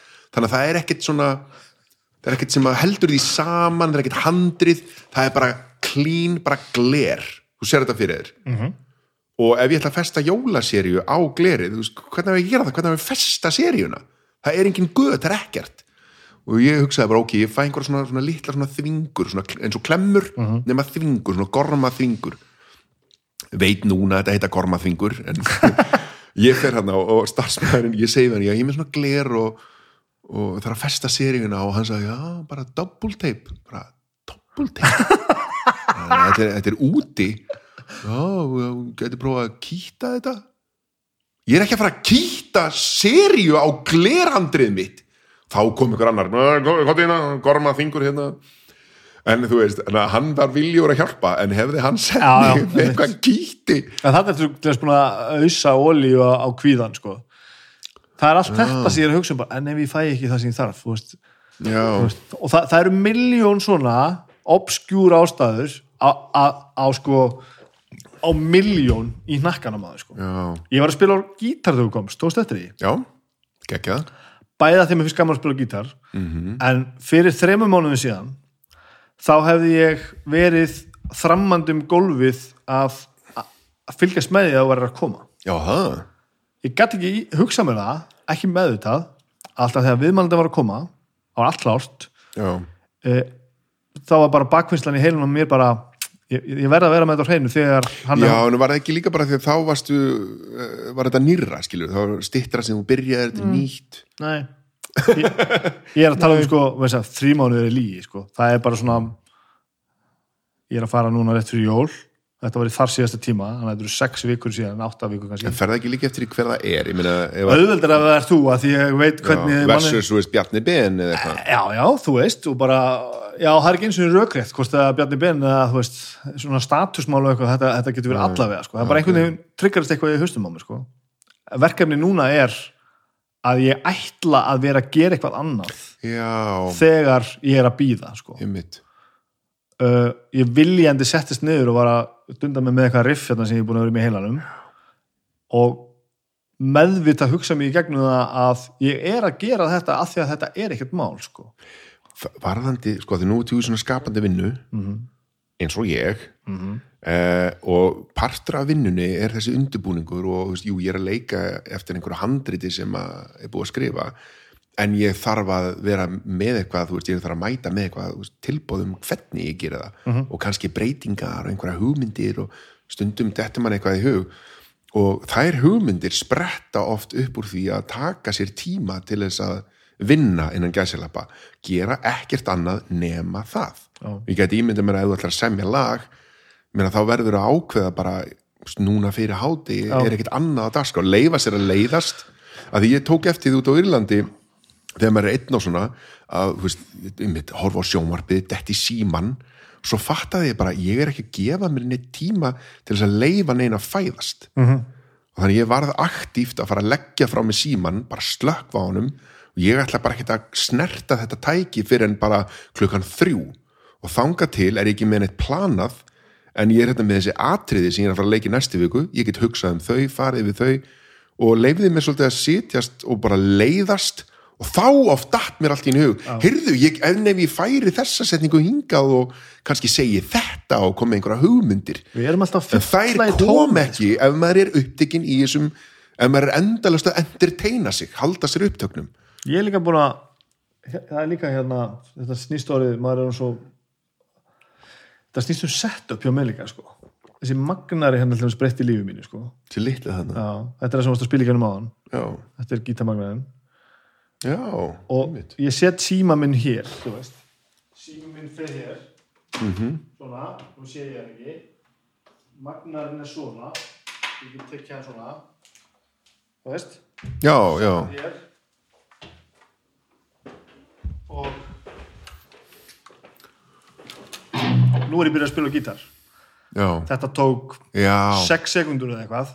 Einmitt, um leið þegar ég var með hérna þegar ég þurfti að gera þetta með því að tengja tvær snúrur uh, magnar þurfti að vera þarna. Hann er ekki þráðlusina hjá mér á borðinu þetta skipti árið öllu, öllu það Já. er að koma hlutunum í þar aðstæður að ég geti bara greipið hlutunum þetta, ég finn þetta heima ef ég er með gítarinn minn í töskunni þá tek ég hann ekki fram. En ef hann er á statífinu þá Þess vegna- grípið stundum í þess hann vegna er ég sko. með einmitt, tvo gítara og bassa og kassagítar bara hér já ekki inn í herbyggi, hér Nei, einmitt, einmitt. Og sérstaklega eins og í mínu tilfelli þá er þetta bara hobby að spila hljóðfæri en þetta er vinnan þín. Sko. Já, en ég meina, veist, ég lít alveg jafn mikið á þessum hobby, en ég Já, já, kom þessu þannig fyrir að, að það sé- stutt í þetta. Ég set síman bara þarna, hann hliður sér bara þarna Já, og þá hætti ég einhvern veginn að hugsa um hann. Hann er bara þarna. En maður þarf að, að þessi tæki, þetta er hanna til þess að stela af okkur aðtekli og tíma. er brjálaði. og maður finnur hvað maður hérna er einhvern veginn frjáls og hvað hugmyndir koma þegar maður neyðir sér til þess að leggja þetta frá sér. Og ég byrjaði á sér, ég heyrði af einhverju rannsókt sem var gerð, hvernig var þetta? Það var fólk hópur af fólki, lokaðurinn í herbyrgi uh, einn hópur bara í korter annar hópurinn fekk að hafa síman sinn og var náttúrulega bara í símanum í korter út bara býða, hinn hópurinn var ekki með neitt satt bara, gerði ekkert. Og svo var verkefnið uh, að leysa úr einhverju, nei ekki að, basic, þau fe- fengi einhvern hlut man ekki hvað, einhver pedestrian hlutur bara hér er þessi hlutur. Hvað getur þú gert með þennan hlut? Þú veist, ég get haldið á honum, ég get snúið á honum á kvolf, ég get sett hann á hausin á mér.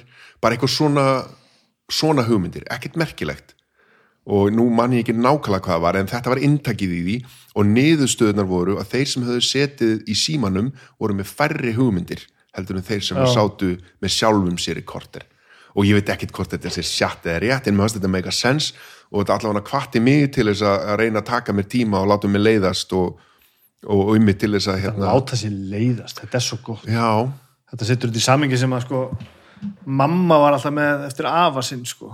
Já, Það er holdt að láta sér leiðast. já, það er það og sérstaklega ef maður er í vinnu og ég, þetta er örugglega ekki bara um tónlist og leiklist allir þurfa að beita kreatífri hugsun í vinnunni sinni þú ert alltaf að leysa einhver vandamál sama hvað vinnum við Já. eða ein- einhver svona tasks og ef þú gefur sjálfur þér space til þess að láta það leiðast þá, þá hlítið þú að, að fá einhverja hugmyndir sko.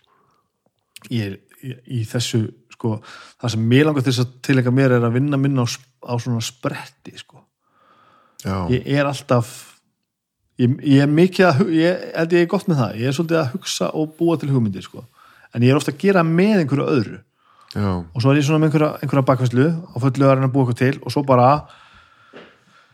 hálftíma í skil, það bara skrifa ég allt. Já, já, já, það er, það er eiginlega alltaf gott. Já.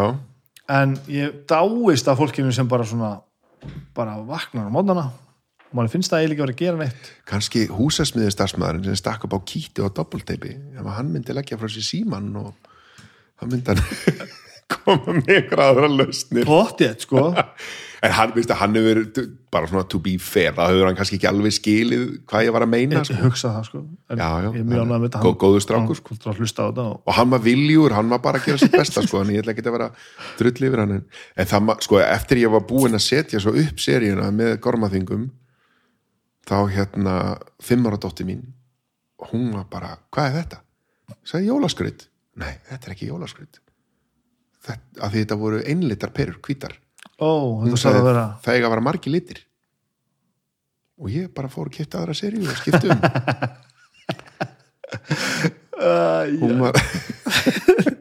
þetta er ástæð fyrir að bönnið vilja bara gista á 15 hóteli að þú bara hlýðir þegar þú segir eitthvað. Já, ég, hún einhvern veginn var fyrir svo miklu vonbrið heyrðu, hvað? Byrju, er þetta aðti hátíða því nú fór ég úr einu í annað? Ég, ég er ekki sérsvæðingur sko. ég bara allt í hennu sé húsið þarna hann össi á heimaðana ok, Koparhúsið, já, já já, þetta er hann frændi konuna minnar. Já, ok. Eða hann er sérst giftur frængu konuna minnar er rétt, ég var þarna í bara veistlu fyrir einhverju síðan. Ég var ekki búin að fatta að ég væri á sama stað. Já, ég sérst sá þetta allt í hennu út um gluggan já, já, góð saga. Já, við vorum að tala, já, ég var að segja það með seríunar það var að því að ég talaði um starfsmannin að þú vorum að tala um að gefa sér pláss til að hugsa. Já, já mitt fæðist alltaf og alltaf, alltaf talað um þetta þú veist á koddanum sko já, og það er náttúrulega það sem basically er að gerast. Þú ert bara svona búin að leggja allt frá þér hættur að lesa bókina og ert bara að leggja sniður og fara að sofa. Já, og allt innu bara space og þá bara ah, ég ætla að gera þetta svona.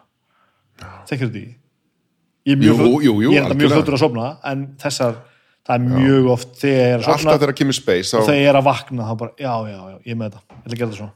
En þannig líka ger, eins og með þakið þú veist, að þetta gerði sent í gær ég vissi ég þurfti að skera dúkin til þess að sjá the full extent of the problem sem ég gerði, ok hérna er rifan, það er fata hérna ég get sofið, það gerist ekkert meira. En svo bara á kottanum hugsaði ég bara, heyrðu, já það var hérna gæi sem brætti þakpappa á svalina hjá mér.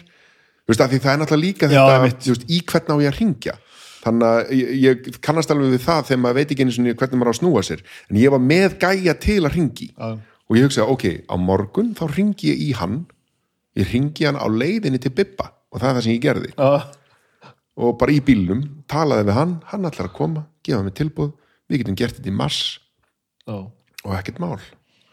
Það er þetta sem ég þarf að læra. Svona, en, já, en þetta gerðist á kottanum með mig. Þá sá ég fyrir mér og ég var búin að ákveða þú ringir í hann í bílnum á leiðinni. Og svo því ég er í bílnum á leiðinni heyrðu, ok, ég get ekki símtalið núna þá bara ger ég það.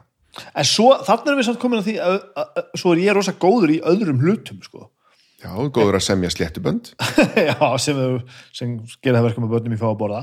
Góður að spila bassa. En þú veist, ég er til dæmis mjög góður í að tala við fólk. Já, sem að þú veist fólk kannski bara í vinnunni að gengur erfiðlega að koma einhverju saman og eh, fólk er kannski ekki einhvern veginn sammála eða þú veist, ég er ekkert að tala um að fólk sé eitthvað að rífast. En það vex mér ekkert í augum að stíga hann á fund með mjög ólíku fólki og bara eh, eh, en við tölum bara saman um þetta hérna og leysum þetta svona, þú fer að gera þetta, þú fer að gera þetta. Við tölum saman áttur á morgun, þá held ég þetta verði sirka komið. Já, þetta er eitthvað sem að sko vex öðrum svo gjössalega í augum að þú myndir aldrei ná að, að koma þessu kopp já, þú veit alveg ég hef séð þig í pipar hann ég kom inn í svona fund með ykkur í verkefni sem að varð svo ekki en, en sá þig einmitt í svona vinnuham og þú ert alveg með og, þa þar, er á bara, hreinu, sko. þar er ég bara í þessu fortið sko. en að smyrja bílskursurina eða ringja einhvern með einhvern þakpappa það er bara raukrafsundin náðu ekki utan um, já, börnum í þetta að sofa með húfu eitt um daginn, það voru svo kaltið þenni hvað gerist? það bara var ekki nú vatnin á kerfinu sko. þurfti að reynsa hjá inntakinu eða? nei, það þurfti bara að skrúa einhvern krana held ég það kom bara einhvern pípari sem að Agnes reddaði já, og það tók bara voru aðrar íbúður í húsinu með sama vandamáli eða? Jóhannes, ég veit það ekki sko, nei, ég, held ekki. Ef að ég byggi í þessu húsi þá hefði ég áhyggjur vegna þess að þú býrð á efstu hæðinni. Mhm. þakið er sameiginlegt snæbjörn. Þannig að ef það kemur leki þá er það mál allra en það veldur á þér að láta fólk vita. Þetta er sameiginlegt þak en þú sér það, hinn er ekki þannig að ef það er einhvers stað leki þá þarf þú að láta vita strax. Það er bara gott að vita. Ég hafði- ekki, ekki átt að mig á því. Þú fyrir rólegur að sofa. Nei. Mér sýnist ég nú ekki sjá neitt sko, þetta lítur allt mjög vel út. Ég kannski tek rúnd um íbúðun á hann ég fer. Já, við því, ég það greinilega. En þú er líka bara eiginlega búin að innsikla það. Þú er svona go to gaur bara, ég fyrir alltaf að ringi þig. Mm. Jóhannes, mér átt að pípara. Já, ringi að ég veit sko. það ekki. Það fór öryggisloki hjá mér um daginn út í bílskur. Þá þurfti ég að ringja strax snæpjörn, vegna þess að bílskurinn var eins og guðbað það var bara heitt vatn sem að hvert ringdir þá? ég, ég er náttúrulega búin að vera í þessum framkvæmdum þannig að ég er bara með pípara, ég er með smið ég er með rafvirkja, Ah, mér langar svo að vera með ég veit að þetta er geðveikt þannig að hérna, já, en ég, að koma sér þessu upp var erfitt, skilur að, ég held að ég sé alltaf með á bakvið eira að ég sé að, að nýðast á fólki sko. ba, ég sé bara til trafala þú náttúrulega getur alltaf ringt í denna já, reyndar sko. varðandi í rauninni allt sko. Já, ég heyri aldrei í honum. Hann er eitthvað, sko. hann er minn smiður. Ok, það er þannig. Æ, ég er með tvo smiði og ég er með einn rafvirkja sem er smiður líka. Já, það er þetta sem ég vantar já, það er þetta sem ég vantar. Ég, nú, ja, hann, kann, hann er rafvirkja og hann kann að smíða á Íslandi það er nóg. Já, já. já, þetta vantar mig sko. Og smiðirnir hafa allir vit á því þeir kunna allir pípulagnir en þeir gera það bara fyrir sjálfan sig. Þú, hann sagði bara, þeir sögðu allir bara þú finnur þið pípara í pípulagnir. Það er ekkit, ekkit rugl með það. Ég hef alltaf tilfinningu eins og ég segi bara ég sé að bara að trubla fólk. Ert þú pípari? já, ég veit það. Ég, ve- að þeir eru svo busy og Að því ég, að því ég er með pípur sem þarf að kíkja á. Ég- bara svona eins og, eins og, eins og það sé það er það, það er það sem Þau- þau gera já, já. en pældi sko álægið að vera pípari og píparinn minn var að segja hann er líka frendi minn sem er eitthvað ágætt. Sko þegar hann er búin að vera að vinna í einhverju dóti og hleypir svo vatni inn á heila blokk hann sagði sko ég fer ekkert rólegur að sofa. Þú veist. Nei, það er hérna og hann, hann gerir það aldrei á föstudugum nei, nei, þú veist, ef, ef hann er að vinna í fyrirtækjum svo þarf að hleypa á kerfið. Shit. þú gerir það ekki á föstudugum vegna þess að þá líður heil helgi þú vilt að það líði í mestalegi bara ein nótt það sem allt legur eða eitthvað skilur en auðvitað er hann búin að ganga frá öllu og það er alltaf í lægi en ef ekki, þá er það hans vandamál. Og hann sefur ekki rólegur þegar hann er búin að hleypa inn á eitthvað kerfi sem hann er búin að vera rigga upp sko. Er- að vatn skemmir svo já, mikið út frá vatn sér. fókt upp sko. Já, panik ástandi, þá er einhvern tímann að gera.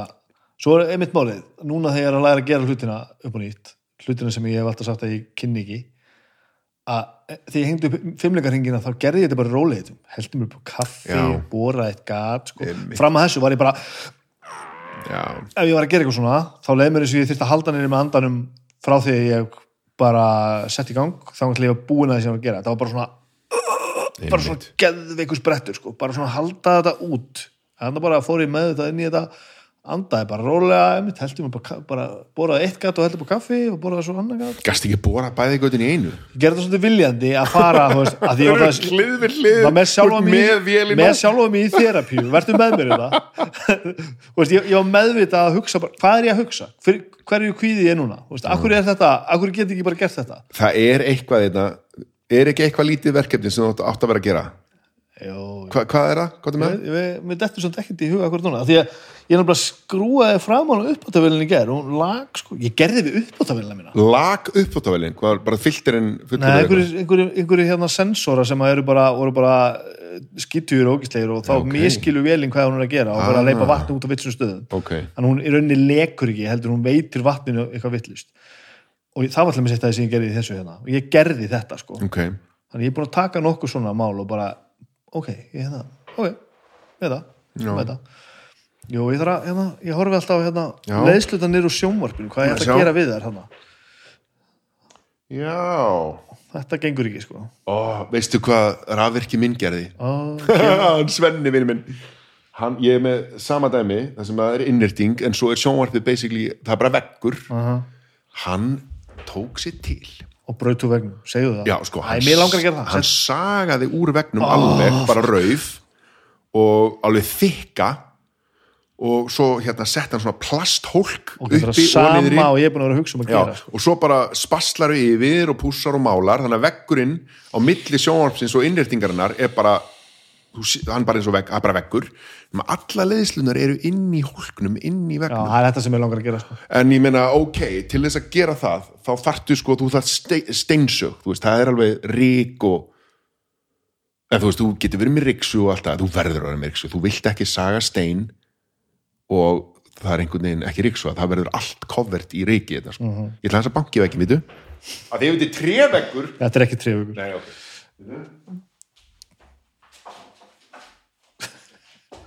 Já, ok, þetta er, þetta er stimmuveggur já, já. uh, ég meina þá er þetta bara það. Þú þart, þú þart steinsög hvar fæ ég steinsug? Ég- nú er hlust bara strax finn ég bara kvíðan byggjast þú getur leikt þetta á svona bara, þú veist, í bíkó og húsasmiðinu, þeir leia ég held þetta þetta er, þú segir bara, ég ætla að saga já, rás í ég, vegg. ég, ég læri það nú að þið hengi þess að ringi og svo þarftu bara að vera með þú getur leikt yðnaðar yksu líka. Og ég meina þetta eru bara þetta er þessi rönd, þú, þú bara sér hvar sjónvarpið er, Nú sérð ert þú hvar að tala sko er. með lókikinn af opni þú ert að tala við mann sem að kvíður fyrir þessum hlutum sko. Já, ég get alveg við sest, sest, í stólinn þinn og sagt bara þetta er bara einn rauf hérna, bara sag úr þessu Já. ég veit alveg hvað á að gera en ég er strax farin að hugsa um bara en sko, þegar er ég alveg brýt blaðið í söginni sko, það gerist ekki ég veit það, En en, sko, svona virkar þetta það sko. er líka gott að átta svo tímanum þetta er alveg, ég myndi alltaf taka daginn í þetta. Þú veist, þetta verkefni, ég myndi, ég horfa á þetta þú byrjar á því að taka merkja náttúrulega, eða þú getur alltaf mælt hæðina, færir skápin frá tekur sjónvarpin niður merk, mælir og merkir hvað þetta á að vera og veist það. Svo ferðu og nærði í sögina þú tekur ríksugu þú kaupir plasthólkin sem á að vera inn í vegnum og allt það, þú vilt hafa plasthólk alla leiðina. Já. og það er til alls konar skoðar þetta og þetta er alveg tveggja tíma ferð að fara í bíkó og ná í allt þetta dót. Og svo þarftu spasl, hvað spasli gott í þetta, hvað er þetta að gera? Já, er þetta hólkin í vekk, já, taktu þetta. Svo þarftu sandpapir til að pússa spaslið, svo náttúrulega að mála veggin og allt sem þú ert að tala um núna er bara þessi lógisku hlutir sko. já, það er ekki vandamáli ég veit sirka allt sem þú varst að segja sko. já, ok. Uh, en það er eitthvað í heilabúinu mér sem segir bara nei. Nei. Já, ok. Og mér langar rosa að vera búin að gera það sko. eða þú getur coverað veggin með einhverjum, einhverju klæðningu. Líka bara að hugsa það. Já, meina það, en það er líka alveg talsverð smíði í því. Mhm. það þarf að smíða það allt saman. Fengi den, Ringi denna. Það verður bara þannig. Þetta er líðaninn sko. ég er með fullt af svona hugmyndum en bara framkoma það sko. ég með Já. sér að fæ svolítið út í að horfa á bara fólk gera svona á YouTube. Já, ekki, þú veist, ekki, ekki svona DIY beitt, heldur bara svona hor- ég horf rosa mikið á hérna Adam Savage hérna, Mythbusters skur Já, já, hann er rosa mikið að gera hluti. Hann er bara að gera allt. Hann lætur sér þetta eitthvað í hug og hann, hann, það myndi gera þetta á einum degi sko. Það meina ég er bara Ég ætla að horfa á sko, þetta í þrjú ári viðbútt og gera ekki neitt. Mér finnst leiðilegt að mála vegna þess að mér, ég, ég, það er alveg hægt að vera lélegur að mála já, já, ég er lillur að mála. Ég er lélegur að mála. Já, já. og þú veist, eins og þessi sjónvarstofa mín sem við þykjum mjög væntum, sem núna með gat í loftinu þú veist, ég er nýbúin ég er nýbúin að setja innréttingu fyrir sjónvarpið og allt þetta. Og, en veggurinn ég þurfti að því að þegar við vorum að setja innrýstinguna þá fórum við aðeins utan en þurfti að bletta þannig að ég tek málinguna sem að nota til að mála veggina, þessi dökkblái litur og bletta. Svo þotnar það og það er ekki eins. Em. það er munur og ég sé blettina. Þannig í rauninni þyrfti ég að mála allan veggin og ég hef ég er að fresta því. Ég get alveg, það bara að teipa ég er búin að þessu fyrir háti ef ég gerir þetta. Munurinn á mér- er það að ég myndi alltaf hugsa bara, já, ef ég bletta þetta þá á að sjást. Og þá hætti Já, já ég blettaði, það sést og ég verð að gera meira. Þá er ég að hugsa ég hef eftir að fara út fyrir þetta fer á innrýtinguna og þetta verður leiðilegt og... en það er svo sem gerist heldur ekki þó ég gera það ekki. Hlutir, Nei, eru, er það líka, sko. hlutir eru mismikilvægir. Ég varð að skera á dúkin vegna þess að það var leki Mhm. bibi það er ekki hægt að fara að sofa en það er alltaf lægið þó ég mál ekki veggin það veit engin annar þetta í fjölskylduna, sér þetta engin um að ég. Mitt instinkt hefur verið bara, ég ætla ekki að skera neitt út, ég ætla ekki að gera neitt og svo þegar allt er fært í fjandans og eitthvað þarf að gera þá, þá segi ég bara, ég kann ekkert svona já, hluti, bara þegar rafmagnir slægir út af því að það er allt fullt af vatni. Já, ég, hérna, ég, ég kann ekkert á svona. Það er bara, bara varnað viðbræði já, ég er ekkert í þessu. En þá er kostnaðurinn kannski ánum talsveit meiri líka. Já, ég, bara, þetta heitir að borga sér út úr kvíða ég er mjög góður í því, ég ætla bara að kaupa þetta hér. Það er hundra ást, mér er alveg sama. Það er auðvöldara alveg.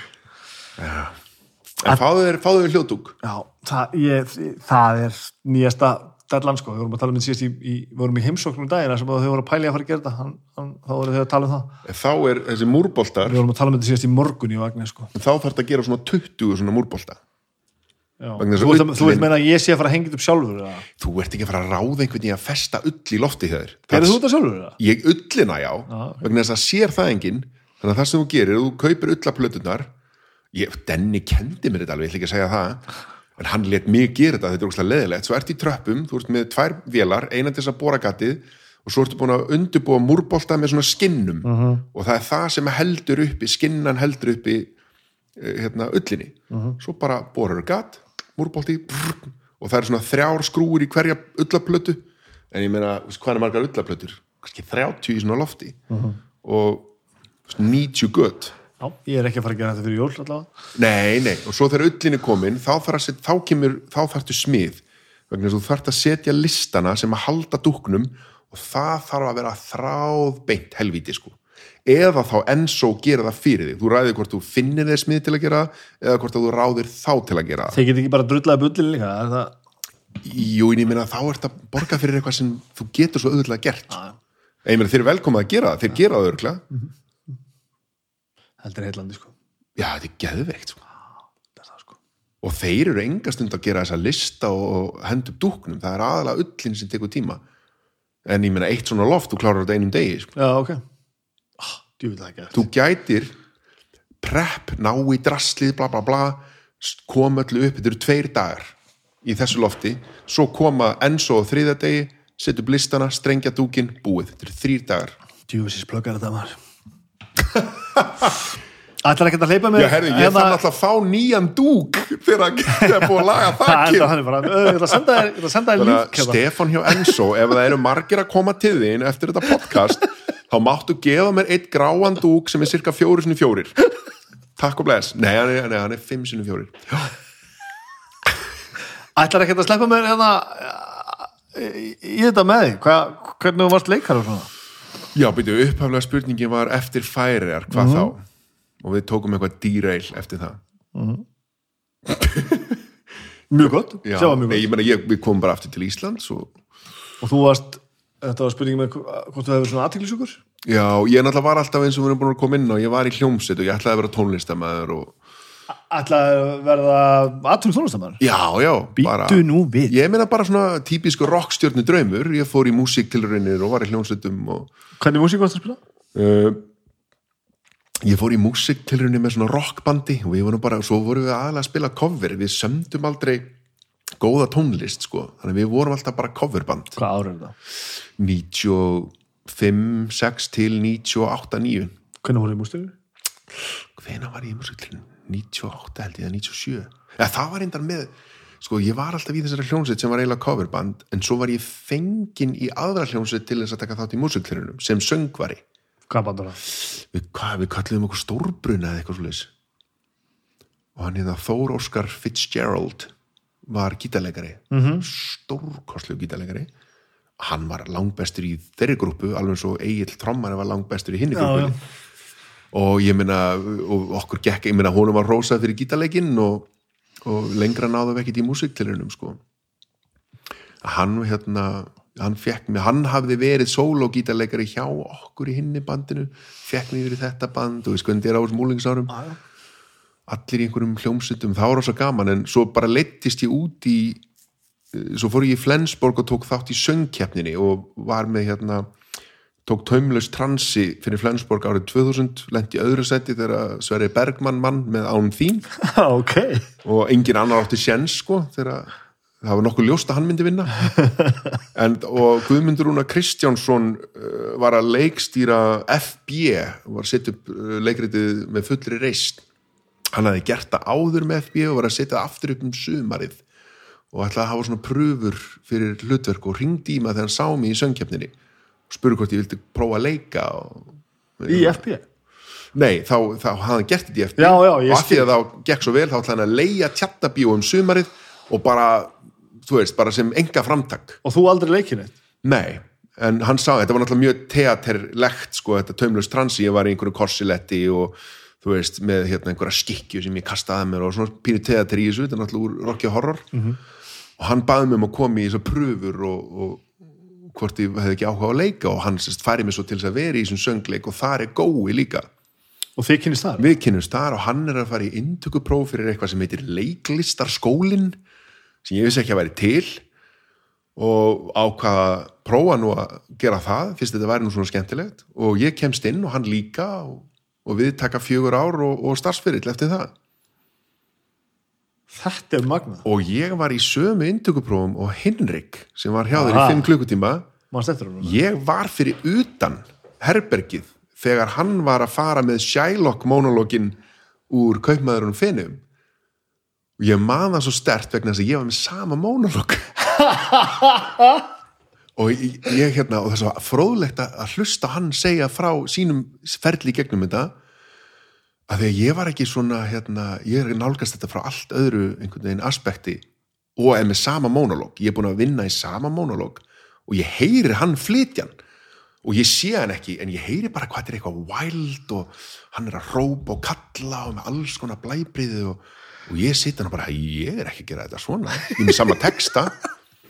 Ég var bara að gera þetta eins og Mel Gibson gerði í Man Without a Face. Það var það sem ég gerði en svo kemur hann mann ég út bara bara ég fann orkuna frá honum og hérna svo bara einhvern veginn fer hann og ég fór inn og bara shit sko. en hérna við svo komistu báðir áfram þetta var bara eitt skref af nokkrum sko og vorum báðir í lokahópnum og vorum í einhverju svona hópspunum þar sem hann fór mikinn og, og eins og hann saði sjálfur frá hann, veist, hann hefði verið með okkur í back ef að það hefði ekki farið eins og það fór með, með þau vandamál sem hann var að stríða við sko. Það var áhugavert að hlusta hann segja frá þessu að því ég var þarna líka sko, Fyndið. Og horfði á þetta. Já, það er merkilegt. Varstu með, þú veist a- Varstu bara með draumum að vera rockstjarna og svo hættur við það og ákvæmst ára leikari? Já, Varstu ekki, þú ætlar aldrei að vera pípari, pípari að ég ætlaði að vera tækni teiknari. Ok. Teikna þverskurð, þverskurð af veggjum og hústökum, þess vegna veit ég hvað er hérna fyrir ofan Af hverju ætlar að gera það? Já, það var, ég vissi ekki hvað ég ætlaði að verða og þetta var eftir grunnskóla og maður þurfti að fara í einhvað framhaldsnám og ég byrjaði á því að fara í yðnskólan og ég valdi tækni teiknun vegna þess að ég hafði áhuga á því að teikna nema svo kemst að því að tækni teiknun er á ekkert skilt Nei. við listræna teiknun Einmitt. og þetta var svo leiðilegt og þannig mitt var ég að mæta illa falla á áfengum endaði svo á því að hætti skólanum og fór svo aftur í Flensborg setna og, og þaðan í, í listaháskólan En engin svona ekkert eitthvað svona þeng, listaþeng undan þessu? Bara að það hafi verið hljómsveitum og svo bara svona Já, hljómsutum og jú, ég hafði áhuga á teikningu og ég hafði farið í sko námskeið að mála og svona. En aldrei að neittni alvöru en þú veist, hafði einhvern áhuga á því? Það, það er þetta að að búa eitthvað til, að, að tjá sig með, með listsköpun en já, aðalega í svona hljómsveitar braski einhverju og semja lög og já, teikna myndir, teikna og mála en svo hef ég ekkert gert það síðan sko. og svo varstu bara var, varstu svo bara þessi leikari sem þú varst bara var það Já, bara, ég- var það já, bara ég- ótrúlega natúral að klára hann skóla og bara Já, þá náttúrulega bara tekur við uh, hvað ég er heppin með að það er bara leita til mín með verkefni. Ég, ég þurfti ekki að hafa fyrir því að sækja með vinnuna, sko. Ég fer í skólan og mér finnst þetta æðislegt, legg mig allan fram, aldrei veikur, mæti alltaf, að því ég hafði áhuga á þessu. Mér finnst þetta svo æðislegt. Og svo bara er mér bóðin vinna, skilur og meiri þess að bara á sumrin, á milli skólaára. Það var hérna, eða þú veist, auðvitað eru pröfur, það voru pröfur fyrir fyrir hérna söngleikin Hárið og fyrir Grís með Birgit og Jónsa Já. ég og Gói mæti mér pröfunar, við fáum hlutverk og hérna og svo bara þegar maður er að loka árunum þá er manni búið hlutverk í atvinnuleikúsum og þannig að það bara svona heldur áfram af því að mann er bara bóðin vinna af því að maður er að gera eitthvað sem að einhvern veginn leikstjórarnir og aðrir tók eftir sem er að ráði hlutverk ég þurfti ekki að hafa fyrir því að sækjum í leikhúsunum, þau sóttu til mín. -hmm. sem að er bara frábært af því ég veit ekkert hvað ég hefði gert ef mér hefði ekki verið bóðin vinna. Ég er ekki viss um að ég hefði endilega svona sóst eftir því. Skilur hvað ég menna svona, já, já. Ég veit ekki, ég er svo sem veit ekki. Svo, þú, svo varstu bara sviðst leikari einhver ár, ég meina, þú gerði bara helling að því. Já, ég útskrifaðist 2005 og fyrir bara strax ég er bara uh, það er sótt í mig frá leikúsunum bæði fyrir norðan og þjóðleikusið og borgarleikusið og ekkert eitthvað crazy en, en, og það verði ekkert verið að bjóða mér einhver aðalutverk en bara þau vildu fá mig í vinnu að bara þurfti einhvern að leika þessi hlutverk og, og ég bara gerði það og, og það er líka þannig að þegar þú ert kant að syngja þá ertu fengin í söngleikina og ég var í söngleikjum og, og geri þetta alveg þangar til 2014 Já, með auðvitað sko og svo byrjaði maður að leika í einhverjum sjónvarstáttum og íslenskum bíómyndum eitthvað svoleiðis aðeins. Og síðasta sem ég geri er í leikhúsi er 2014 og söngleikurinn Spamalott já, það er um vorið, svo kemur sömafrí og í millitíðin er ég búin að leika í svartur og leik og fá umbóðsmann í bandaríkjánum sem að sendi mér stöku sinnum einhverja pröfur til að gera. Aldrei kemur eitt út úr því nema um haustið í ágúst kemur pröfa fyrir sjónvarsætti sem NBC er að fara að gera. Og ég bara fæ tilbúðum að leika í þeim þáttum þarna um haustið og það hittir þannig á að við erum búin að sína spamilott um vorið, það er ekki verið að taka það upp aftur það er engin síning sem ég er í þetta er algjörlega uník aðstæður fyrir mig á þeim tíma, því ég var alltaf einhverjum þremur síningum í einu og, og ég eina sem lág fyrir var ég var að fara að byrja að æfa leikrit. Og við vorum ekki einu svona byrjuð að æfa þegar tilbúðu kemur. Þannig að eina sem ég þarf að byrja þjóðleikursum er bara getið þið skipt mér út í þessu aukalhutverki þessu leikriti sem ég var að byrja að æfa eftir mánuð? Og það var ekkit mál. Og, og síðan þá hef ég ekki stíði fæta aftur inn í leikusið og síðan þetta búin að vera að vinni, vinna þeim? Já, frá- þetta er búið að frá- rúlla síðan. Og vegna þess að þetta var sjónvaserja þá var þetta frá september fram í mars. Hvað sér ég á þetta uh, hún heitir AD, það var bara Já, gerð, gerð einn serja uh, en þetta er svona on and off veist, ég, ég mæti til Marako í þrjár vikur, kem heim í viku fór svo aftur út í tvær vikur, heim í þrjár vikur. Ég var heim uh, allan janúar þannig að þetta var svona tegðis yfir, yfir nokkra mánuði, þetta verkefni og bandarísku umbásmennir voru svo séðir að þeir sögðu, ok, nú, uh, nú er komið verkefni, nú ert að gera sjónvansýri fyrir NBC nú þurfum við að græja umbásmann í Bretlandi, þeir voru komnir um borð út af því að þeir sáu svartur og leik. En það er alltaf erfitt að pusha leikurum inn á castingdirektora uh, að það eru svo margir svo margir umbósmenn og margir leikarar. Og castingdirektorar kikja oft bara á resumeið bara hvað hefur þessi gæði gert? -hmm. og ef það er einhvern veginn bara einhverjar, sjónvarsþættir og kvikmyndir með einhverjum titlum sem að eru einhverju tungumáli sem þið skilja ekki sinni, þá bara er, við, við ætlum ekki að skoða þennan núna. En um leið og hann er búin að vera í einhverju sem að þau þekkja. Já, já. eða mögulega þekkja eða eitthvað. Á, þessu, nú ertu í sjónvastætti fyrir NBC, núna þurfum við að fá umbásmann í Bretlandi, af því að það er svo mikið sem gerist þar. Og sögðu, þú verður að fara til Bretlands, við hjálpum þér að læna upp fundum með umbásmannum en þú verður að fara áður en þetta eru frumsýndir. Vegna þess að ef þeir eru lélegir þá hjálpa það okkur ekki.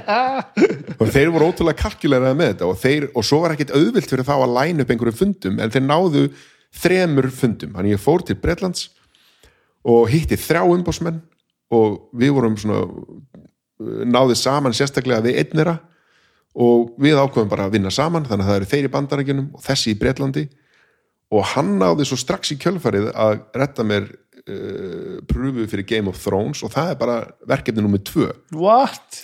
og um leið og þú komið Game of Thrones á fyrirskrána Já. þá vilja miklu fleiri sjá þig og síðan þá er fjöldin af pröfum sem ég fæ búin að margfaldast bara því að Game of Thrones Já. er á, á það, og, og það gefur auga leiða Bara, þegar, þú fær náttúrulega bara. fleiri að, og, yfirleitt- og meiri hlutin af pröfunum sem ég geri er nei ég fæ bara ekkert út úr því Mhm. en því fleiri tækifæri sem þú færð því náttúrulega fleiri verkefni færði og ég er búin að consistently vinna í sjö ár við þetta. En ég tók eftir því um að því að maður var að fá kannski pröfu, eina pröfu á þryggja mánuða fresti versus þrjár í viku. Já, og það er bara því að castingdirektorinn herri, við erum að leita hérna að einhverjum að má vera evrópskur. Já ég er með þennan leikara hérna hann var í Game of Thrones, er ok, kíkjum á hann af því það er eitthvað svona validation stamp og maður skilur það alveg, þú veist. Já, og minna viðkomandi sá mig ekkit í þáttunum eða neitt, sko, það er bara að því að það er einhver gæðast, ja, gæðastimpill innan einhver síja sem þú hefur komist í Já, gegnum þar nákvæmlega, þá, þá vilja þau sjá mig fyrir þetta hlutverk. Já. fæ kannski ekki hlutverkið en ég fæ fleiri þú veist, ég fæ fleiri skot sko. more shots. Var þetta gaman? að gera pröfunar Nei, bara standi í þessu stús öllu saman. Já, að því að, já, já ég meina, ég, ég hef gaman að þessu að því að pröfunar feilast í því að gera þetta sjálfur heima hjá þér sko. þá færið einhverja senur sem þú átt að taka upp og þú leikur það fyrir fram að myndavel ert með einhvern að leika mótir eða þá er þetta eintal og ég bara svona dútla við þetta sko.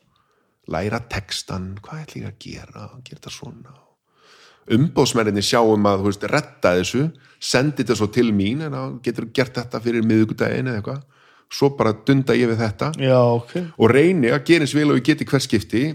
Nýju skipti af tíu fæ nei, það er svona cirka ég er með svona 10% hit rate á þetta. Einn af hverjum tíu skila sér í tilbúði til mín um, um verkefnið. Og hefur nú að gera? já, ég meina þetta er, já já. Og svo eina vandamáli innan gæsalappa er bara að bóka sér ekki of mikið, of þétt sem er náttúrulega bara luxusvandamál -hmm. vegna þess að maður á fjölskyldu og vill vera heima líka. Og eins og núna er ég að koma úr þessu fimm mánuða verkefni. Og undanfærin sjö ár þá ég hef ekkert mikið verið eitthvað að svona, ég get ekki meir, ég gefið mig frí. Ég hef basically verið að gera bara allt sem ég hef fengið eh, hérna, bóðum að gera uh, með einhverjum einum eða tveimur undatekningum og eins og núna saði ég við þá uh, þú veist, þið verðið bara nú verðið að fá frí fram að jólum og ég vil helst ekki gera neitt fyrir næsta vor. Ég verð að vera heima. -hmm. vera bara hjá fjölskyldinu sinna krökkunum og að því að þetta, þetta tók sinn toll að vera svona lengi út í einu sko. Og gengur þetta alveg upp bæði, þú veist, ferilslega síðan svo bara, þú veist, já, og ert að fá nógu vel borga þannig að þú getur bara tekið hálft ára og bara ekki gert neitt? Já, já, sérstaklega þegar þú sko, uh, þegar maður er svona það sem heitir regular í sjónvaserju þegar þú ert eitt af aðalhuturkonum -hmm. þá færðu það vel borgað að, að þú veist, ég get alveg verið róluð fram á næsta, uh, vet, næsta vetur sko, í rauninni, þannig séð. Reyndar setju þakið strykir engin en hérna, já, allavega fyrir þakinu getum hérna þetta er ekkert silly money, þú veist, þú veist ekki Nei, þetta er ekki silly money, þú veist, ég gæti en þetta er fýtt penningur, það fýtt að ég hef ekki ágjörð því að borga fyrir nýtt þak. Já, og þó ég þurfa að borga fyrir nýtt þak þá þarf ég ekki að vinna þangur til næsta vetur Já, ok. mögulega, nice. en þetta er ekki þannig að ég geti sleppti að vinna í fimm ár. Nei, þá, hérna, þú veist, næsta vetur vil ég fara að fá eitthvað að gera, skilur þetta er samt ágætið staður að vera kom, komin á að þurfa ekki alltaf að vera að synda já, já, já. Veist, að geta þá allavega svona channelað því sem þú vilt gera á rétta staði. Já, að, svo, er þetta, svo ef þú ert ráðin í sjónvarsserju og þú ert kannski bara að leiki tveimur þáttum, þá eru peningarnir miklu minni en þú nær þá kannski að leiki þremur mismöndu sjónvarsserjum á sama tíma. Já, já, já, og hérna já, þetta er, það er hérna, þessu. Þetta var í fyrsta skipti núna þar sem ég sagði við umbósmennina, núna vil ég fá frí og það kom inn á þetta, það er alltaf að tala um sjö ára tímabil. Við, end, við endunjum alla frumi líkamsa, líkamsa sjö árum Já, og, og ég var að fatta það, ég er ekki búin að leika á sviði síðan 2014 já, sem að núna eru sjö ár 2021 langar að fara að gera þetta Nei, og, og, nei ekkert endilega það en það, ég er búin að já, ég vera, það er komið, ég er búin að vera núna í sjö ára tímabili þar sem ég er að leiki erlendum sjónvars og kvikmyndaverkefnum eiginlega bara á þeirra fórsendum ég Já. bara, þú veist, gerir pröfunar og tek því sem er bóðið er ég að fara inn í eitthvað nýtt tímabill núna, er ég jafnvel að koma aftur í, þú veist, leikósi heima eða eitthvað, ég veit það ekki. En ég fór að hugsa um þetta sem þessi sjóra tímabilla því að svo hugsaði ég tilbaka. Æfi mín frá upphafi er algjörlega skipt upp í sjóra tímabill 0-7 ára ber ég bí á Íslandi, ég flytti færa ég að 7 ára Já. en svo reyndar, þú veist, kem ég heim 10 ára þannig að meikar ekki alveg sens, en svo 14-21, þetta eru úlingsárin mm -hmm. 21-28 þar er ég í leiklistarnámi byrja leikferilinn og svo þá til 2014 þar er ég starfand í Íslensku leikursi og svo 2014-2021 ári í Erlendu sjónvarsverkefni og kvikmyndum.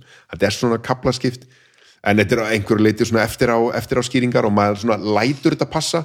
Af því að stramt til tekið þá passar þetta ekki alveg. Þú ert að færa til ár hér og þar. En, en eh, sér þú þetta þitt lífi svona sjóra köflum með það? Nei, En ég þurfti allavega að setjast niður og aðtöku hvað það gengur upp. Já. Nei, meni, ég er bara í vinnunni Nei, svo er þetta örugglega algjört rugl og er rauninni sprottið bara út frá þessari pælingu minni um að, að þetta var í fyrsta skipti sem ég segi við umbósmennina já, já. ég verða að fá frí. Slökum að þess á en svo skoðum við þetta. Og ég fór að hugsa er þetta kannski er þetta eitthvað nýtt, er ég kannski bara að fara hérna, að gera eitthvað annað eða eitthvað, ég veit það ekki. Upplifur þú veist einhverjar, þú veist, svona fórnir? Að ég man einhvern tíma, þú veist, þú veist ekki viðstættur einhverja fæðingu. Já, og þú veist, þú veist mikið burtu. Hvernig horfur á þetta? Finnst þetta að vera alveg bara jú, fórnin er, er fólkin í tímanum sem ég þarf að vera frá börnunum. Já, og þú finnur það Já, en það hefur ekki verið slæmt fyrir en núna vegna þess að þetta hefur aldrei verið það langu tími. Uh, fyrir þetta Vikingsverkefni þá var þetta í mestalagi 20 dagar sem ég hafði verið í Já. consecutively. Bara minn en ég þegar ég er að túra. Já, ymmit, en ég man í fyrsta skipti sem það var 20 dagar, þá var það hræðilegt. Já, það er langt sko. Og já, og svo hérna og núna var ég, þau voru hjá mér í tvo mánuði í miðjunni, en það voru sex vikur sikkur með með það, sex heilar vikur, Já, ég sex. sá ekki bönni mín. Og það veist, það er alltaf lægi með makan þú veist, það, við erum fullorðu fólk og veist, það er minna erfitt, skilur en að sjá ekki bönnin sín sko, það er, það er erfitt sko. það er bara mjög þungt. Og af því ég var í sex vikur án þeirra þetta núna eftir að þau fóru heim þá gati ég ekki hugsað mér að fara að gera einhverja pröfur og vera ráðin í eitthvað verkefni sem greiðist þess að ég færi eitthvað fyrir jól eða í janúar eitthvað, ég bara, ég get það ekki. Ertu eitthvað að missa af með því að gera það? það getur vel verið en það verður bara að hafa það. Já, að því að, þú veist en það er í fyrsta skipti sem ég hugsa þannig gagvart erlendu verkefnunum. Ég hef hingað til bara, ég verð að taka öllu sem býðst, ég verð að gera það. Nema, þú veist þó ég leiki ekki einhverju bíómyndi einhverju sjónvastáttum hvað með það?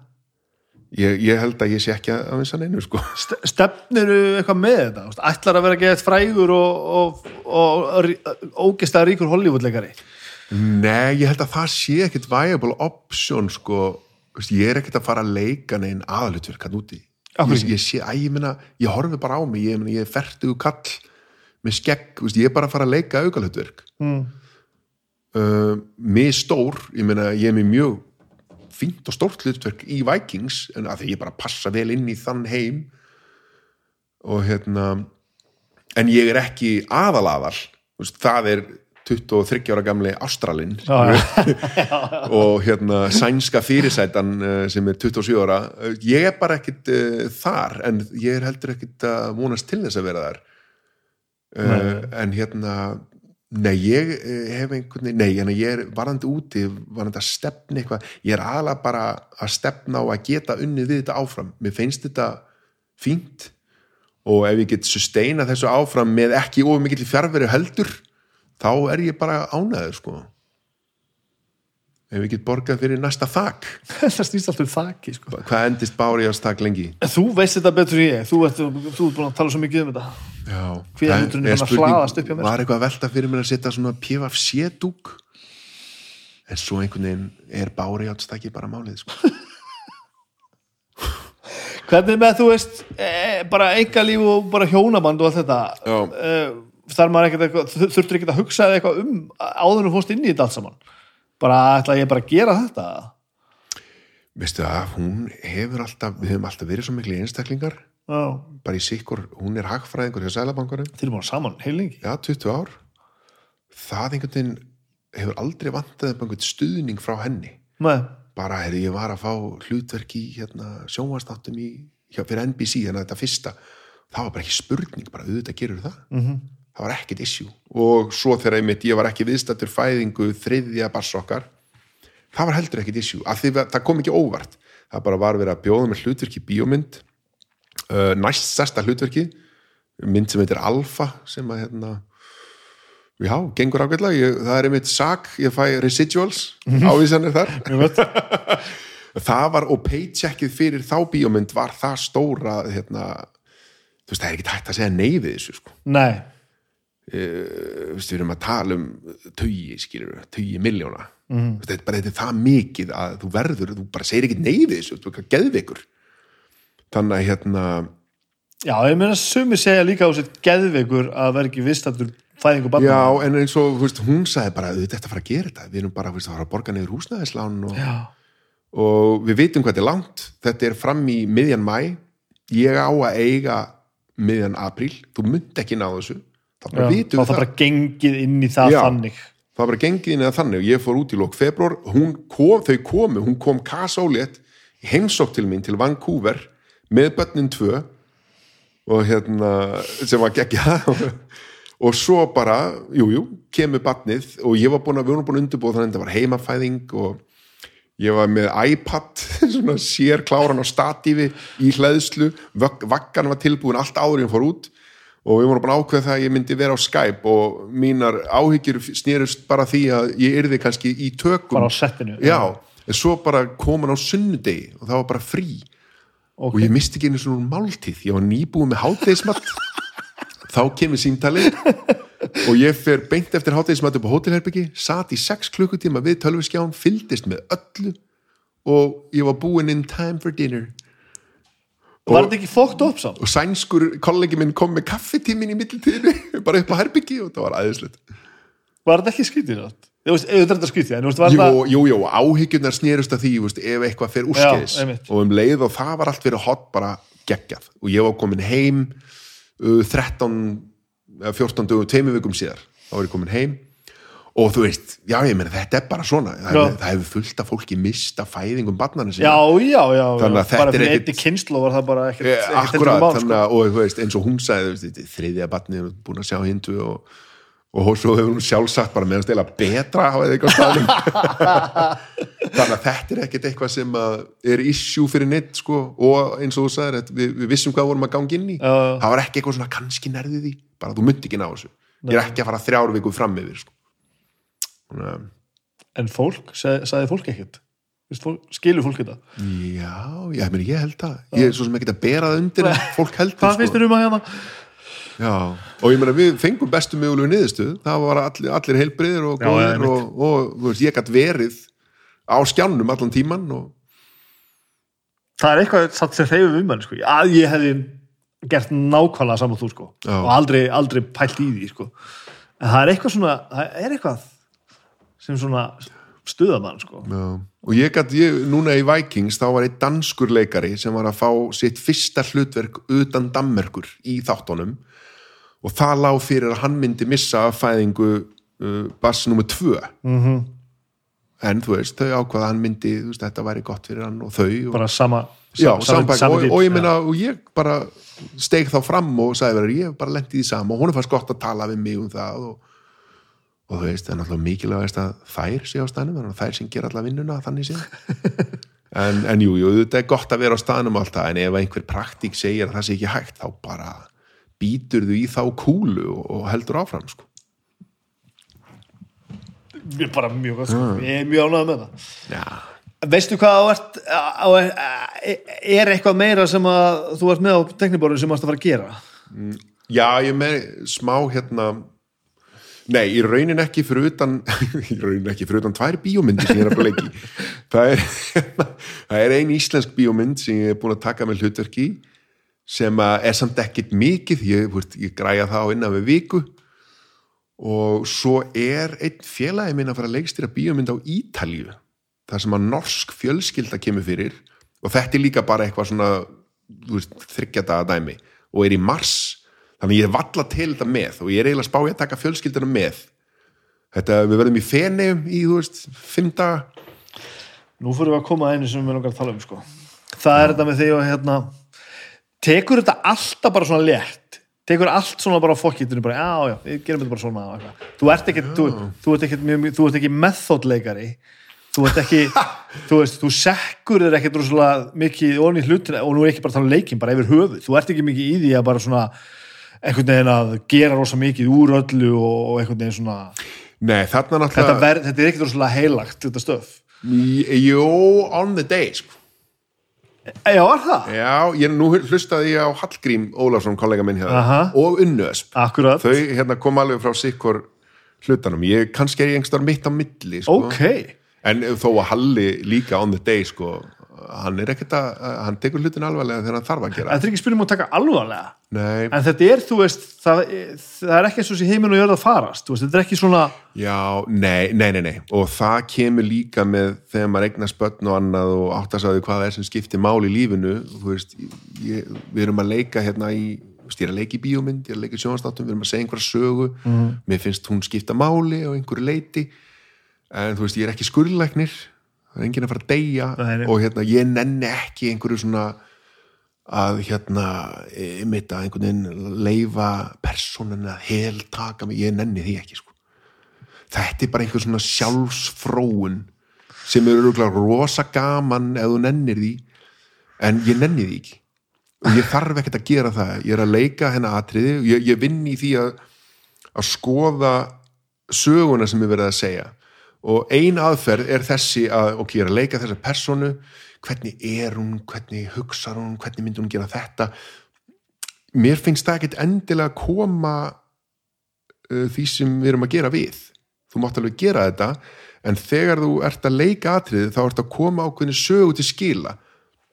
Og þú þarft að leika atriðið það er svo erfitt að útskýra þetta, þetta er ekki mjög skýrt hjá mér sko á, áhorfandinn þarf að skilja hvað þú ert að segja -hmm. og hvað þú ert að meina mögulega og þú þarft að kortleggja þetta svolítið. Í þessari senu eða þessari upplýsingar að komast til skila. Þar gera það annars vegar með texta og hins vegar með undirteksta hvað vil ég að þau viti mikið um það sem er mitt raunverulega markmið sem kemur í ljós setna vil ég íja að því smá eða vil ég alls ekki íja að því og þetta er allt ákvarðanir um hvernig þú leikur hlutina. Og þetta er hægt að gera bara mjög markvist og intellektual. -hmm. og, og skoða miklu frekar hvernig hagar fólk sér sem er mjög órótt, hvernig hagar fólk sér sem er að ljúa hvernig, og, og hvernig get ég hermt eftir þeirri uh, físík til þess að Hermt eftir. Ég held að, það veri bannað að segja það. og þetta er, kemur af mér og Hinrik kannski aftur með Shylock ég var að herma eftir Mel Gibson gerir þetta í Man Without a Face -hmm. vegna þess að, að hérna, sem er kannski skrefin of langt sko, að fara að herma eftir einhvern öðru leikara ég vissi ekki betur en eh, á meðan Hinrik talaði um að veist, lifa textan og eitthvað svona sem er alveg valit að, aðferð og getur verið mjög heitlandi ég nálgast að frekar frá því hvað er ég að segja og hvað ég vil ég koma til skila og reyna að skoða aðra leikara, raunverulegt fólk Já. Og eitt sem er rosa gaman að gera er að skoða hérna, upptökur af druknum fólki. Og ég vil fylgjast með druknum fólki vegna þess að það er svo ódreifnilegt og það gerir oft einhverja hluti sem eru svo fara átt og maður getur tekið sér bara einhver svona lítil svipriði eða eitthvað. Og meni, ég gerði það, það er atriði í Vikings þar sem við erum búin að sigra ákveðna orustu. Og ég er að fagna og ég hugsaði bara að maðurinn er í geðstræðingu að fagna og ég hafði séð upptöku af fullum gæja eh, hérna, sem var bara einhver ölaði. Og hann var með einhver svona sérstakar svona höfuðhreyfingar nánast að slamma og ég bara gerði það í atriðinu. Og þannig er ég ekki að gera þetta eitthvað ómeðvita þó að þetta líti kannski út fyrir að vera einhvers konar ástandi en ég er að gera þetta mjög kalkulerað vegna þess að mér finnst það presentera uh, hérna, ástandi sem karakterin er í en já, ég nálgast að frekar frá þessu heldur en einhverju öðru sko. Og æfir þetta þá? já, já, já, já ég æfi þetta heima, tek sjálfa mig upp hvernig lítur þetta út Ger, Kemst, gerur mikið þessu? já, já, þa- þetta er, mér finnst þetta að vera vinnan sem ég vinn áður en ég mæta á sett og leikaatrið, það er ég búin að leika nokkur sinnum heima hjá mér og það sem ég þarf að passa mig á er að vera ekki með of formfastar hugmyndir heldur vegna þess að þegar þú mætir á tökustað þá leikur mótleikaraðinn aldrei eins og þú varst búin ímynda aldrei nokkuð tíman Og hefur svo ekki leikstjóri einhverja skoðun á þessu líka? algjörlega og s- sviðsmyndin er bara alls ekki eins og þú varst búin að ímynda þér þannig að þú verður, en samt býrðu að allir í vinnunu sem þú varst búin að prófa og þú ert kannski búin að prófa tíu mismunandi aðferðir við að leika atrið og þá getur þú verið hérna, malleable í situation En lendur þá ekki í að koma bara og, og, og þurfa bara að gera stokka allt upp og nýtt? Jú, jú, en það er allt í lagi. Að þú ég kann textan, ég veit þú veist, innra lífið sem ég hef búin að ákveða fyrir karakterinn, ég á það alltaf það er aldrei hægt að taka það af mér sko. Já, já. það er bara, hann getur komið og sagt bara, heyrðu, þú ert að, þetta er aðeins svo mikið giveaway hérna, að þú sést að fara að drepa hann í næsta þætti, viltu aðeins tóna niður? Þú veist, ekki sína mér það svona mikið. já, þannig að ég hætti þá að, að sína það og hérna, en ég veit það samt. Mhm. þannig að það er ekkert, maður verður að vera að leifa þeim að, að móta þetta sko. Og maður má ekki mæta og maður hefur séð eh, og maður gera það sjálfur þegar maður var yngri veist, að vera, mæta með of fyrirframgefnar hugmyndir og jafnvel láta það fara í taugarnar á sér ef að mótleikarinn er ekki að gera eitthvað sem að maður Ég fara að sýnast það á því að tala við fólk hérna í eina mikrofónum. Já, að þetta sem þú ert að segja núna held ég aldrei sett, sett þetta í orð sé svolítið gegnum gangandi þetta að slaka þess á gagvart því sem að gerist. Já, að leifa hlutunum að fara í sinn farveg. Maður þarf alltaf þessi ár til þess að til þess að, að treysta því bara. Að bara þú, þú ert með einhverja hugmynd sko. Mhm. svo má bara eitthvað random stöf bara riðla þeirri hugmynd. Já, þetta er bara svo að fara eitthvað plötu maður var svo, maður var svo kalkulerað með hvernig allt átt að hljóma. Ymmit og ef að trommuleikarinn er að spila eitthvað annað Já, þá verður það bara að vera þetta, þannig. sondi átt að vera svona pana gítarina left og right, þú veist, allt þetta. Mhm. og þú veist, maður fer ennþá inn með þessar hugmyndir. Maður veit, þú veist, ég er alveg pródusent í eðlinu. Ég, ég veit cirka hva, hvað mér langar í sko. svo kemur eitthvað alveg left field og maður bara, gerum þetta, látum þetta hérna, látum þetta hafa áhrif á þetta endilega, hrærum þessu saman sko. í staðan fyrir að vera bara ég ætla að hafa þetta svona Ég finnst Einmitt. þetta gegnum gangandi þegar maður talaði við fólk einmitt að þú ferð er svo auðvitað ruglis svo saman við að verða sloppi eða læra það bara að leifa, þess að, flæða sko. og það er, einmitt, og maður verður líka að bera upp sínar hugmyndir og vera tilbúin að láta hafna þeim Mhm. og hinn leikarinn er líka búin að ímynda sér hvernig ég gerir þetta og maður sumir leikar að detti í það hérna, heyrðu, gætur legstir ykkur öðru getur verið aðeins reyðari af því þá get ég af því þá var viðkomandi búin að ákveða einhverju viðbrögð Já. en ég er einhvern veginn ekki reyður á línun á móti. En þú veist, þú mátt ekki gera þetta. Þú verður bara að taka því sem kemur og gefa því sjens í engum kringustöðum, mátt ekki þú veist byggja um?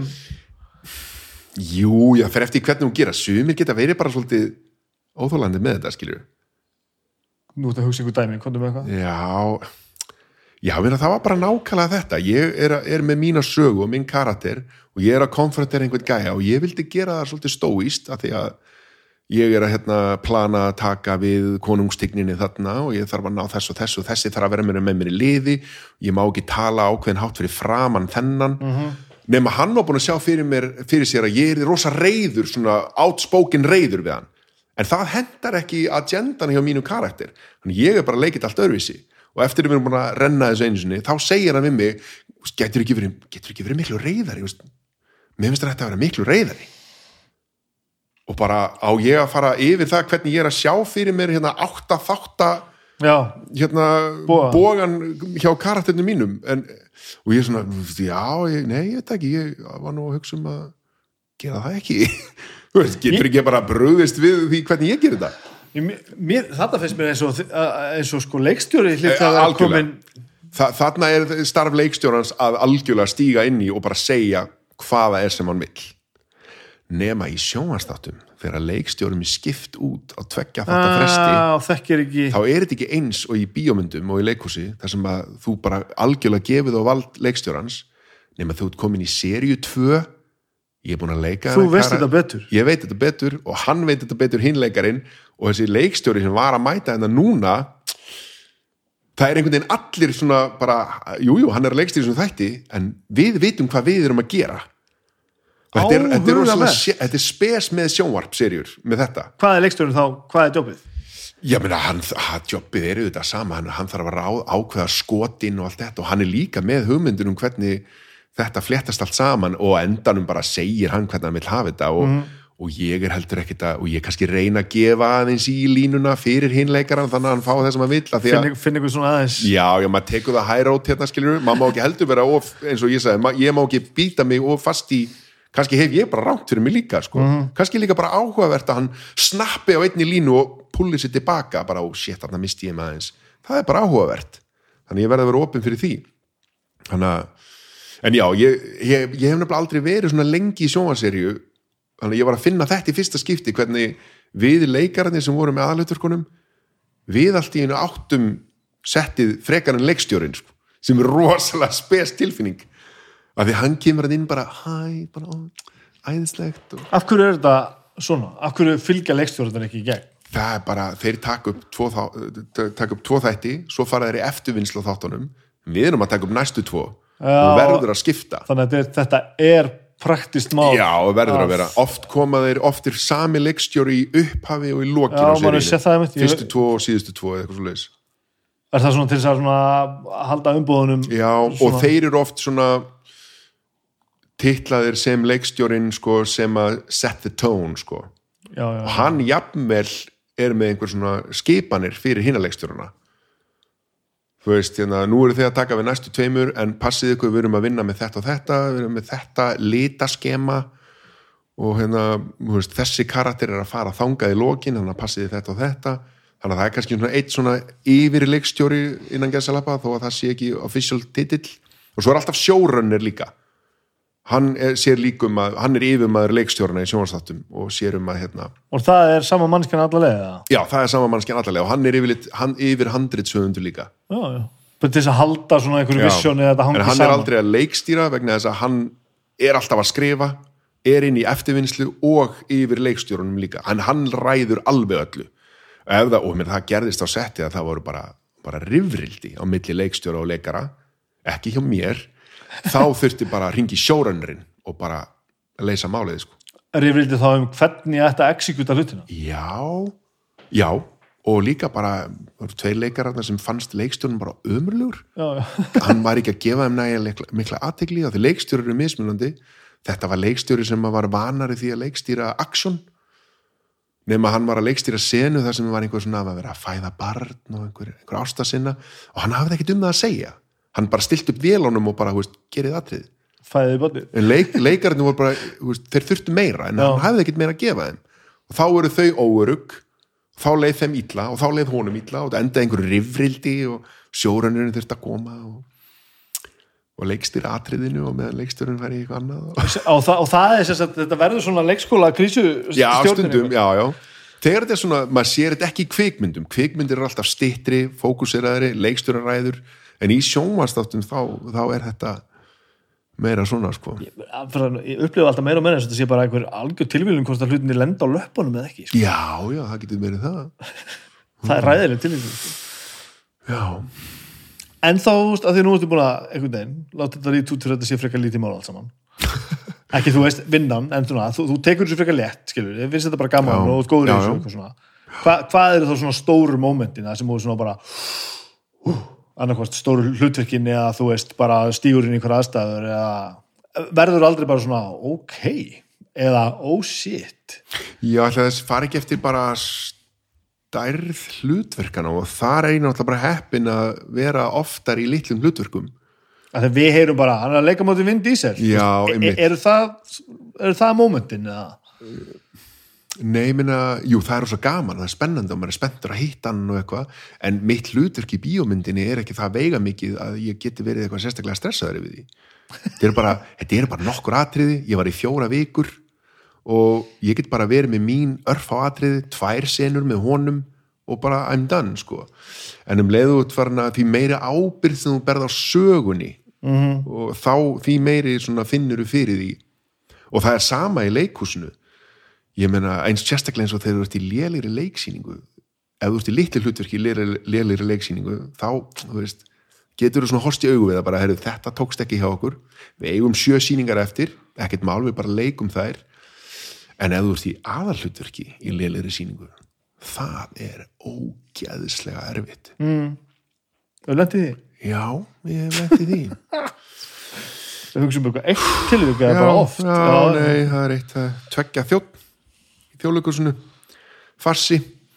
Ég meina, þú veist, það er allir að gera sitt besta ef að reyna að gera góða sýningu Já. en og þegar ég segi að hún hafi verið léleg þá er ég bara að meina þeir sem mæta að horfa á hana eru ekki að skemmta sér. Mm -hmm. burt sér frá því hvað við reyndum að gera og hvernig okkur fannst takast til það skiptir ekki máli þess að það eru áhörundir áhörundur og þetta er farsi það á að hlæja. Og, og á frumsýningunni var bara það hló enginn Bibi, þetta var ræðilegt og ég var í aðal hlutverki sem þýðir að ég er inni allan tíman, ég er að bera sýninguna uppi. Og þetta, þetta var bara, þetta át mig að innan. Og við síndum þetta 20 sinnum. Og við fórum í björgunar aðgerðir leikari, við náttúrulega styrum að standa á þetta sviðinu og veist, hvað getum við þjætt og við einhvern veginn urðum okkur út um handritið að Broadway sýningunni og Já, sérst, síni, sýningarhandritinu þar, það var inn í einhverju svona pakka sem þjóðleikusið átti frá sýningunni að þetta hefði verið sett upp úti. Og þá sáum við bara, heyrðu þau eru búin að klippa út þessi þrjú atriði hérna. Við verðum að gera það líka. Ok, tökum þau út. Og hér eru við eftir frumsýningu. Eftir frumsýningu, já, já, að því að við bara stóðum með eitthvað í höndunum sem var ekki verið að hlæjað og það er auðveldara að, ef það er dramastikki, að gera ekki neitt í því. En þegar það er ekki verið að hlæja farsa þá er það helvíti hart sko. Þannig að við tókum út atriði, við stittum sýningu við fórum að þjætta, bara hefur við verðum að þjætta þetta atriði, ég held við höfum stitt sýningunum með 33 mínútur sem er ógæðslega mikið. En þú veist, og við náðum einhvern veginn, jú, jú, að byrja að hlæja hans hér og þar og, en við náðum aldrei flugi og þú veist, eftir loka sýninguna þá bara hef ég aldrei verið eins fegin sko. það var ógæðslega erfitt. En þegar maður, ég hef líka verið í lélegri sýningu og veist, í aukalhutverki og þá bara skiptir það engum máli, bara mætir maður og gerir þetta og og bara, vinnur bara vinnurinn sína. Já, bara gengur betur næst við reyndum, það tókst ekki. Ok, kannski hefur einhver gaman að þessu. En þetta næri ekki flugi í þetta sinn, en öruglega erfitt fyrir þá sem voru í aðal. Og ég fann það í þetta skipti þannig að ég tvekja þjóni. Hvað hérna, hvað gerur þau átt ekki leikari? Þú ert alltaf þessi gaur einhvern veginn sko ég geri búið að lítið, en alltaf á þrjú börn. Og þegar ég er heima þá er ég mikið bara að sinna því sko, og hefur rosa gaman að því. Mm gaman að taka mótið þegar þú komum úr skólanum og baka brauð handa þeim og eitthvað svona. þú náttúrulega ert í þeirri aðstu og þegar þú ert heima þá Já, ertu er náttúrulega bara heima, Já. já, já, ég er ekkert að vinna neitt hérna heima þannig að, það er helviti gott sko. en þá hefur þau helviti góðan tíma Já, fólk já. fyrir sínar vinnur og skildur þá já, ég hef tíma til þess að koma hingað og rétt fyrir jól er og eitthvað hér. Ég er til dæmis ekki búin að kaupa jólagjafir. Já, en minna, ég hef alla vikuna og... já. Alla klukkutímana í vikunni til þess að gera já, ég þarf samt að klára þetta fyrir helgi vegna þess að ég held að skólanir stoppi núna fyrst daginn það já, já, já. þannig að þá er ég ger þetta morgun. Og bara fer ég og græja þetta en þú ert ekkert fastur í þú veist að spila golf í svoleiðis? Þú ert ekkert í neinu þannig? Nei. nei, nei, ég reynir bara að stunda einhverja líkamsrækt sjálfur bara Mm. heima. Nei, ég er ekkert inn einu golfi eða neitt svoleiðis. Ég spila á hljóðfæri, mér finnst það gaman. Og, og, þú- gerir það sem sagt? Já, já, já, mér finnst rosa gaman að æfa mig á píanó. Mm -hmm. Ég lærði ekki formulega á píanó. Ég lærði hérna Ég varð fyrir bara þvílíkri hugljómun þegar uh, stúlka sem heitir Berglind sem æfði á píanó sem ég þekkti og við vorum kærustu bara við vorum 15 ára. Hún æfði á píanó og hún síndi mér ég þá kunni ég á gítar og hún síndi mér bara píanóið er bara hérna áttund. Það er sama áttundin aftur og aftur. Bara já ok, já ég sé það, þetta er sama munstrið aftur. Já, þetta er sé. Hérna eru nóturnar, ég bara já býttir um við alveg eins og þegar ég fer upp hérna bilin á gítarnum þetta er bara, þetta er sömu bil hálftóna bil hérna og ég, ok, og ég minna að þú getur spila hljóm þá bara tekur það áttund með þumlu og litla putta svo ertu með fimmund og þríund. Og hún er annað hvort lítilega stór eftir því sem það er dúr eða moll. Svo getur þú tekið litla putta niður um heildón og það er komið sjönda hljóminn.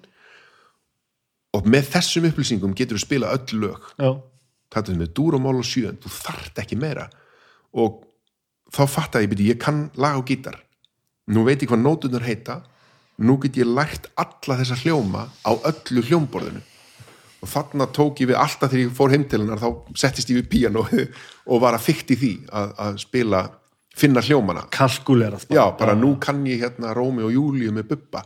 Það er getur, það er getur svo kemur D, svo kemur E-mól það fyrir C og æfði mig bara að reyna að ná upp, svo þegar maður er bara að finna hljómana þá þarf maður að ná upp einhvern svona rinjanda aldrei náður hrínandin hefur alltaf orðið eftir sko. já, ég er, ég, það er svona minn veikasti punktur þannig að ég er betri að spila kannski rólilegu og balluður og eitthvað. Svo þegar maður er búin að læra þetta þá þegar maður, og maður gerir bassan alltaf bara, ég gerði hann alltaf bara grundtótt bara áttund, ekkit flóknar en það. Svo þegar maður að fatta þessi stundum þegar að bassanótan er þríundin. -hmm. Og eitthvað annað og kannski jafnvel smá lína í bassanum. Og þá æfum maður það og þetta finnst mér og ég er ennþá bara að dunda mér við þetta að hérna, finna út úr þessu og jafnvel að reyna að gera einhverja smá slaufu með hægri hendinni. Þú veist, þó að ég hérna, sé ekki að lesa neina nótur eða neitt að, hérna, já, að reyna hérna, að spila á píanó. Ferðu bara inn í öllu verkefni svona bara svona kalkulerað að leysa það sem þarf að leysa bara, Já, já, öruglega, þegar þú segir það já, bara sem það leikurinn eða eignast barn á fjarfundi eða, eða læra á píano eða spila já, eða, eða skera eitthvað úr loftinu. Örugg- já, ég- bara, þú ert alltaf bara já þegar þú segir að já, fyrsta skrifið er að sapna með nógu miklum upplýsingum að þeim punkti að ég veit núna get ég leist þetta. Alveg sem með píanóið. Áttund, þríund og fimmund, hérna er sjöundin. Nótunar heita þetta, gangið vel. Og nú get ég sest niður við píanó og ég get spila lag og ég get jafnvel sami lag og hérna, sem er ekki gott reyndar. En, hérna, en já, það, það er sennilega rétt hjá þér þetta er, ég hef ekki tengt þetta svona saman áður, þetta er, þetta er svipuð aðferð í rauninni við hvað sem er. Þú ert ekki mikið svona þú ert ekkert að þessum hefur sagt hérna núna er eitthvað svona í flæðinu að sjá svona le, leifa þessu svona bara. Þú Nei. ert svolítið bara já, það er, það er rétt hjá þér, já. Það er hár rétt hjá þér. Ég ætla bara ég ætla bara að mastera hvernig karakterinn haga sér og svo ætla ég að fara að setja og leika bara. Já, og það er eitt sem ég gerir varandi þessar pröfur sem að er, það er ekki margir leikara sem gerir þetta svona svona miða við það sem ég hef lært uh, af því að tala við kollega minni hann úti af því að það er allir í þessu að maður tekur upp pröfuna sjálfur. Uh, algengast er að þú hafir einhvern á móti sem les hinalínunar mér finnst betra að sleppa því. Og bara enga línur. Já vegna þessum leið og ég komin með einhvern að ég still upp ljósum ég með, með tjald á bakveg mig still upp kameru, mikrofón þannig að þessi tæknilega eins best og það getur verið eins gott það getur verið. Og ég er búin að læra senuna nema um leið og ég komin með einhvern annan aðila þá er ég komin með einhver svona pressu, veist, ég vil ekki halda honum á lengi að eitthvað lesa móti mér eitthvað atriði fyrir einhverja pröfu. Uh, ég einhvern veginn get ekki leift mér að komast í eitthvað ástand ef ég þarf það, en ef ég er alveg einn og það er það sem ég geri, ég leik atriðin alltaf bara móti engum.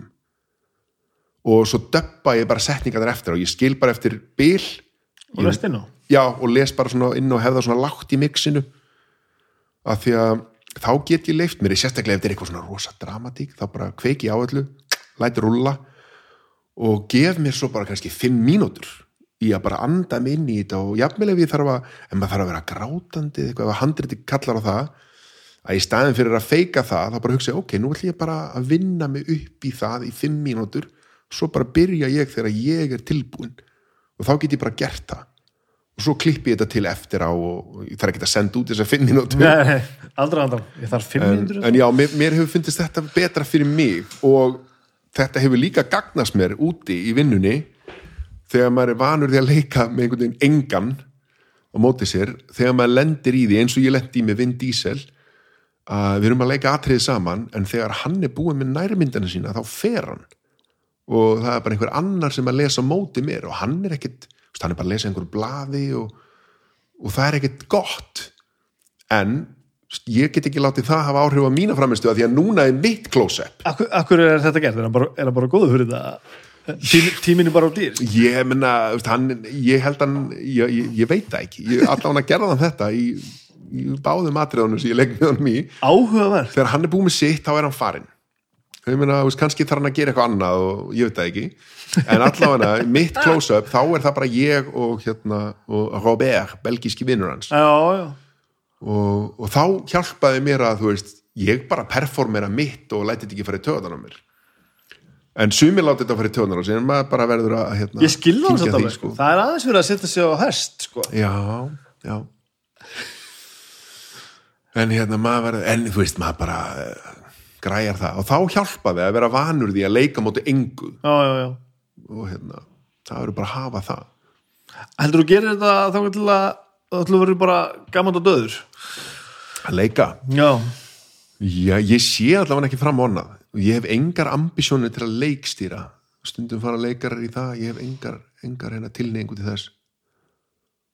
Það er eitthvað allt annað býst sko, að leikstýra. Er ég að lesta rétt að þið finnst þetta frekar létt? Ég er ekki að tala um að setja ekki að setja orku og, og, og, og nei, metnað í nei, mér finnst þetta ekki létt en mér finnst þetta vera innan míns sviðs. Já. þetta er eins og smiður sem kann að smíða og hann er beðin um að smíða eitthvað hús eða kofa það er kannski ekki létt en hann kann það. Þetta er svolítið eins og þú varst að tala um með mig á sléttuböndin sko. já, þetta sem þú ert að tala um sko, ég er bara já. ég er að standa fyrir saman einhverja myndavel og ná utan um hvernig einhvern Já, karakter mér finnst það ekki létt veist, ég, ég, ég, legg mikla vinnu Já, í það að kortleggja karatinn hvernig að performera þetta da, da, og allt þetta, ég legg mikla vinnu í það Mhm. en eins og með smiðin og eins og þeim með sléttuböndin ég veit að ég hef tækin til að já, já. og þó að smiðurinn lendi í vesin á leiðinni þá hefur hann þekkinguna og tækin og tólin til þess að komast yfir það og hann, hann veit það líka alveg Denni veit það þegar hann er að smíða hann getur leist vandamálið já, ég er hvorki leikarinn í smiðu sko. ég ætti sannlega að fara að læra bæði sko. ég hef ekkert í mér sem að getur leikið. Nei. það er eitthvað, eitthvað alveg í mér sem að ég get staðið á sviði og, og improviserað og, og spila tónlist og með ljótu hálfutónum eitthvað að gera grín og eitthvað svona.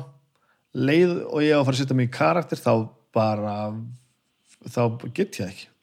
Mér finnst ekki gaman, heldur sko. Þannig að það er ekki heldur að þess að ég hef köllum til þess.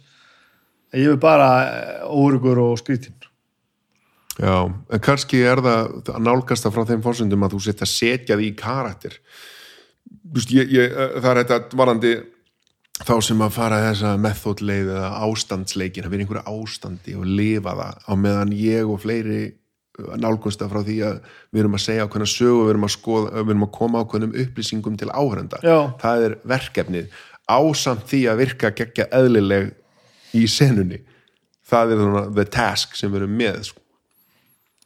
þannig að verkefnið er ekki að lifa eitthvað verkefnið er að fá þig til að upplifa það það er svo, svo áhugavert að fá þetta svona, svona prakt, praktist framsett sko. Það er pínu búið að svona eðlika galdurinn sko. en samt Já ég meina það er bara eins og þú veist, þegar fólk hérna verður rosalega emotional þá á það til að bara hætta að tala og, eins, og kingja það kemur ekkert þú bara hættir að tala, kingir tekur andan og svona titrar aðeins á andanum og þannig er þetta signal og þú getur gert þetta bara mekaníst en þú ert að signalera til áhæranda sem verður, wow, það, hvað, hvað gerðist þarna? já, Það kikkaði eitthvað inn þarna. en þú ert ekkert að hreyfa við þínum tilfinningum þá? Nei, þú ert bara mekaníst að fara í gegnum það sem að vekur upp tilfinningar sko. já það er svinn og það frábært. að fara í gegnum það fysiskt getur actually framkallað já, já, já. þú veist, hérna getur þið framkallað einhverja tilfinningu eða ástandið eitthvað, gleði eða þú ert að hérna, þú veist, eða þú ert að hlæja eða eitthvað, þú veist, það er úrslega erfitt að að feika einhvern hlátur. En þú veist, þannig að maður er að finna einhver svona leið inn í það og, og, og með því að finna leiðin inn í það þá byrjar að hlæja í alvörunni og og kemur þú veist, ég sé bara fyrir mig trailerin sem úti þú veist ekki með trailer. Kem, þú veist, klárar þú daginn og þú veist hefur þá skoðunaði hvort þetta gekk vel eða illa já, já, alltaf vel.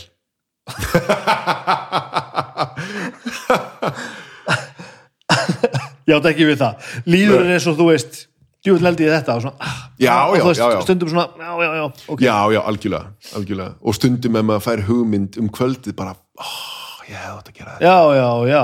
Fuck.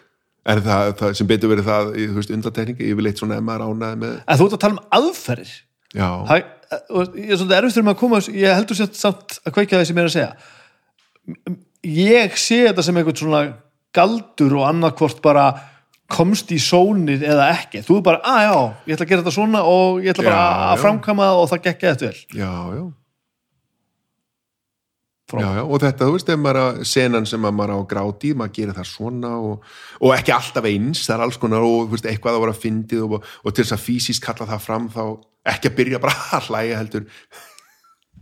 Tæma lungun bara svona konkrétt hlutur byrjaði að tæma lungun alveg og bara hlæja hljóðlega þá fæðist alvöru hláturinn ok, og, og þannig býrðu það til og ef þú átt að vera rosalega reyður þá er gaman að fara í gagstaða átt og bara fara í algjöra kyrð stara, ekki blikka vegna þess að þá er ég rosalega ákveðin og, og hérna ákveða þá að tala lægra og skýrt.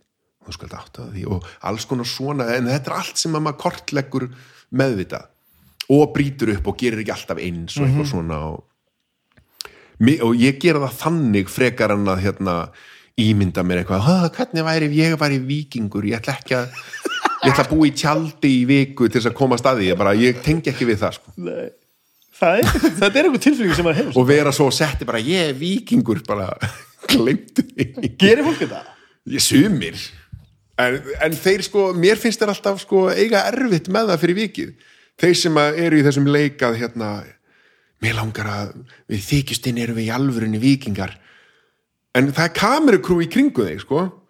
Og þá er það allt svo trublandi og hérna þá ertu að leifa svo mikla trublaði í staðin fyrir að vera bara búin að kalkulera hvernig þú vilt miðla sögunin sem þú ert að segja og reyna svo bara að gangast inn í að þetta er bara þykistunleikur þetta er bara eins og þegar krakkar er að leika. Í þykistunni eru við svona.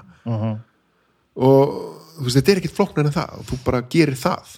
Kannski er það bara þetta sem að fældi mig frá að því ég var alltaf viðlóða sko, áhuga sinnuna og svona. Það sem þetta þú veist, eðli málsins samkvæmt fólk bara er ekki búið að gera jafn mikið ekki búið að læra sem hlutina og er bara ekki orðið að sjóað. Kannski var bara stemningin í kringum sem hendaði mér mjög illa ég, veist, ég átti alltaf bara svona að fara og ver, vera einhver sko, farið bara að verðu þessi. Já, og ég ætla bara, ó nei. Já nei, fyr- fyrir mitt leiti væri það röng nálgun sko en- og svo hérna kveiki maður bara á þessu ímyndunarafli þessu óræða, þó þú sett búin að kortleggja og plana svo getur eitthvað óvænt gest svo getur þú performera senuna algjörlega öðruvíð sem varst búin að ætla þér já, í mómentinu, því mómentið er svo stert þegar þú ert mættur á settið og þegar ég gerir það, þá veist, er ég ekkert að spjalla og djóka eitthvað svona bla, bla, bla, þá maður bara, þá fer maður í þykistunleikin eins og þegar maður var lítill. Þykistunni er ég þessi í þykistunni hata ég hann og þykistunni langar með að ríða þessum og þykistunni ætla ég að drepa þennan. Og nú leikum við senuna og maður er bara í þykistunni erum við vikingar þó að þessi kamerukrú alltaf, þetta er bara eini muninu þessu eða frá því þú varst tíu ára að þú ert bara að þetta miljónum borga. Já, ég var alltaf að hérna ég var alltaf í svona þykistuleik heima í svona stríðsleik. Þegar ég kom heim úr skólanum þá fannst mér svo geggja gaman að fara inn í stofu og bak við hægendastólin svo bara lagðist ég þar svona bara fuck. Bara ég er í banker og það er bara það er stríð. Og þeir megi ekki finna mig. Og þarna var ég bara búin að búa til mig einhvern heim satt bara þarna, bara ég verða og svo ég verða að komast inn í eldús og svo skreiði ég svona eins og stríðsmaður á olbúnum inn í eldús bara það bara því ég var að leika mér. Þetta var bara, en einn alveg sem þér að gera pröfunar einn. En, þa en þannig ertu samt pínu þú veist, me þetta er orðið meira method heldur en hitt. Þannig ertu allavega í einhverju svona make-believe Já, já, einhver leit, jú, jú, öruglega að, að leit, en maður getur alltaf afmarkað. Ég get afmarkað þetta ástand við bara með tökum senur, ég ég þarf ekki að vera í því þegar ég er komin heim eins og sumir er að runga sér á að gera. Þetta er náttúrulega algjörlega óþólandi Æ, ég, ég krumpast allur sko en ég krumpast alltaf, ég er að spila D&D einu sinni viku, Nei, ég meina, já, ok, áhugavert. Ekki þetta? Sem er geðveitt gaman. Og ég er að spila Já, en það er, það ekki, það er sama dæmi, bara svona hlutverka ég er að spila þetta með leikurum sko. með leikurum þjóðar Já, hjartur, já, Já, og hérna og þú veist þeir leika alltaf kartana sína með einhverjum röddum og, ég, Ok. og ég get það ekki Nei, þú þarft það ekki nei, mér langar það Já, og ég bara, ég krullast allur upp þegar ég byrja sko. ég, get, ég, nei, ég get ekki komið að það sko. Hvað, til dæmis, hvernig rödd hefur verið að vinna með? enga, nei En hvað segir þið? Hvað segir í leiknum? sko, leikurinn voru aldrei rólplegað Nei, það sem ég skilst er að það eru teiknað upp einhver, einhver situasjónir og úrlausnin er fólkin í teningakasti og teningakasti byggir svo því hvað Ég segi þér bara að þú labbar henni stjórnandi segir til þess við, við erum hópur bara, og hérna, já, það er hérna framann einhver er stór trehurð og hún, þú veist, bla bla bla þið, þá segir einhver hérna ég ætla bara að taka í húnin ja, hún er opinn og þið labbið inn og það er hálf rökkvað veggir eru svona uh, uh, eru svona gamlir timburveggir sem að greinlega hafa, einhvern tíma verið tjargaðir og hanga fjólublá tjöld svo niður með, niður með hérna niður með veggjunum. Og rýmið er svona uh, það er svona ílangt það er kannski svona 5 metra á, á breytt svona 20 metra á lengt ok, og það er tveir gluggar sitt hverju megin, svona frekar í, hérna, langt, langt frá ykkur sem við, við, við hinnendan upp yfir loftið. Og það skín svona skín svona hérna, veikbyrta inn í gegnum rikið ok. Uh, við endan á og uh, þið greinið eitthvað óljóst við endan á hérna á, herbygginu veist þú hvað það er sem að er vendað ég sem stjórnandinn. Já, já, yfirleitt. Ok, og, og þá segir einhver hérna, ég ætla að aðtöku hvað þetta er. Já, kastaði upp á þetta, þú veist. Og þá getur þú kastaði upp á, þú ert hérna með þetta, þetta góður í, í, í visdóm sem er svona vísdómur, ekki, sem er svona svona innsæði skulum við segja. Og þú, þe- þetta góður er að sjá hluti eða leita hlutum. Svo eh, leggur þú saman einhverja tölur og kasta tening ón á það ég er búin að ákveða að það sé 15 erfitt að, horfa, að sjá þetta. Ok. Og þú leggur saman hérna, þú ert með 8 í þessu og, og 3 í þessu, þú ert komið með 11 þú ert að fá fjóra yfir á teningnum og þá segir, já, þetta er svona kista. Og eh, ok, ég ætla, þá segi ég hérna, hérna ég ætla að labba hérna nær kistinni. Og þá allt í hún segi, það stekkur maður inn fyrir framann ykkur, hann er í svona svona klæddur og hann segir, stoppið! Þið já, og þá tekur við ég sem hérna rauði, rauði galdra presturinn sem ég er sko annarkvort segi ég við stjórnandan ok, ég ætla að spyrja hver hann er eða ég segi, hver er þú? já og leið og ég byrja þessu þá finnst mér svo rassins nú upp á mér sko já, ok, og aðrir eru svona hver eru þér, mætti ég spyrja og það er þetta sem gerist sko. já, einmitt, þeir finnst þetta gaman að gera þetta þetta finnst þeim náttúrulega geðvægt gaman og þeir- eða það er alveg jafn valið að segja bara, ég kemur að ekki, spyrja niður, kemur ekki niður á spilinu Nei. en ég horfi náttúrulega á þá þú veist, á grandir, eins og ég segi þetta eru virtustu leikara þjóðarinnar og ég horfi svona, ég hérna sem að er bara bara ég og bara wow.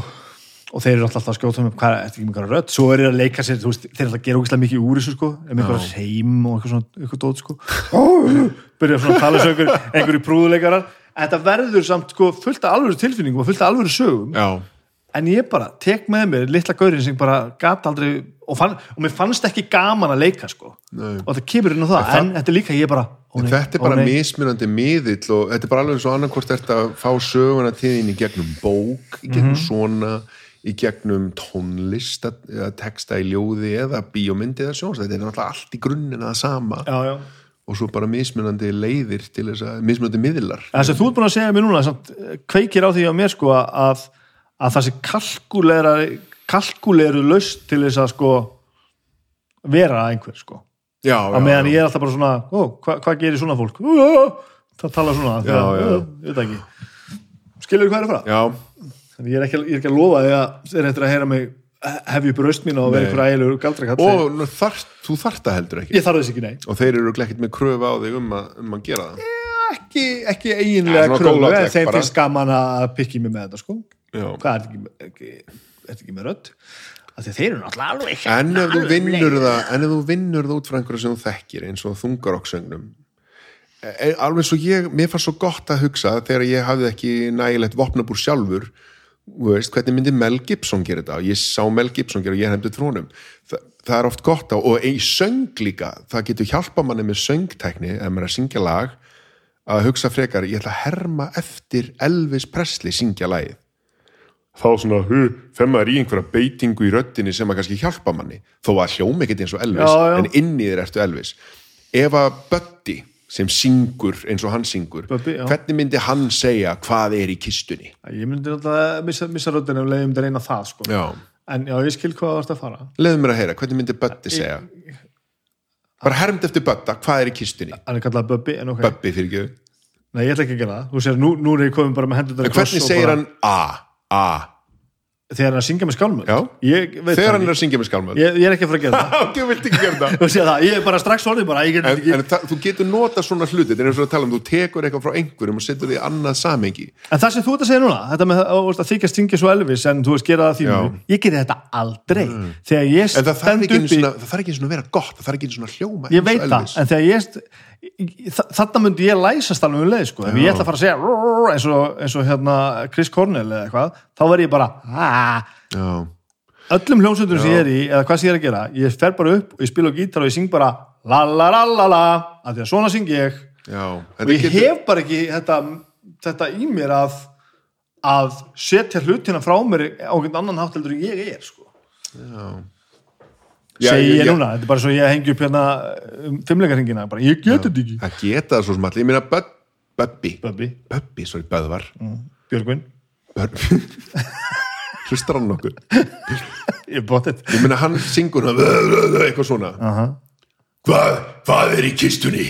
Þetta komið rödd fyrir karakter. Þetta er þú komið með er ekki þetta hljómar ekki, það myndi enginn segja. Þetta hljómar eins og Bubbi í skálmur nei, nei, nei, nei, nei, ég skilji, er þetta er bara þín innri myndaði oh, er eða þetta getur verið bara, veist hvernig gerði Latti hérna kjartan galdrakall þetta hljóma kannski ekki eins og hann en þá getur þú notað það í þessu samingi Hvað er í kistunni? Mig langar að vita það.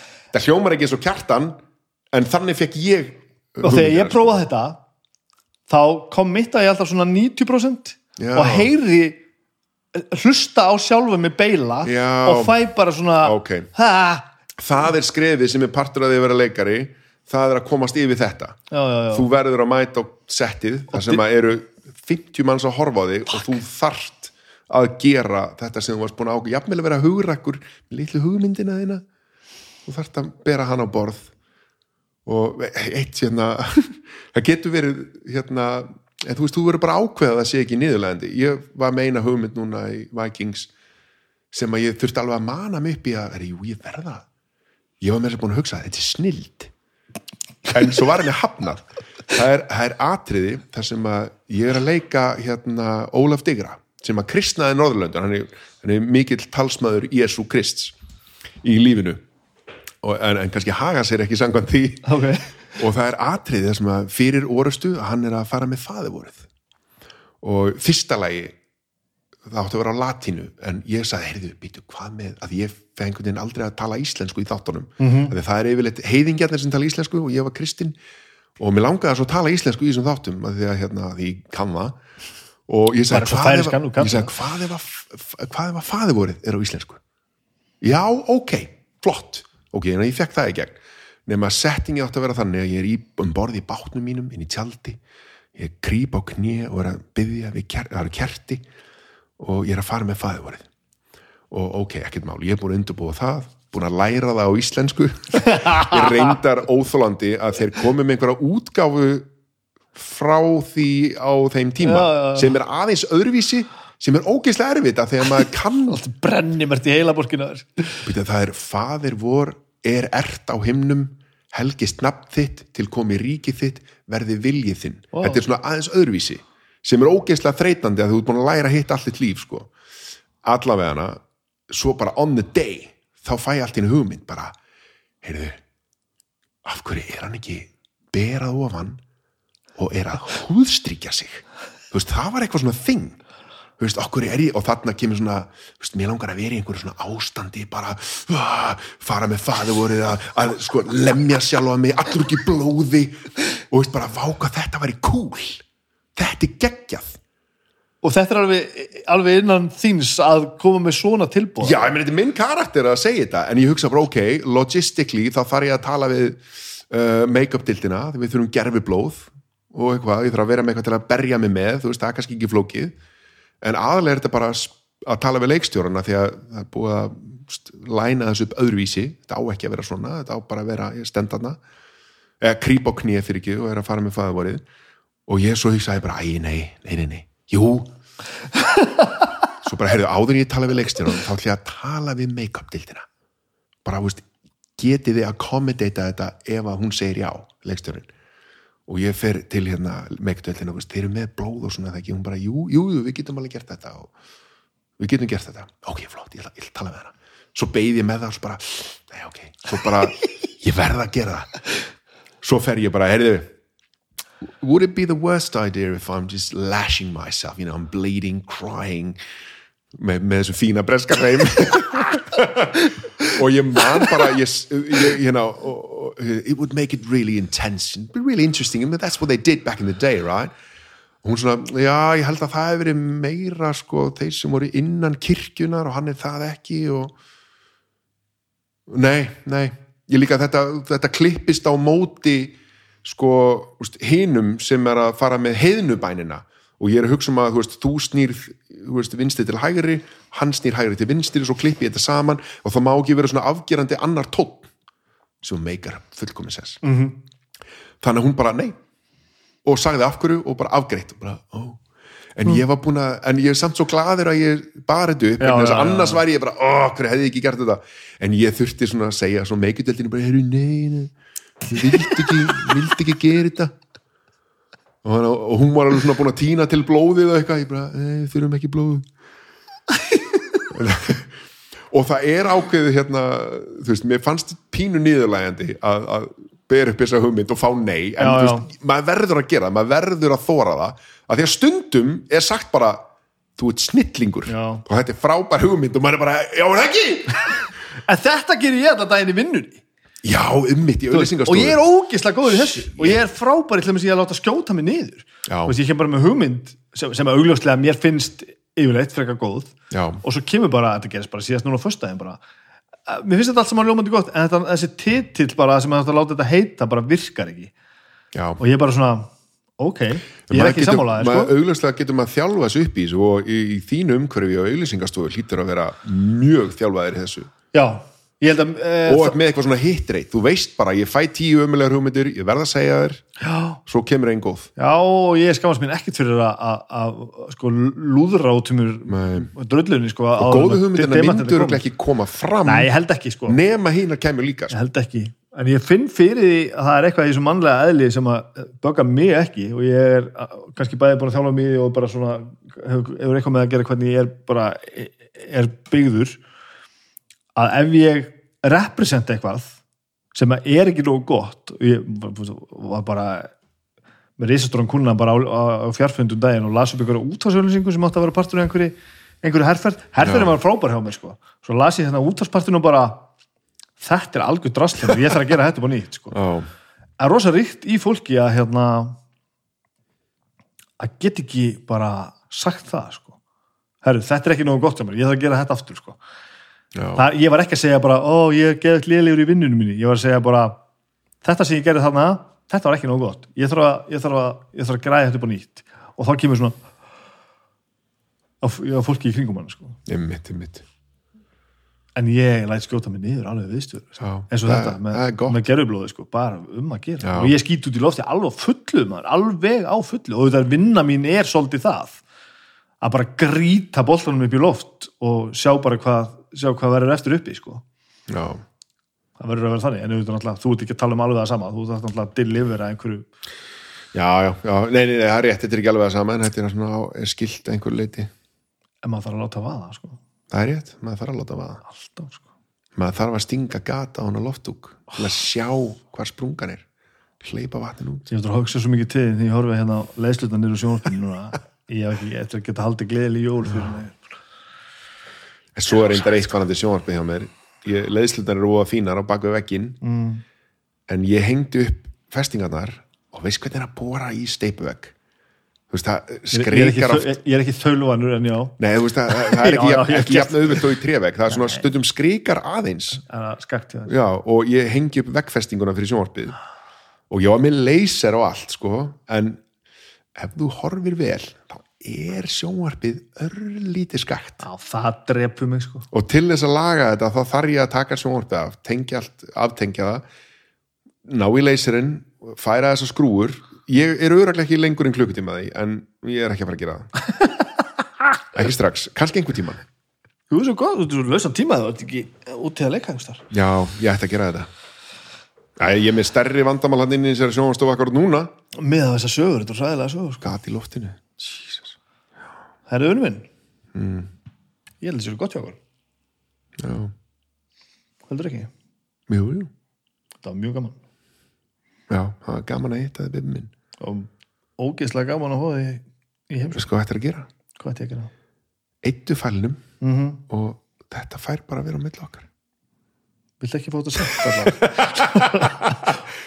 Ógeðslega góð hugmynd. Okkur að sörga þennan fund Já.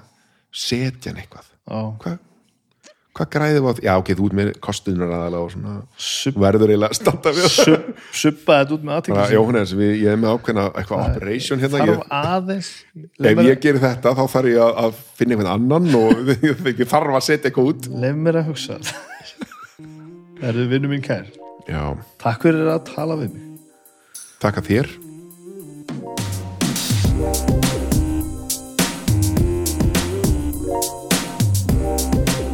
Þannig var það, þetta var nú bara síðasta vittar fyrir jól og um, þetta er, þetta er, ef þið hlust, hlusta í, í rauntíma er þetta þorlansmessa og það er í allra heilaðast á morgun.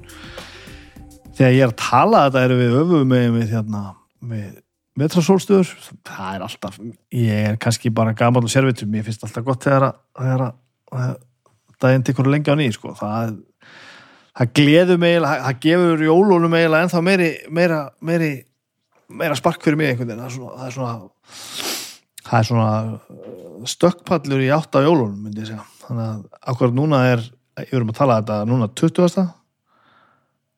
og á morgun eru vetrarsólstöður en þið eru að komin hins vegar þegar þið hlustu á þetta þá eru komin réttu með við og það er jól að koma og svo koma áramót og allt í stuði og eiginlega ekkert fría því að það er bara allir hátíðstæðanir og vilsum, vilsum dugum og ekki allt, allt í maður.